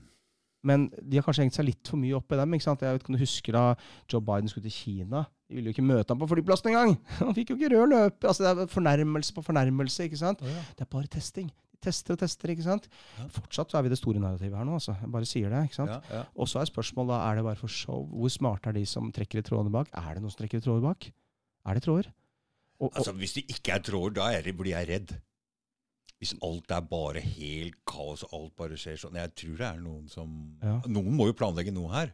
Ja, ja, ja. Noe, altså, noen Ja. må være ansvarlig og sette seg ned og prøve å diskutere og planlegge og styre dette. Hvis ikke så er det helt Da blir det, ja, men, eh, Da er kan det hva som det helst skje. Da. Det da. er jo han Klaus Schwab, da. Da. Da kan vi bare slappe av. Nei, altså, Han det, jo- det, altså, han er en tegneseriefigur som blir bare stilt ut der nå. Altså, alle disse figurene som vi ser, det kan ikke være dem. Jeg kan si noe om Harari. Den, Ja, eh, han- mm. Harari, Den han, er veldig spesiell, det han går ut og sier der. ja, han han Harari eh, Jeg har vært litt fascinert av han siden han ga ut den boken 'Sapiens'. Sapiens Ja, ikke sant? For jeg syns på den ene siden er det fantastisk mye ny, ny måte å formidle på. Mm. Første halvdel av boka kjempebra. Andre halvdel forferdelig, syns jeg. Mm. Um, første halvdel av boka forteller han f.eks. Istedenfor å fortelle menneskenes historie de siste 5000 årene, sånn som jeg har vært inne på nå, Mm. I Europa, Mm. så forteller han eh, historie sett fra havre sitt ståsted. Havre? havre som art Ja, har utnytta menneskenes avhengighet fra å være en ubetydelig liten kornsort i. Midtøsten Ja. til å bare spre seg utover hele verden og bli den mest suksessfylte arten på hele jorden. Ja, Fordi det utnytter menneskene. så spennende måte Ja, å se sånn- ting ja, ja, utrolig spennende. Også, også det der, eh, Han tar liksom, Er det Toyota? Citroën? Eh, I hvert fall et bilmerke. han, er det ikke litt rart at eh, La oss ta, jeg tror det var Citroën. Citroën eksisterer jo egentlig ikke som et selskap. Men, men vi, nesten som en maurkoloni, vi bare godtar at det er eh, en juridisk enhet som heter Citroën, Mm. som, som har makt. Nesten maktmonopol. Og, og vi godtar at de skal ha juridisk makt over oss og livene våre. Eh, vi, vi godtar, altså, det han sier, da, er, det er veldig rart at vi Det skiller oss fra dyr. da. Vi aksepterer kollektivt at det finnes ting som Coca-Cola. Mm. Altså, Nå snakker jeg ikke om den fysiske Coca-Cola, men altså selskapet. Vi godtar at selskaper eksisterer, men de eksisterer jo egentlig ikke, selv om det er mennesker som jobber i Coca-Cola, og selv om de produserer Coca-Cola. Det, det er selskapet som har makt. Ikke sant? Vi har gitt det verdi, altså i form av penger. Mm. Ikke sant? Det har jo verdier i form av kjøp og salg og, og tro på fremtiden og sånn. Mm. Big corporate business, det er helt fascinerende at det eksisterer. Fordi fysisk eksisterer det jo egentlig ikke. Mm. Det er bare et konsept som vi kollektivt aksepterer. Mm. Og jeg, jeg elsket den måten å se historien på. Mm. Men så blir han for idealistisk. Og det hater jeg. Når idealister når du er 20 år og 25 år og eh, sånn landsmøte Miljøpartiet De Grønne og liksom står der oppe og eh, Mm. Kjempebra med engasjement. Det er jeg veldig glad for. Unge mennesker skal jo ha det. Mm. Og så etter hvert som vi blir eldre, så rister vi oss litt av det her idealismen vi hadde. Som, liksom, for vi, vi, vi realitetsorienterer oss og blir litt mer realister etter hvert som vi blir eldre. Ja, nå er jeg spent på hva han skriver i andre halvdel her. Nei, bare ideologi. Om, hva betyr det? Ideologi? Hva, Nei, Det betyr bare at han har en form for um, forestilling om verden bør være. Det er teori. Mm. ikke sant? Mm. Og så, um, når du leser det her, så lurer du på ok, han sier at det er masse feil i verden, bla, bla, bla, og så Og så kommer han med løsningen. han med løsningen. Og løsningen. for hans, det er jo sosialisme. Mm. Uh, eller er det kommunisme? Eller du forstår ikke helt hva det er. Hva er det han vil? Uh, han er i hvert fall, så kommer det frem at han er litt sånn misantrop. Og så har jeg lurt litt på det. Mm, mm, Helt til jeg så mm. J.P. Sears ga en YouTube-video med 'The most, Dangerous Man in the World'. Mm. Mm. Og, da, og, da, og J.P. Sears han cherrypicker litt også. Mm. Så cherrypicker, det, Men det så mener jeg han tar litt utdrag ut av kontekst Mm. av det Harari har sagt. Så jeg, jeg, jeg liker å se hele konteksten og høre alt han har sagt. Mm. Da blir jeg litt mistenksom i, i seg sjøl, da. Mm. For det er litt urettferdig. For det kan Mm. jeg også gjøre. Mm. Um, så jeg skal, jeg skal gi dem eh, det, da. Men, men uh, da ser du Leonardo DiCaprio sitte der på første rad, og Ja, ja, Schwab ja. Sitte der. Du har sett det? Det. Ja, og så Mm. ser du Harari snakke til Klaus Schwab og Leonardo DiCaprio om uh, hvordan vi bør kontrollere Det enkeltmennesker. var veldig skremmende. Ja, og det er ingen tvil om at Harari er en jævlig smart uh, israeler, jødisk. Mm. Det er bare så jævlig uheldig. Det her, det her er, er det én ting vi ikke trenger, så er det kanskje mer antisemittisme i verden i dag. Mm. For der møtes både høyresiden og venstresiden. Mm. Ja, gjør den. Ja, gjør faktisk det. Og det liksom BlackRock og sånn er ikke akkurat verdens mest populære store selskap. Et av de virkelig, virkelig store. Mm. Uh, men altså, det, det, hvis man følger pengene, så, så er det ikke helt heldig når man snakker om å se på 1% av 1 Mm. Og når de sitter i sine egne lukkede foraer og snakke med hverandre på den måten her, så er det jævlig uheldig. Mm. Og du kan begynne å lure, da. Når de er så breiale og sier det sånn, sånn at Mm. folk som oss kan se, se på det, det noe, uten at vi kan gjøre noe som helst med det. Er det en måte å vise makt på? Se, hvis vi forteller dere om planene våre, vi viser hva vi kan Harari sier han skal hjelpe menneskeheten ved å innskrenke friheten vår enda mer enn i dag. Mm. Vi skal ha computerchipper i hodet. Det er, det er sånn i Kina når du skal ha liksom ansiktsgjenkjenning, og du skal ha egen sånn bonuskriminal eh. Har du bonus på hvordan du lever livet ditt? På, altså, hvis det er den veien det går, Ja, du, hvis det er det globaliseringen betyr Men, men, men, men tenk litt nå. På grunn av det han går ut og sier der, så jo, har det jo kommet en sterk, sterk motreaksjon mot det han sier. Ja. Så det må de ha tenkt på. De må jo ha visst om det. Ja. Så er det for å vekke opp folk mot det? Eller- Eller, Er det eller er det som du sier, at det er en advarsel for å vise makt? Men det er ikke de- advarsel engang. Jeg Nei. tror det er en form for Se på oss. Dere kan ikke gjøre en dritt. Du tror det? Fordi jeg har begynt å lure på For det, det er jo sånn ting fungerer. Det kommer jo en motreaksjon mot noe, alltid. Altså, dette er jo litt inne på det narrativet at det er noen som styrer. Ja, ja, ja det jeg blir det nevnte på en måte. 1-2 sjanse for at Putin og Zelenskyj er på lag, Mm. og noen styrer, og de har ikke så mye valg. De får russere og Mm. ukrainere til å krige og drepe hverandre. Ja. Eh, Mm. Da er de ganske geniale i det scenarioet der. Og hvis Ja. du snakker om det du snakker om der, Mm. eh, og vi er fortsatt i det scenarioet, da betyr det at de har så mye makt, og de er så smarte, og de har så mye handlingskraft, Mm. At de kan lett skape én felles front, hvor Mm. du og jeg får liksom 10 000 følgere, Mm. bare for å identifisere oss, og så ta livet av oss. I, I det narrativet! Dette var 1-2 ja, ja, ja, ja. Nå, nå kan vi gå tilbake noen steg. Nå kan vi gå tilbake og skru på det hovednarrativet, hvor alt er bra, Mm. alt blir fint, Mm. og, og vi kan feie regnbueflagget og gå rundt i tangaer sammen. Ja. I tog snart. Det skal, jeg skal ikke gjøre det. Nei, men altså, altså, det er forskjellige narrativer. Mm. Jeg bare, bare si det at det, det er interessant å utforske forskjellige narrativer, Mm. men, men uh, problemet blir fanga i dem. Mm. Ikke sant? Ja. Mm. Og, og hovedproblemet, som jeg vil si at veldig mange mennesker, spesielt de som havner i YouTube-algoritmer, Mm. er at du blir fanga i et narrativ som blir altoppfyllende. Mm. Det er som å følge liksom, Du følger et narrativ som en sti i en skog, og så plutselig er det inn et kratt du ikke kommer ut av. Ehm, det er en fare fordi målestokk er det som uh, kan ta deg. Sånn som jeg, jeg har møtt mange som har vært veldig bekymra for innvandring til Norge. Mm. Fordi de føler at uh, liksom, nordmenn forsvinner. Ja, fordi liksom, innvandrere får mye for mer barn enn en, ja. nordmenn. og sånn. Og, og statis, hvordan vil det se ut om 50 år? ikke sant? Stor forståelse. Ja, ja, ja. Og så, og så kan jeg sitte der Ja, men hør nå, på målestokk. Mm. Er det egentlig et problem eller ikke? Bommer du på målestokk? Og, og, og tenk på hvordan eh, D-vitamin virker. Ja, ja, Hvis, hvis innholdet er kjempeflinke til å ta D-vitamintilskudd, så er det veldig bra, da. Men det, det er noe som tilsier her Ok, greit, du får kanskje mer blanding, Mm. uh, men, men, men det kan være at folk bommer litt på målestokk og tror at ting er mer verre enn det det er. Mm. For hvis du flytter ut av Oslo og ser hvordan det er i distriktene, så står den norske kulturen ganske sterkt. Mm. Og da kan vi snakke om assimil assimilering. Hvor, hvor tsjetsjenere, som jeg kjenner der jeg bor, Mm. assimilerer seg til den norske kulturen. For de ser positive ting ved norsk tillitskultur, delingskultur.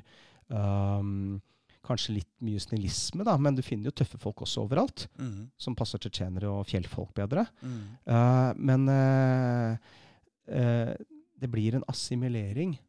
Og det er det Danmark har kalt innvandringspolitikk i all tid. Det skal assimileres, ikke integreres. Hva er forskjellen på det? eh, integrering var det de altså det, det snakker om at de som kommer, skal integreres i det norske samfunnet. Men det betyr også At de skal norske bli norske? Nei, nei, nei, nei, nei. Det betyr også at det norske samfunnet må integrere seg for Sånn, de som kommer. Mm, mm? Så mm. finner vi en ny fellesnevner, og så blir det nye Norge. Ja. Mm. Og, og, og, um, og, det er interessant å se på Sverige, f.eks. Hvordan eh, plutselig så har Eller det fins jo steder i Norge også, Drammen, hvor det er politiske partier som, eh, som eh, sier ja, men det er fint, det. Nå har vi snart flertall. Og eh, da skal vi eh, ha innskrenkninger på, um, som går på kvinners rettigheter. Mm. For eksempel, det har vi begynt å se nå i Sverige. ikke sant? Mm. Og da er det mange av disse feministene i Sverige som skulle ha disse innvandrermennene inn fra andre kulturer som ikke har vært gjennom de uh, tiårene med, med det som skal til. Du kan ikke bare ta en hvilken som helst person og putte den i en Det er det en genene styrer oss. ikke sant? Mm. Eller, og kultur, da. Mm. Uh, du kan ikke bare ta en person fra hvilket som helst sted i verden, i et patriarkat f.eks., og si her, nå skal vi eh, ha um, Nå skal du leve helt fritt, og døtrene dine de skal få leve akkurat som norske barn. Mm. I, fordi det er likestilling. Mm. Da jeg var i psykiatrien, så jobba jeg bl.a. med en kar som var fra et afrikansk land og hadde drept uh, unga sine og kona si. Mm. Og vi fikk høre som akta, det vet jeg ikke om stemmer, da, men, men uh, fikk høre liksom at uh, hun hadde fått seg en norsk venninne, hun kona. Mm. Som bare sa nå skal du stille krav til han der mannen min, vi er i Norge nå. Mm. Mm. Mm. Han gikk jo apeshit av Dondas, da, og kom fra et krigsherja land. ikke sant? Og, ja. det er tra tragisk, ikke sant? Mm. Um, så de nyansene har jeg mangla litt. Og det er litt fordi folk er litt krakilske, kanskje, ikke kan snakke om ting. Vi har vært innom en periode som har vært helt sinnssyk. Men jeg tror også veldig mange bommer på målestokk Mm. og blir veldig redde og fryktbaserte. Mm. Og, og det er jo her vi skal liksom, vi kan si slappe av litt. Mm. Og, og det er det jeg mener med å være robust. Hvis vi kan si til folk liksom, for det første slapp av, og for det andre vi overlever. Mm. Vi gjør det. Mm. Vi er robuste. Vi, kanskje vi må gjøre oss selv litt tøffere, eller de rundt oss. eh, for det trenger vi å være fremover, tror jeg. Mm. Men, men det, det du tar opp nå, prater om det med innvandring og sånn, det har jo vært et problem, for det har ikke gått an å snakke om det. Nei, nei, nei. Vi har ikke fått lov å snakke om det. Jeg er usikker nå når vi har snakka sammen, ja, om jeg øh, mister masse venner fordi jeg har sagt det. Men jeg, jeg, jeg tror ikke jeg har sagt noe kontroversielt. Jeg, det jeg sier, nei, nei, dette her handler bare om hvordan vi skal leve sammen. Vært, det, dette skulle vært snakka om helt åpent for lenge, lenge siden, men det har vært så sterke fronter, og Ja, det har vært ja. nazisme her og rasisme der. Og, ja, og jeg ser jo det med den bokbrenninga også. ja, det er den, sånn, den eh, lager altså så sterke, steile fronter. Det ene står og brenner bøker, og det andre kaster stein. Og det setter egentlig eh, agendaen for hvordan vi kan snakke om dette her. Vi får ikke snakke om det på en ordentlig måte. Nei, det er kjempevanskelig. Altså. Det, er, det er det. Og, og jeg vil jo at vi skal øh, komme overens og ha det bra sammen. Men, men det er klart, Mm. vi har jo et stort problem i verden, og det er at vi er altfor alt for mange mennesker. Er vi? Ja, altså For flere år nå så har vi jo hatt for få ressurser eller for skeiv fordeling Mm. av godene. Mm. Eller begge deler. Ja. Eh, vann, for eksempel. For dette her er jo alt det bunner ut i Nettopp. Det er noen som sier at vi er for mange mennesker. ja, ikke sant? ja, men men da må teknologien bli så bra at vi kan produsere nok mat da, til alle de menneskene. men her i Europa så går jo fødselsraten ned. Ja, men uh, FN har sagt at vi skal være et 9 milliarder mennesker i 2040. Mm. For helt ærlig, Dag Thomas, jeg tror ikke vi blir det. Ja. Nei. Da må, vi, altså, da må noe skje med en bedre fordeling av ressursene. Mm. Det kommer ikke til å skje. Nei. Eller teknologi, hvor vi produserer mat og enklere, bedre til folk. Mm. Jeg tror ikke det kommer til å skje heller. Jeg. Eller kanskje noen tenker, hvis vi er litt mer lever som en nautue, hvor alle har sin rolle og, og er litt mer sånn sånn. Men så får vi da prenta inn 'Å, du skal være lykkelig'. Litt sånn der filmen 'The Island'. Mm. Så den er ganske bra, faktisk. Mm. Uh, men men liksom, du, du bare håper du får lykkeloddet. Og liksom kan, men, men eh, pointet er at du, det er bare en løgn. Og, og jeg tror eh, det ikke er løsningen. Men hvis det er noen mektige mennesker som helt seriøst sitter og hører på Harari snakke eller noe sånt på World Economic Forum eller Davos, eller, Mm. og liksom bare Ja, vi må redde verden. Eh, vi må gjøre noe med befolkningspresset. Skal man redusere Dette, men dette har de diskutert i lang, lang, lang tid. Jeg har jo diskutert det i lang, lang tid. Det er, er jo mye smartere folk enn meg som styrer med dette her. Mm, mm, mm. Og, og, og så er spørsmål Vi ser jo allerede at moder jord gjør noe med oss når vi blir for mange. Dette er litt sånn biomasse også, da. Hvor mye liv skal vi ha på jorden? Mm, Og hvis det blir for mange mennesker kontra annet liv, mm. så, så vil dette gå seg til av seg sjøl. Men det blir jo ganske forferdelig, da. Så, Mm. så hvis vi kan greie å forutse det her, uten at noen skal sitte der og holde på for store deler av kaka, Mm, 1 av 1% liksom, mm. har du trua? Ja, tror jeg jeg er jo Happy go lucky, var det Ja. du sa? ja. Hvor lang podkast har vi egentlig? Jeg Har ikke vet snakka veldig lenge nå. Jeg tror det. Hvor lenge har vi snakka? Tre timer? Nei! Nei, så halvannen Kan det ikke time. være, kan det ikke være Azar? Dæven steike. Ja, men det, dette her var jo fint å stoppe nå når verden går under. Ja, ja, På slutten av podkasten. Ja, ja, vi og, og du har trua, og jeg har trua. Ja. Ja, jeg har jo trua. Ja. Jeg har det, men jeg, jeg ser kanskje behov for at uh, det kan jo være greit å uh, tåle litt mer, bli litt tøffere, være litt mer robust. Mm. Eh, og det er litt av poenget mitt. Det har ikke folk vært helt vant til de siste 30 åra. Uh, Eh, men, men det finnes eldre folk. Og før i tida, da vi var unge, så hadde vi respekt for de eldre. Mm. Nå er det ingen som har respekt for eldre lenger, da. Men, men kanskje noen hører på det her som sier eh, Hm, ok, uh, hvis det går til helvete, skal jeg i hvert fall greie meg. Men uh, jeg vil jo at flere enn bare meg greier meg. Mm. Nå skal vi bygge oss opp igjen etterpå. Mm.